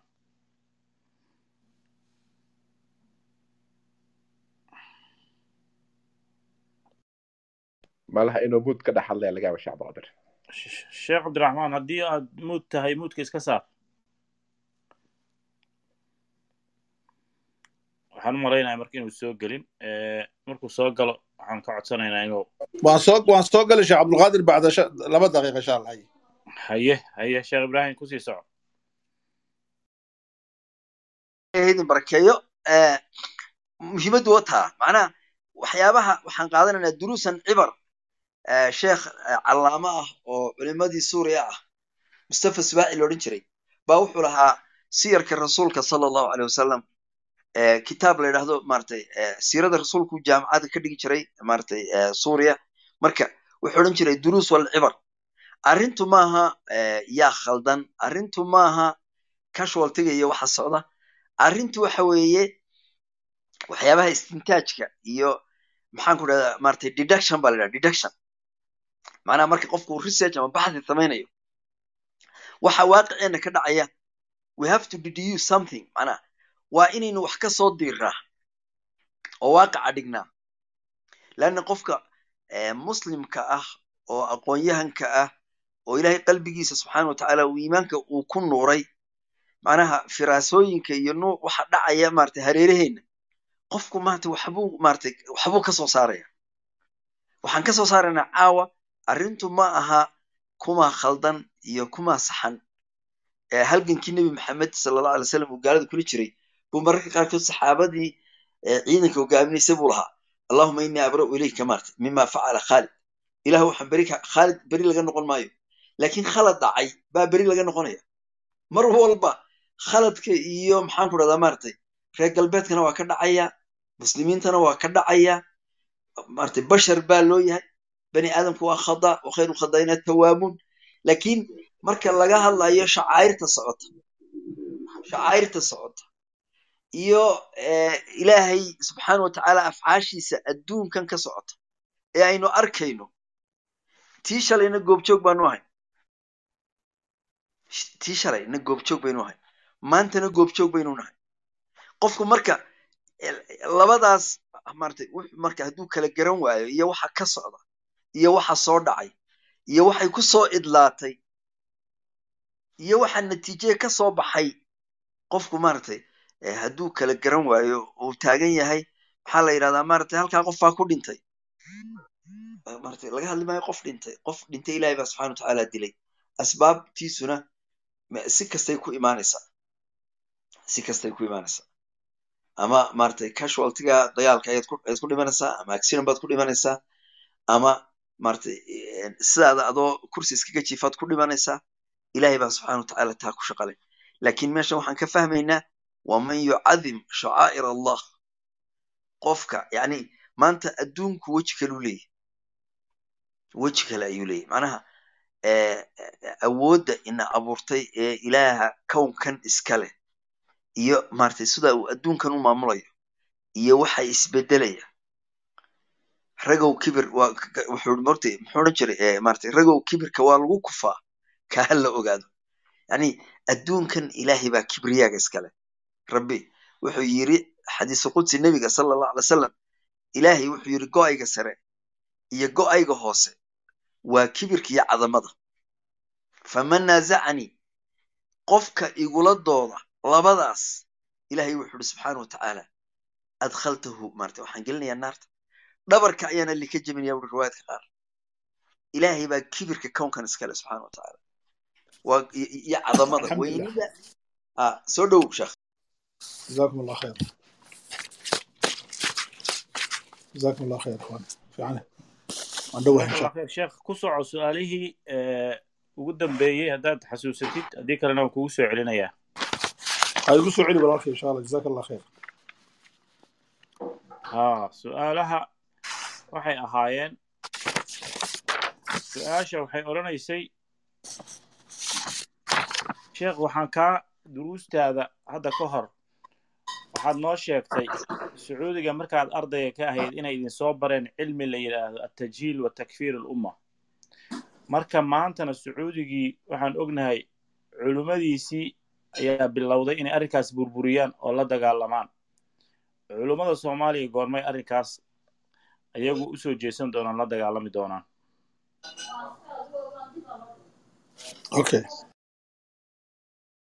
sheekh cabdiraxmaan raalliho waxaa ku xigtay su'aashii sheekh axmed jawhari oo iyadana ahayd atacaamul maca alghayr.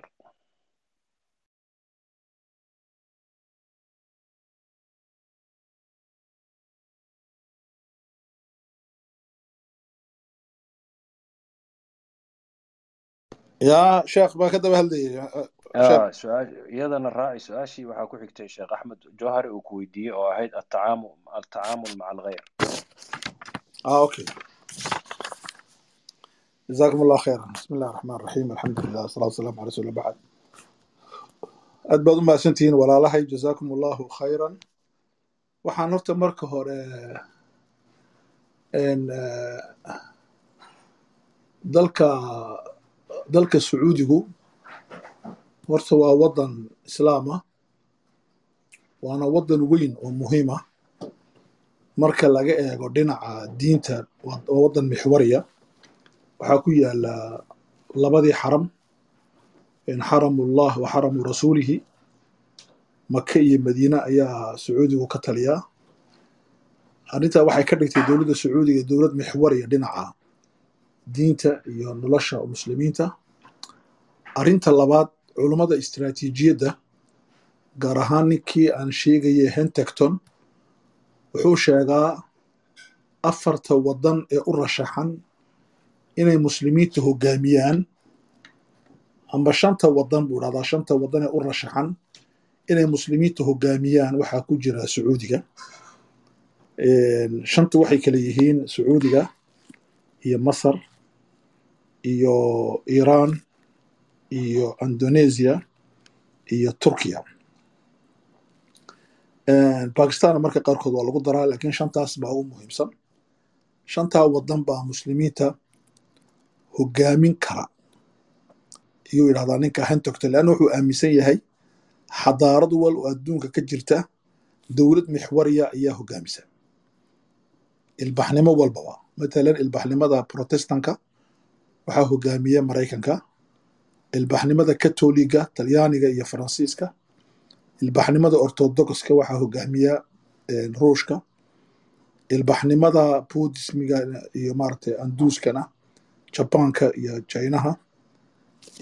Waxaa jeedaa jabaanka iyo hindiya confuciuskana shiinaha ilbaxnimada islaamkana dowladda mixwariga hogaamin karta kuwaasuu soo bandhigaa marka dambena uu sii kala saarsaaraa. Wuxuu isku soo reebaa sacuudiga iyo masar iyo turkiga iiraanna shiicanimuu ku saaraa indonesiana wuxuu ku saaraa darafka ay ku taalo marka wuxuu dhahdaa saddexdaa kale. Yaa hogaanka qaban karta.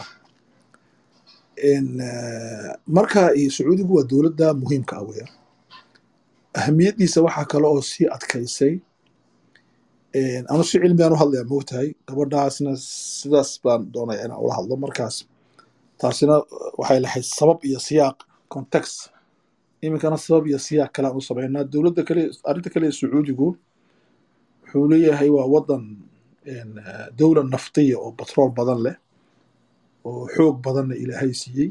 Taasina way jirtaa. Arrinta kale waxaa jira muslimiinta sunniga ah.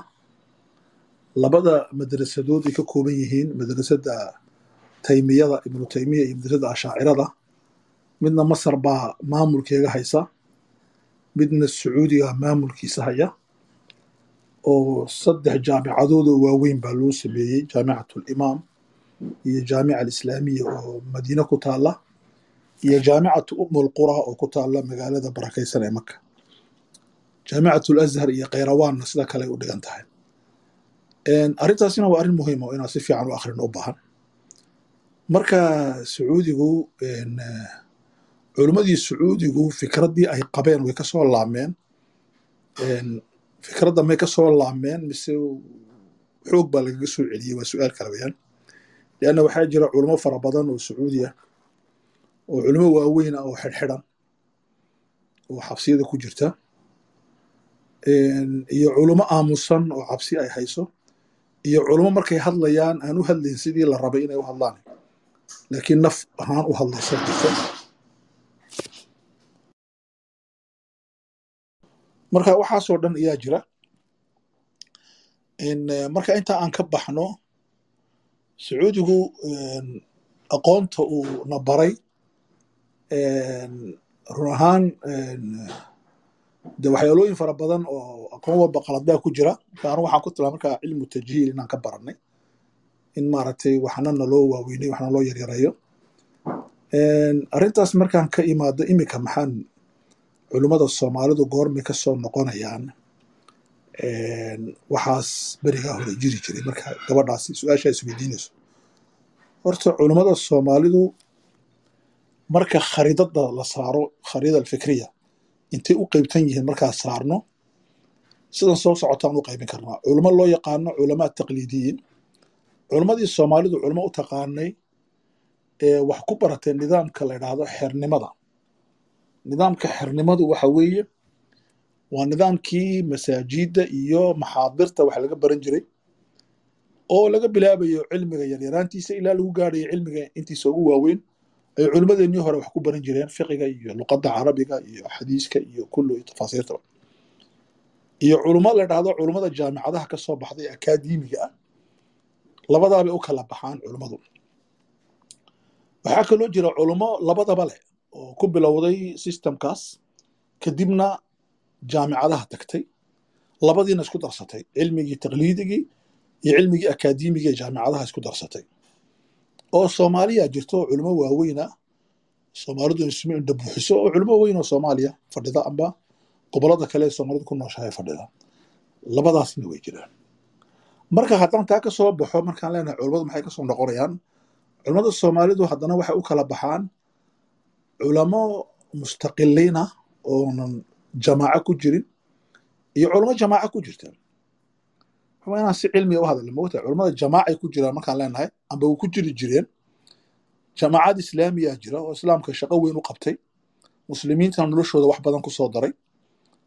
Jamaacadkaasi waa jamaacadka xarakaadka islaamiga tabliiqa oo dadka soomaalidu khuruuj u taqaano amba salafiyada oo qaar ay u yaqaanaan ictisaam qaarna salafiyadoo noocyo badan leh amba ikhwaanka oo qaar islaax u yaqaanaan amba jamaacaad kaloo intaa midna ahayn laakiin jamaacu qofu ka mid yahay oo uu ku dhex barbaaray oo wax jaamicada u dirtay noloshiisana wax badan ku leh marka culamaau dacwa culamaau lxarakaat baa dhada iyo culamo waxaa jira mustaqiliina oo aanan intaa midna ku jirin amba iminka istiqlaalka qaatay amba hore uga qaadatay sidaana waa loo qaybiyaa culamada aniga marka aan iminka akhrinayo culammada soomaalida culamada soomaalidu fikirkoogu waa sida bini aadanka uu tatawuraa uu evoleeyaa uu koraa.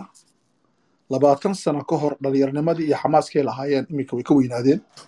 Yani ninka markii soddon jir ahaa iminka waa konton jir ninka markaa ahaa afartan jir iminka waa lixdan jir.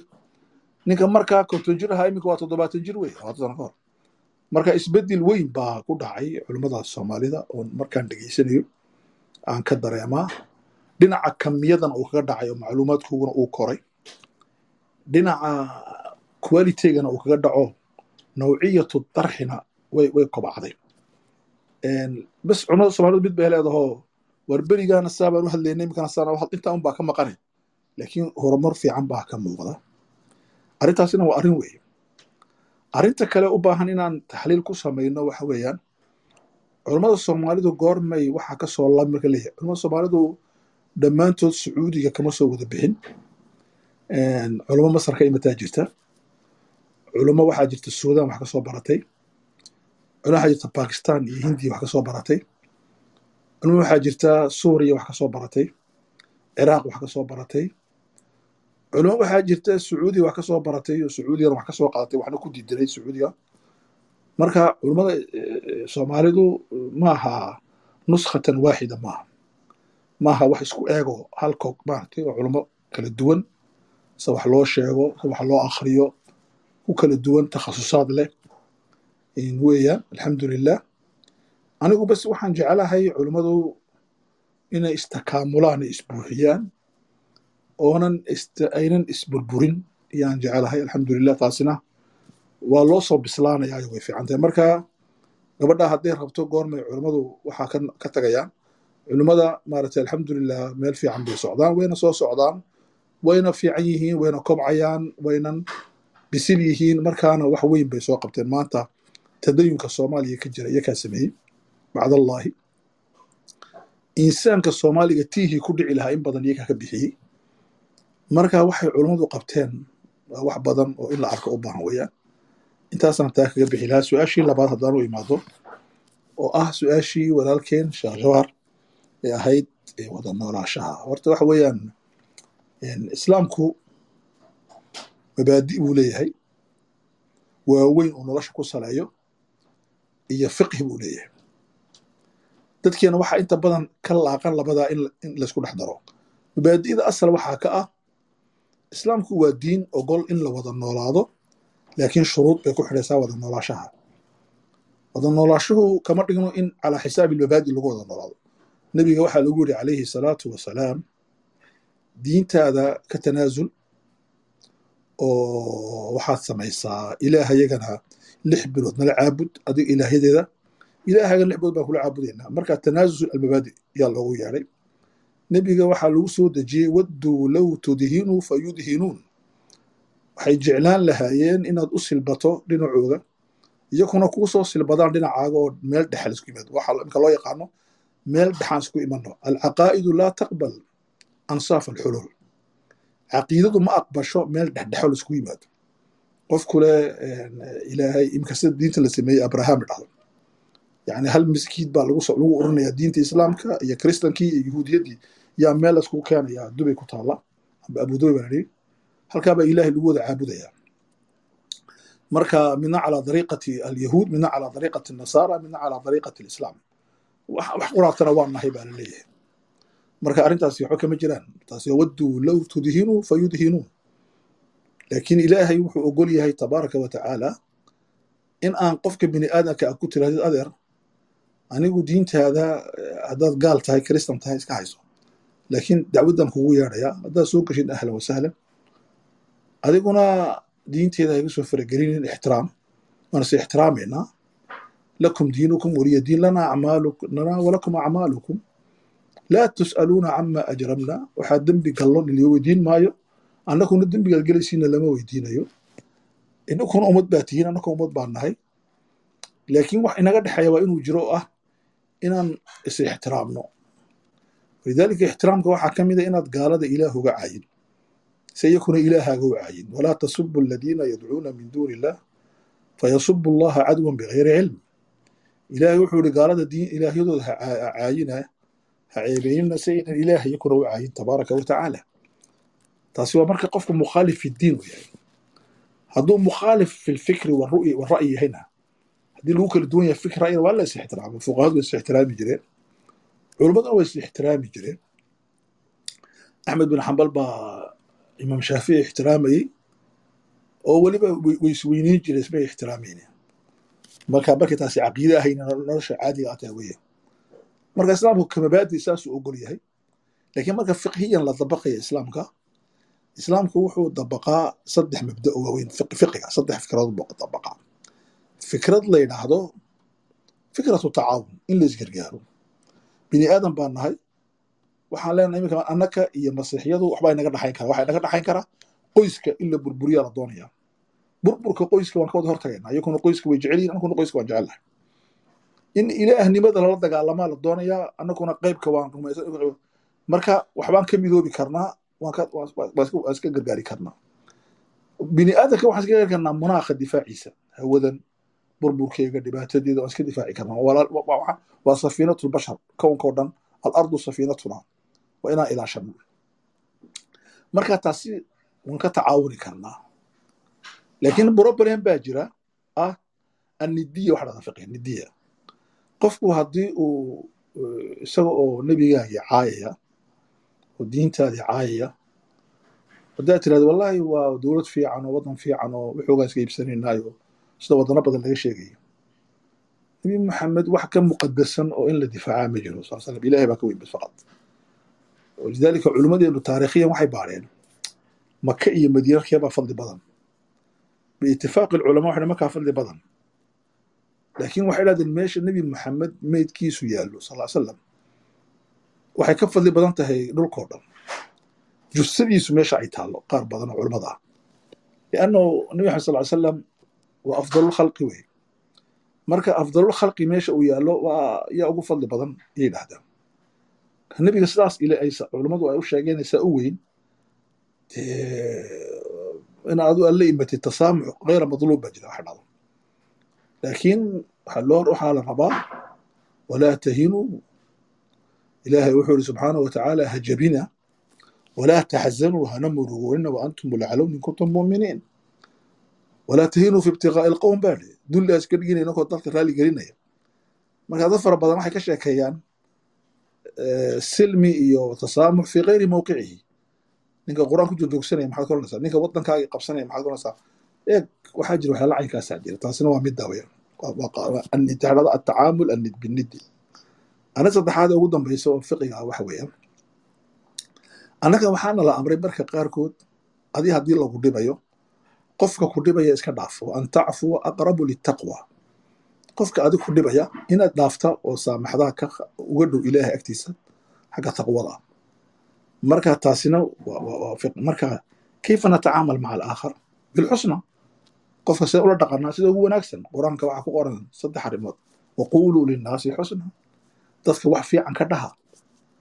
Wacibaadu araxmaani aladiina yamshuuna cala alardi hawnan waidaa khaatabahum اljaahiluuna qaaluu salaama waxaa kaloo ku qoran qur'aanka kelmad taaba ka sii fiican oo ah wajaadilhum bilatii hiya axsan sida ugu wanaagsan dadka ula dood markaa markaa dadka la hadlaysid bilatii hiya axsan kula hadal sida ugu fiican kula hadal marka tacaamulkeenu inuu noqdo alaxsan sida ugu wanaagsan sida ugu fiican qofka hadduu kaasoo horbaxo si fiican u salaan hadyad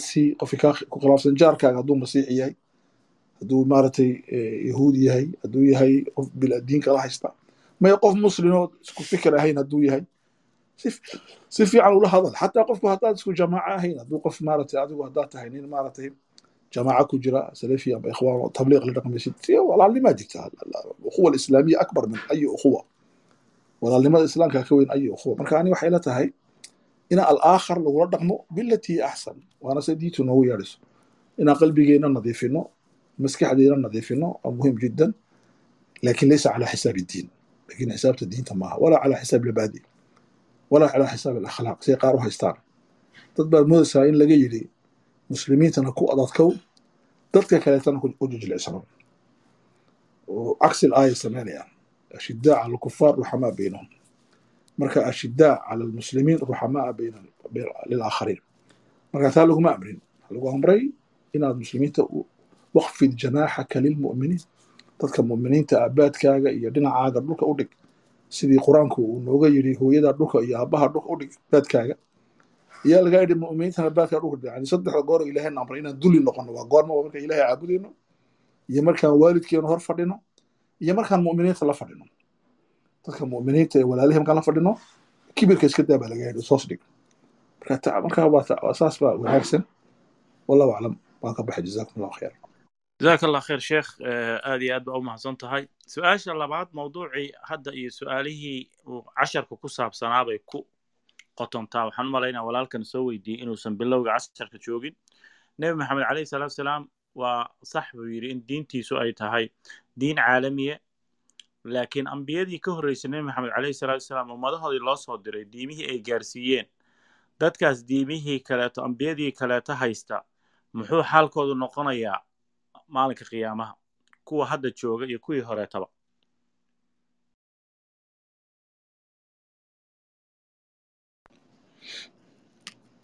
okay jazakum allah khayr. Horta marka koowaad waxa weeye ummadaha hore ilaahay nebigeena uu inoo sheegay calayhi salaatu wasalaam. Qur'aankuna inoo sheegay nebigeenu wuxuu yidhi uctiitu khamsan shan baa lay siiyey. Ambiyadii hore iyo ummadii hore aan la siin. Shantaa waxaa ka mid ahayd wa kaana annabiyu yubcasu ilaa qawmihi khaasatan wa bucistu ila annaasi caamatan. Nebi walba ilaahay wuxuu u diri jiray tolkii anigana waxaa la ii soo diray ummadoo dhan. Bini aadamkao dhan baa la ii soo diray walidaalika nebigeena sal slam risaaladiisu waa hayra makaani waana hayra zamaani makaankuna ma xadidayo zamaankuna ma xadidayo baynama ambiyadii hore zamankuna uu xadidayey makaankuna uu xadidayay nebi walbana wuxuu oran jiray yaa qawm tolkayow baynamaa nebigeenu uri yaa ayuha nnaas ilaahay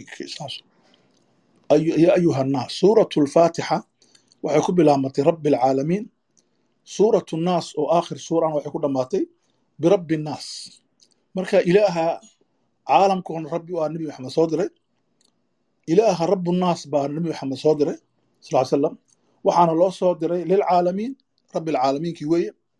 Linnaas waa rabbi naaskiyo qul yaa ayuha annaas inii rasuulu llahi ilaykum jamiican. Marka nabi maxamed mabda'iyan waa sidaas oo caalami.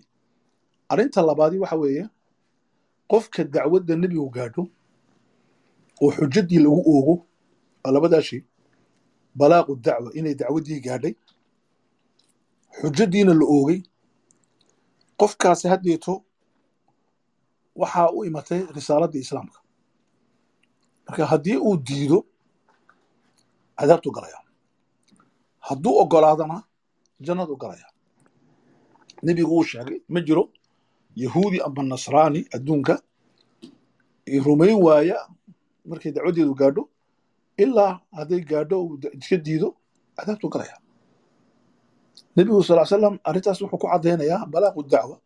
Nebigana waxaa lagu yidhi waxaa kugu waajiba maa calayka ila albalaaq almubiin. Gaadhsiin cad baa kugu waajiba. Culummadu waxay dhahdaan gaadhsiin un maaha waa mubiin.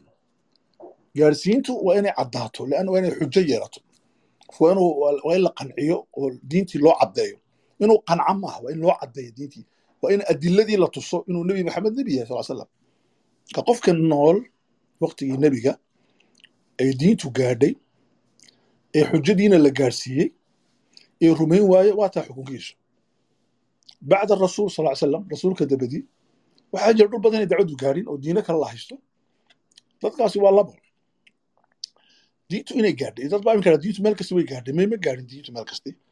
Diintii oo sax ah dadku ma ayna weli maqal dadku hadday diintii ay gaadhay oo ay diideen oo ducaaddu ay gaadhsiiyeen oo culimmadu gaadhsiiyeen oo qur'aankii uu gaadhay oo ay fahm ay diideen hada shay. Haddii ayna gaadhin iyaduna waxa weeyaan amruhum ila allah. Amarkooga ilaahay baa leh tabaaraka wa tacaala. In sha'a cadabahum wa sha'a raximahum lianna diintii ma soo gaadhin. Wamaa kunna mucadibiina xataa nabcasa rasuula. Ilaahay wuxuu ihi ma cadaabna dad ilaa aan nebi u dirno marka waa in nebi la diro waxay tahay waa inay dacwadu gaadho. Marka dadka asxaabulfatra dhahdaa oo culimmaduna way ka hadlaan. Marka taas iyaduna saasay noqonaysaa. Marka waxaa la eegayaa dacwaddii ma gaadhay xujadiina ma ogatay. Hadday dacwaddii gaadhay xujadii oogantay ay diidaan lahum xukm. Hadday dacwaddii ayna gaadhin xujadiina ay oogan lahum xukmun aakhar xukun kale leeyihiin. Xukunkaana annagu ma qaadanayna qaraarkee ilaahay baa qaadanaya tabaaraka wa lianna annagu maarata ilaahay qaraarkiisa ma xukunno taasina waa taas weeyaan wallahu tacaala aclaa waclam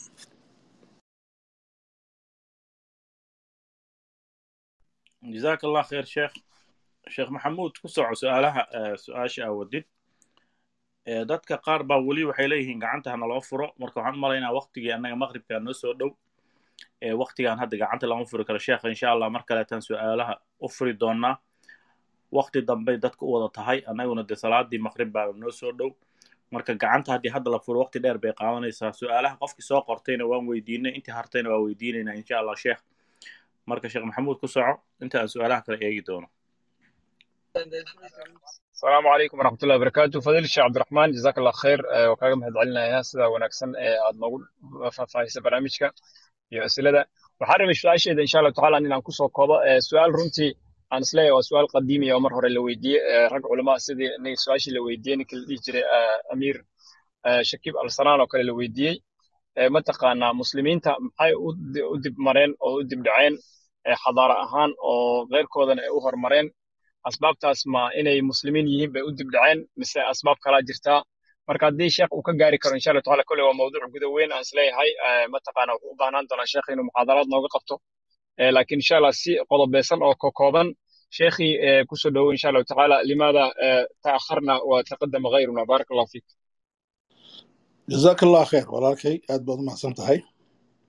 Waxaa jirta su'aashaas. Waa su'aal da' weynaatay cumrigeegu waa boqol sano iyo in ka badan. Ilaah u naxariista ee maaragtay sheekhulbayaan baa la oran jiray amba faqiihulbayaan shakiib arsalaan baa la weydiiyey ilaah u naxariisto kitaab buuna ka qoray limaada ta'akhara almuslimuuna wa taqadama gayruhum culummaduna iminka waxay u bixiyeenba alishkaaliya alarsalaaniya problematica oo uu leeyahay ninka dhahdo arsalaan baaba fikradaba keenay. Laakiin su'aashii ilaa iminkay taallaa waa boqol sano kadib way taallaa. Jawaabtiina wa- weli culimmaduna jawaabo badan bay ka bixiyeen. Een, waxaa jirta daraase lagu sameeyey horumarka way gaadhay dowladda jaban iyo dowladda masar horumar la'aanta ay gaari weyday markii ninkii la oran jiray maxamed cali baasha uu masar xukumayey iyo markii jaban uu xukumi jiray boqorkii waqtiga waqtiga xukumi jiray oo oo oo imperator ahaa labaduba waxay qaraar ku qaateen inay labadan wadan horumar gaarsiiyaan. Arrintan waa inaan aad ugu fiirsano. Jabaanku horumarkii uu wadanka gaarsiinayey imperatorka baa qaatay wuxuu yihi waa inaan ila mas'alada la dhahdo ataqadum horumar iyo atakhalluf la dhahdo waa mas'alad nisbiya mogta iminka markaan leenahay soomaaliya horumar ma gaarina dib bay u taallay. Waxaan ku qiyaasaynaa waddan kale. Waxaan ku qiyaasaynaa matalan jabaanka amba jaynaha marka lagu qiyaaso. Yaan leenahay soomaaliya horumar ma gaarin laakiin haddaan ku qiyaasno soomaaliyada iminka nool soomaalidii boqol sano nooleed ka hor waxaan odhanaynaa soomaaliya horumar bay gaadhin waxay markaa soomaalidu haysatay waxa iminka haysatay iyo magaalooyinka dhisan iyo madaaraadka dhisan iyo jaamicadaha dhisan iyo haddaan eegno nisba ahaan waxaan leenahay horumar bay gaadhay soomaaliya. Laakiin markaan eegna dadka aan la nool lahayn kownka dushiisa waxaan leenahay soomaaliya dib bay u taallaa okay markaan mashruuca saa u qaadano jabaanka iyo iyo masarba qaraarkaa bay qaateen. Markay isku qiyaaseen wadanada reer yurubka waxay idhahdeen dib baan u waa inaan horumar gaadhno oon yurub gaadhno su'aashu waxaa inaan yurub gaadhno weyaan. Okay masaarida waxaa la sameeyey waxaa la dhahdo bicisaad in la diro arday oo loo diro yurub gaar ahaan ingiriiska faransiiska iyo jarmalka. Saddex loo diray. Jabaankuna diraasuu sameeyey wuxuu dad- dadka waxaan u diraynaa jarmalka bis almaan. Aan la soconna markaa si yar cajiib baashu dhacaysa jabaanka su'aal baa la weydiiyo waxaa lagu yiri limaada alalmaan? Wuxuu yiri siru cadamati oroba yurub horumarkeega iyo sirteedu wuxuu ku jiraa tiqniyada gaar ahaan mooteerka. Waxaan la idhahda mooteerka wax kiciya. Warshaduhu mooteer buu ku shaqeeyaa mooteerka Okay, maxaa markaa sameynaynaa waa inaan sirtaa soo helo almaana ugu xoog badan almaaga almaagana magaciisa waxa lahdaa makiinatu oroba makiinada reer yurub waa jarmal weyan masar iyaduna saddexdaa bay u dirtay. Marka ardaydii markay soo noqdeen ninkii loo diray wadankan raggii loo diray wadanka jarmalka ee jabaanka ah waxay dul fadhiisteen laba arrimood bes. Waxay yidhaahdeen waxaan baranaynaa cilmiga nadariga ah sida warshado loo sameeyo teknolojiga iyo cilmiga tadbiiqiga warshadii baan sameynaynaa mooteerkii baan sameynaynaa marka nin nin la yidhahda al ab asinaaci loo yaqaano aabbihii horumarka jabaanku wuxuu fadhiyey lix sano wuxuu soo iibsaday markuu ardayga noqdu ka baxay iskoolkii jaamacaddii baa la siiyey waxa la yidhi, waa dadashay orod noqo wuxuu ma noqonayaan waan joogayaa wuxuu iibsaday mooteer buu ka soo iibsaday. Lacagtii yarada la siinayay ee minxad ahayd mooteerkii buu furfuray. Uu kala dhigdhigay siduu u samaysan yahay buu eegay. Mooteerkii buu dib u rakibay. Kadibna wuxuu baadhay waxa uu ka samaysan yahay. Markuu kiciyey uu farxay uu laamay uu qaatay mooteerkiisii wuxuu ku laamay jaban ardaydii waxay la kulmaysay boqorka imperatorka wuxuu yihi uma qalma inaan boqorka la kulmo ilaa aan sameeyo mooteer jabaanka uu leeyahay. Shan sanoo dambuu sii fadhiyey mooteerkii buu sameeyey mooteerkii buu kiciyey isagoo faraxsan ayuu markaa u tagay dadkiisii. Wuxuu ku yidhi maantaan u qalmaa inaan la kulmo boqorkii. Boqorkii markaa la kulmay. Ninkaa waxaa loo bixiyey aabbihii warshadaynta wadanka jabaanka masar waxaa la diray bicsad. Bicsadda markii la diray waxaa lagu daray nin dahdaawi la dhahdo oo faqiih ahaa oo salaada inuu tujiye ahayd cilmigana uu dadka baro diintooda ilaaliyo. Iyagana waxaa la yidhi wax soo barta. Dhammaantood waxay soo barteen adabka iyo dhaqanka iyo falsafadda reer galbeedka. Nin teknolojigii bartay ma jiro. Okay way soo noqdeen. Daaha xuseen baa ka mid ahaa. Rag fara badan baa ka mid ahaa odaygii ilaahay sheekh ahaayo waxaa soo laabmay aaminsan. Kitaabkii waa kii qoray. Islaamka iyo usuusha xukunka oo yidhi diinta islaamka kuma jirtaba xukun. Waa kii soo qoray kitaabkii baris uu ku ammaanayey imbihaar isagoo argagaxsan yuu soo noqday. Marka waxay dhahdeen haddaan doono inaan horumar gaadhno waa inaan dhaqanka reer galbeedka qaadano. Halka uu ka yidhi ninkii jabaanka ahaana waa inaan qaadano tiknolojiga reer galbeedka ee dhaqankooga maaha maanta jabaankuna horumar u gaadhay. Masarna ay meeshii ay fadhiday ay dib uga laamatay. Masaarida waxaa loo soo diray wafdi jabaana oo darsi ka baranayay. Markaa masar bay ka horeysay jabaanka xagga horumarka.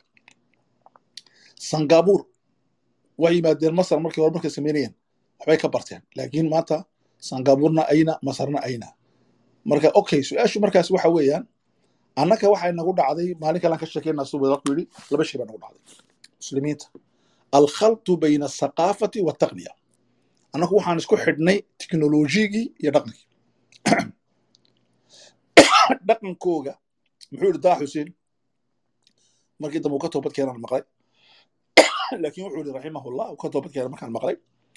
Wuxuu yidhi haddaan doonayna inaan horumar gaadhno waa inaan dariiqa yurub ay martay marno shibran bishibrin wa diraacan bidirac waa inaan qaadano waxa yurub qaadatay oo dhan oo waxbadha aan ka tegin. Wuxuuna yidhi siday diinta uga tageen waa inaan uga tagno alxamdulilah marka taasi waa waa namudajun waa mithaal yani taha xuseen oo ninkii wax soo tarbiyadiyey marjerios la oran jiray ee yahuudiga ahaa kitaabka doctoraa uu xitaa soo qaatay ninkaa baa qoraal dhahdaa marka taasi waa intaas weeyaan maxaa noogu wacan? Alkhaltu bayna asaqaafa waxaa isku xidhnay wataqniya iskubana xidhana adoo waxaagii iska ah howiyadaadii iyo diintaadii haysta yaa taqniyada ka soo qaadanaysaa reer galbeedka. Siday muslimiintu uga qaateen berigii hore roomaaga iyo fursiga iyo hindida iyo waddanadii horumarka gaar uga qaateen waxoogiina iska haystaan. Arrinta labaadii waxa weeyaan ee nagu dhacday waa imbihaarka maadaama aan dib u dhacnay oon dhaqankeenni iyo diinteenni ka tagnay dadkii kaloo horumar gaadhay markaan aragnay oo weliba horumar ku gaadhay. Sida ay qortay gabadha jarmalka ee qortay kitaabkii shamsul carab ama shamsullah tasdacu cala qarb adceeddii ilaahay baa reer galbeedka u baxday oo sheegaysa inay horumar ku gaadheen markay qaateen xadaaradda islaamka iyo cilmiga islaamka. Reer galbeedka way horumar gaadheen. Annaguna arday baan dib u noqonay imbihaar baa nagu dhacay. Marka waxaana macnaya taasi ibni khalduun idhaahdo ninka laga adkaaday ama qofka laga adkaaday xadaarad ahaan wuxuu ku daydaa qofka ka adkaaday xagga dharka iyo dhaqanka uu kaga daydaa. Imbihaarkaas inagu dhacay argagaxa inagu dhacay xadaarad ahaan iyo taabaa inoo keentay.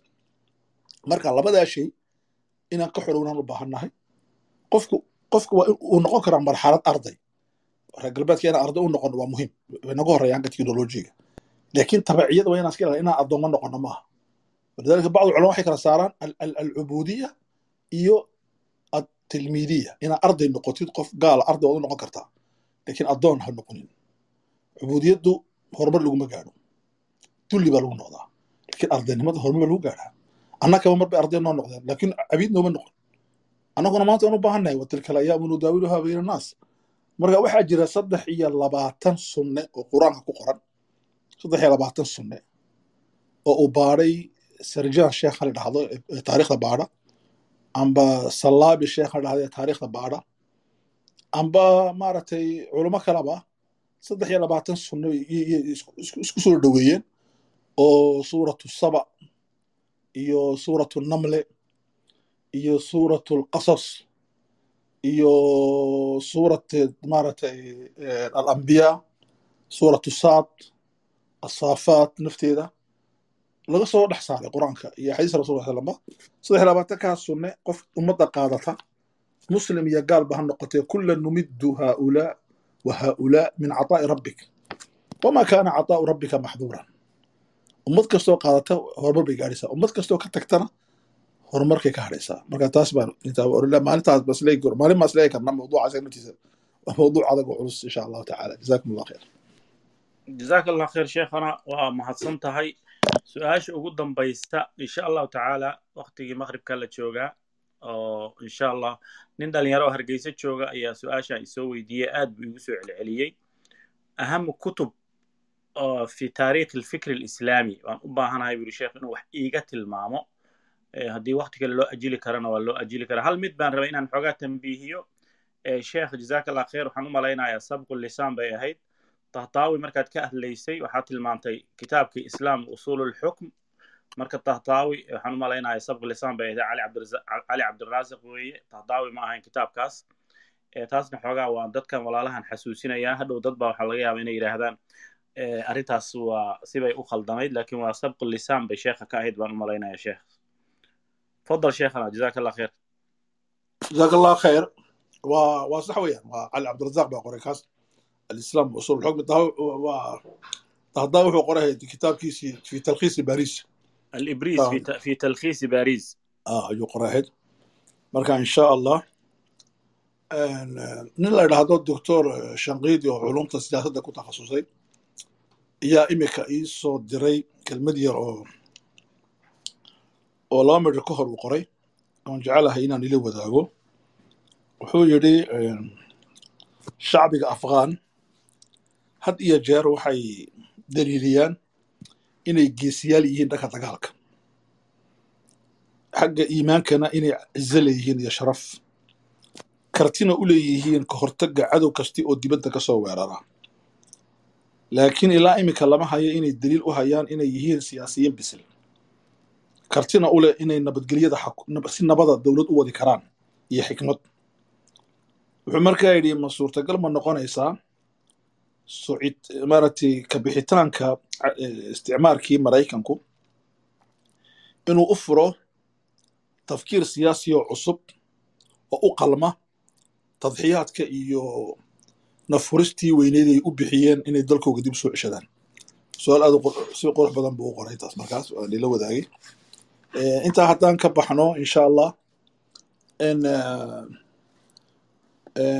kutubta fikirka islaamiga ah oo in la akriya ah insha allah waxaa fiican inaan mar dambe lan waa maalin dhow bixtaa muxaadaraan u ballan qaaday dadka inaan soo bandhigo konton kitaab oo qofka ka dhigi kara musaqaf. Marka waqti baan u waayey insha allah dadku taabay ka daba socdaan waan ogahay. Iyo maaragtay mawduucyo kaloon ballan qaado waqti aan u lahay. Laakiin insha allah waan samayn doonaa insha allah muxaadaradaas. Kontonka buug waan qoray waana diyaariyey. Muxaadaraan ku soo bandhigi doonaa waa maaragtay waa toban toban toban caqiidada ah toban mucaamalaadka ah toban maaragtay dhinaca fikirka ah toban dhinaca akhlaaqda ah toban dhinaca maaragtay xadaaradda iyo ilbaxnimada ah. Markaa saasay u kala qaybsan yihiin waan soo bandhigi doonaa insha allah jazakum allahu khayran. Waa mahadsantihi insha allah jazaak allah khayr sheekhana. Allah ku barakeeyo insha allahu tacaala. Kelmaddaas doctor maxamed mukhtaar shanqiiti waxay soo xasuusisay kitaabkii fahmi huweydi uu ka qoray waagii taalibaan ay xukunka haysatay ataalibaan jundullahi fi macrakati alghalad marka waxaan ka baqayaa weli inay jundullahi yihiin laakiin macrakatuhum inay weli macraka dagaalka ay ku jiraan uu dagaal khaldan yahay. Waana ilaahay waxaan uga rajaynaynaa inuu badbaadiyo waddankaas oo aysan dib ugu noqonin dagaalkii ahliga ahaa oo ay muddada dheer ku soo jireen. Lajno cusub oo la sameeyey dadku way ka sheeganayeen xikmat yaar iyo ninka la yidhahda cabdallah cabdallah iyo karazai marka lajnadaas iyo inay iyaga isku dhacaana dhibaato badan bay keeni kartaa. Ilaah ha ka badbaadiyo. Waxaan kaleeto oon xoogaa walaalaha u sheegi lahaa. Sheekha hadda markuu arrinta ibni khalduun iyo ka hadlaya arrimaha ku saabsan taha xuseen fikraddiisii iyo reer galbeedka raacitaankiisa aad iyo aad loo buunbuuniyay haddana la wadwado. Kitaab yar oo aad iyo aad u muhiimsan baa jira oo uu qoray nin sheekh oo sacuudi oo hadda xiran. Ilaahay subxaana wa tacaala ha ka soo daayo sheekh ibraahim sakraan la yidhaahdo kitaabkaas waa kitaab aad iyo aad uga hadlaya mawduucan ghazul fikriga iyo waxyaalaha dadku in badan khaladka u keena inay diinta xataa si khaldan u fahmaan. Waxaa la yidhahdaa sultat thaqaafa alghaaliba waa kitaab yar oo laba boqol iyo dhowr beji laakiin aad iyo aad u qiimo badan. Marka sheekh cabdiraxmaan maanta barnaamijkii aad iyo aad ayaad noogu daadihisay waxyaalo badan ayaan insha allahu tacaala kaa faa'iidaysanay su'aalo badan baa weli jira laakiin waktiga oo nagu dheeraaday daraaddiis isbuuca dambe ayaan insha allahu tacaala mawduuca sheekha uu ka hadlayo iyaan soo sheegi doonaa. Waxaan rajaynaynaa mawduuc weyn inuu noqdo oo dadku ay insha allahu tacaala u riyaaqaan. Marka sheekh waa ku fasaxaynaa waqtigii maqribkaa dhow walaalaha qolka noo maamulaya. Waxaan rajaynaynaa inay sii wadaan oo iyagan ku wareejinaya haddii ilaahay yidhaahdo sheekh mustafa iyo sheekh cabdirasaaq iyo sheekh ibraahim iyo sheekh maxamuud iyo sheekh mahad iyo kulligiin waa mahadsantihin marka sheekh kelimad khitaam insha allahu tacaala waana ka fasax qaadanaynaa walaalaha annagoo waktigii maqribka unoo soo dhawaaday daraaddiid soo dhowo sheekh cabdiraxmaan jazakum allahu khayran bismi illahi raxmaan raxiim aad iyo aad baan walaalkay sheekh abduqaadir sheekh mustafa sheekh culummada kale hablaha inamada ragga dhammaan ku wada jira culumo iyo iyo aqoon-yahan iyo dhammaantiinba aad baan igu mahadnaqayaa dhegeysigaas dhagaa waxay xasuusiseen waqti hore oon muxaadaraadka laba saaciya aan geli jiray oon fadhin jiray oo waxyaala cajiiba. Marka insha allah waan ku faraxsanahay inaan muddada fara badan ila qaato. Ilaahayna haynaga aqbalo miisaankeena xasanaadkana ha noogu culaysiiyo yowma alqiyaamaha kuwii adduunkan kaga taga raad wanaagsan ilaahay hanaga dhigo iimaan na kaga dhinta kadibna ku kulma jannada rabbi tabaaraka wa tacaala ilaahay hanaga dhigo. Aad baa inii salaamaya dhammaantiin waan jeclahay. Xafidakum allah jazaaka allah kheer sheekh walaalayaal culummada iyo walaalaha ku jira kulligiin. Anigana waxaan idin leeyahay ilaahay subxaana wa tacaala ha idin barakeeyo. Khayr baan idinkaga tegaynaa. Wax qof kasta oo su'aalna soo weydiiya oon il duufnay oo aan arki weynay qof soo dalbaday oo su'aashiisii laga yaaba inay dhaaftay kulligiin waxaan waa idin raalli gelinaynaa waxaan rajaynaynaa su'aalaha in la aruuriyo oo dib insha allahu tacaala sheekha loo weydiin doono. Kulligeen waxaan noo rajaynaynaa insha allahu tacaala ilaahay subxaana wa tacaala ducadii nabillaahi yuusuf tawafanii musliman waalxiqnii bisaalixiin ilaahay inuu muslimnimo nagu oofsado saalixiintina na gaarsiiyo. Waa la socota nebiyullaahi yuusuf ducadii aadka u qiimaha badnayd. Markuu aabihiis yacquub iyo hooyadiis iyo ahalkiisi ay dhinteen u arka isagoo boqor oo keligiis taagan wuxuu xasuustay uu u hiloobay ahlu khayrkii iyo ambiyadii awowayaashiis iyo aabayaashiis buu u hiloobay. Rabbi qad aataytanii min almulki wacallamtanii min taawiili alaxaadiis faatira asamaawaati waalardi anta waliyii fi dunya waalaakhira twafanii muslima walxiqnii bisaalixin hada huwa amalu kulli mu'min qof walboo mu'mina amalkiisa waa taas inuu ilaahay subxaana wa tacaala diintaan nagu dilo diintaan nagu nooleeyo diintan khidmadeeda uu noo soo istaajiyo mar walba. Jazaakum allahu khayr waa mahadsantihiin. Annagu waa idinka fasax qaadanayna aniga sheekha. Assalaamu calaykum waraxmat ullahi wabarakaatu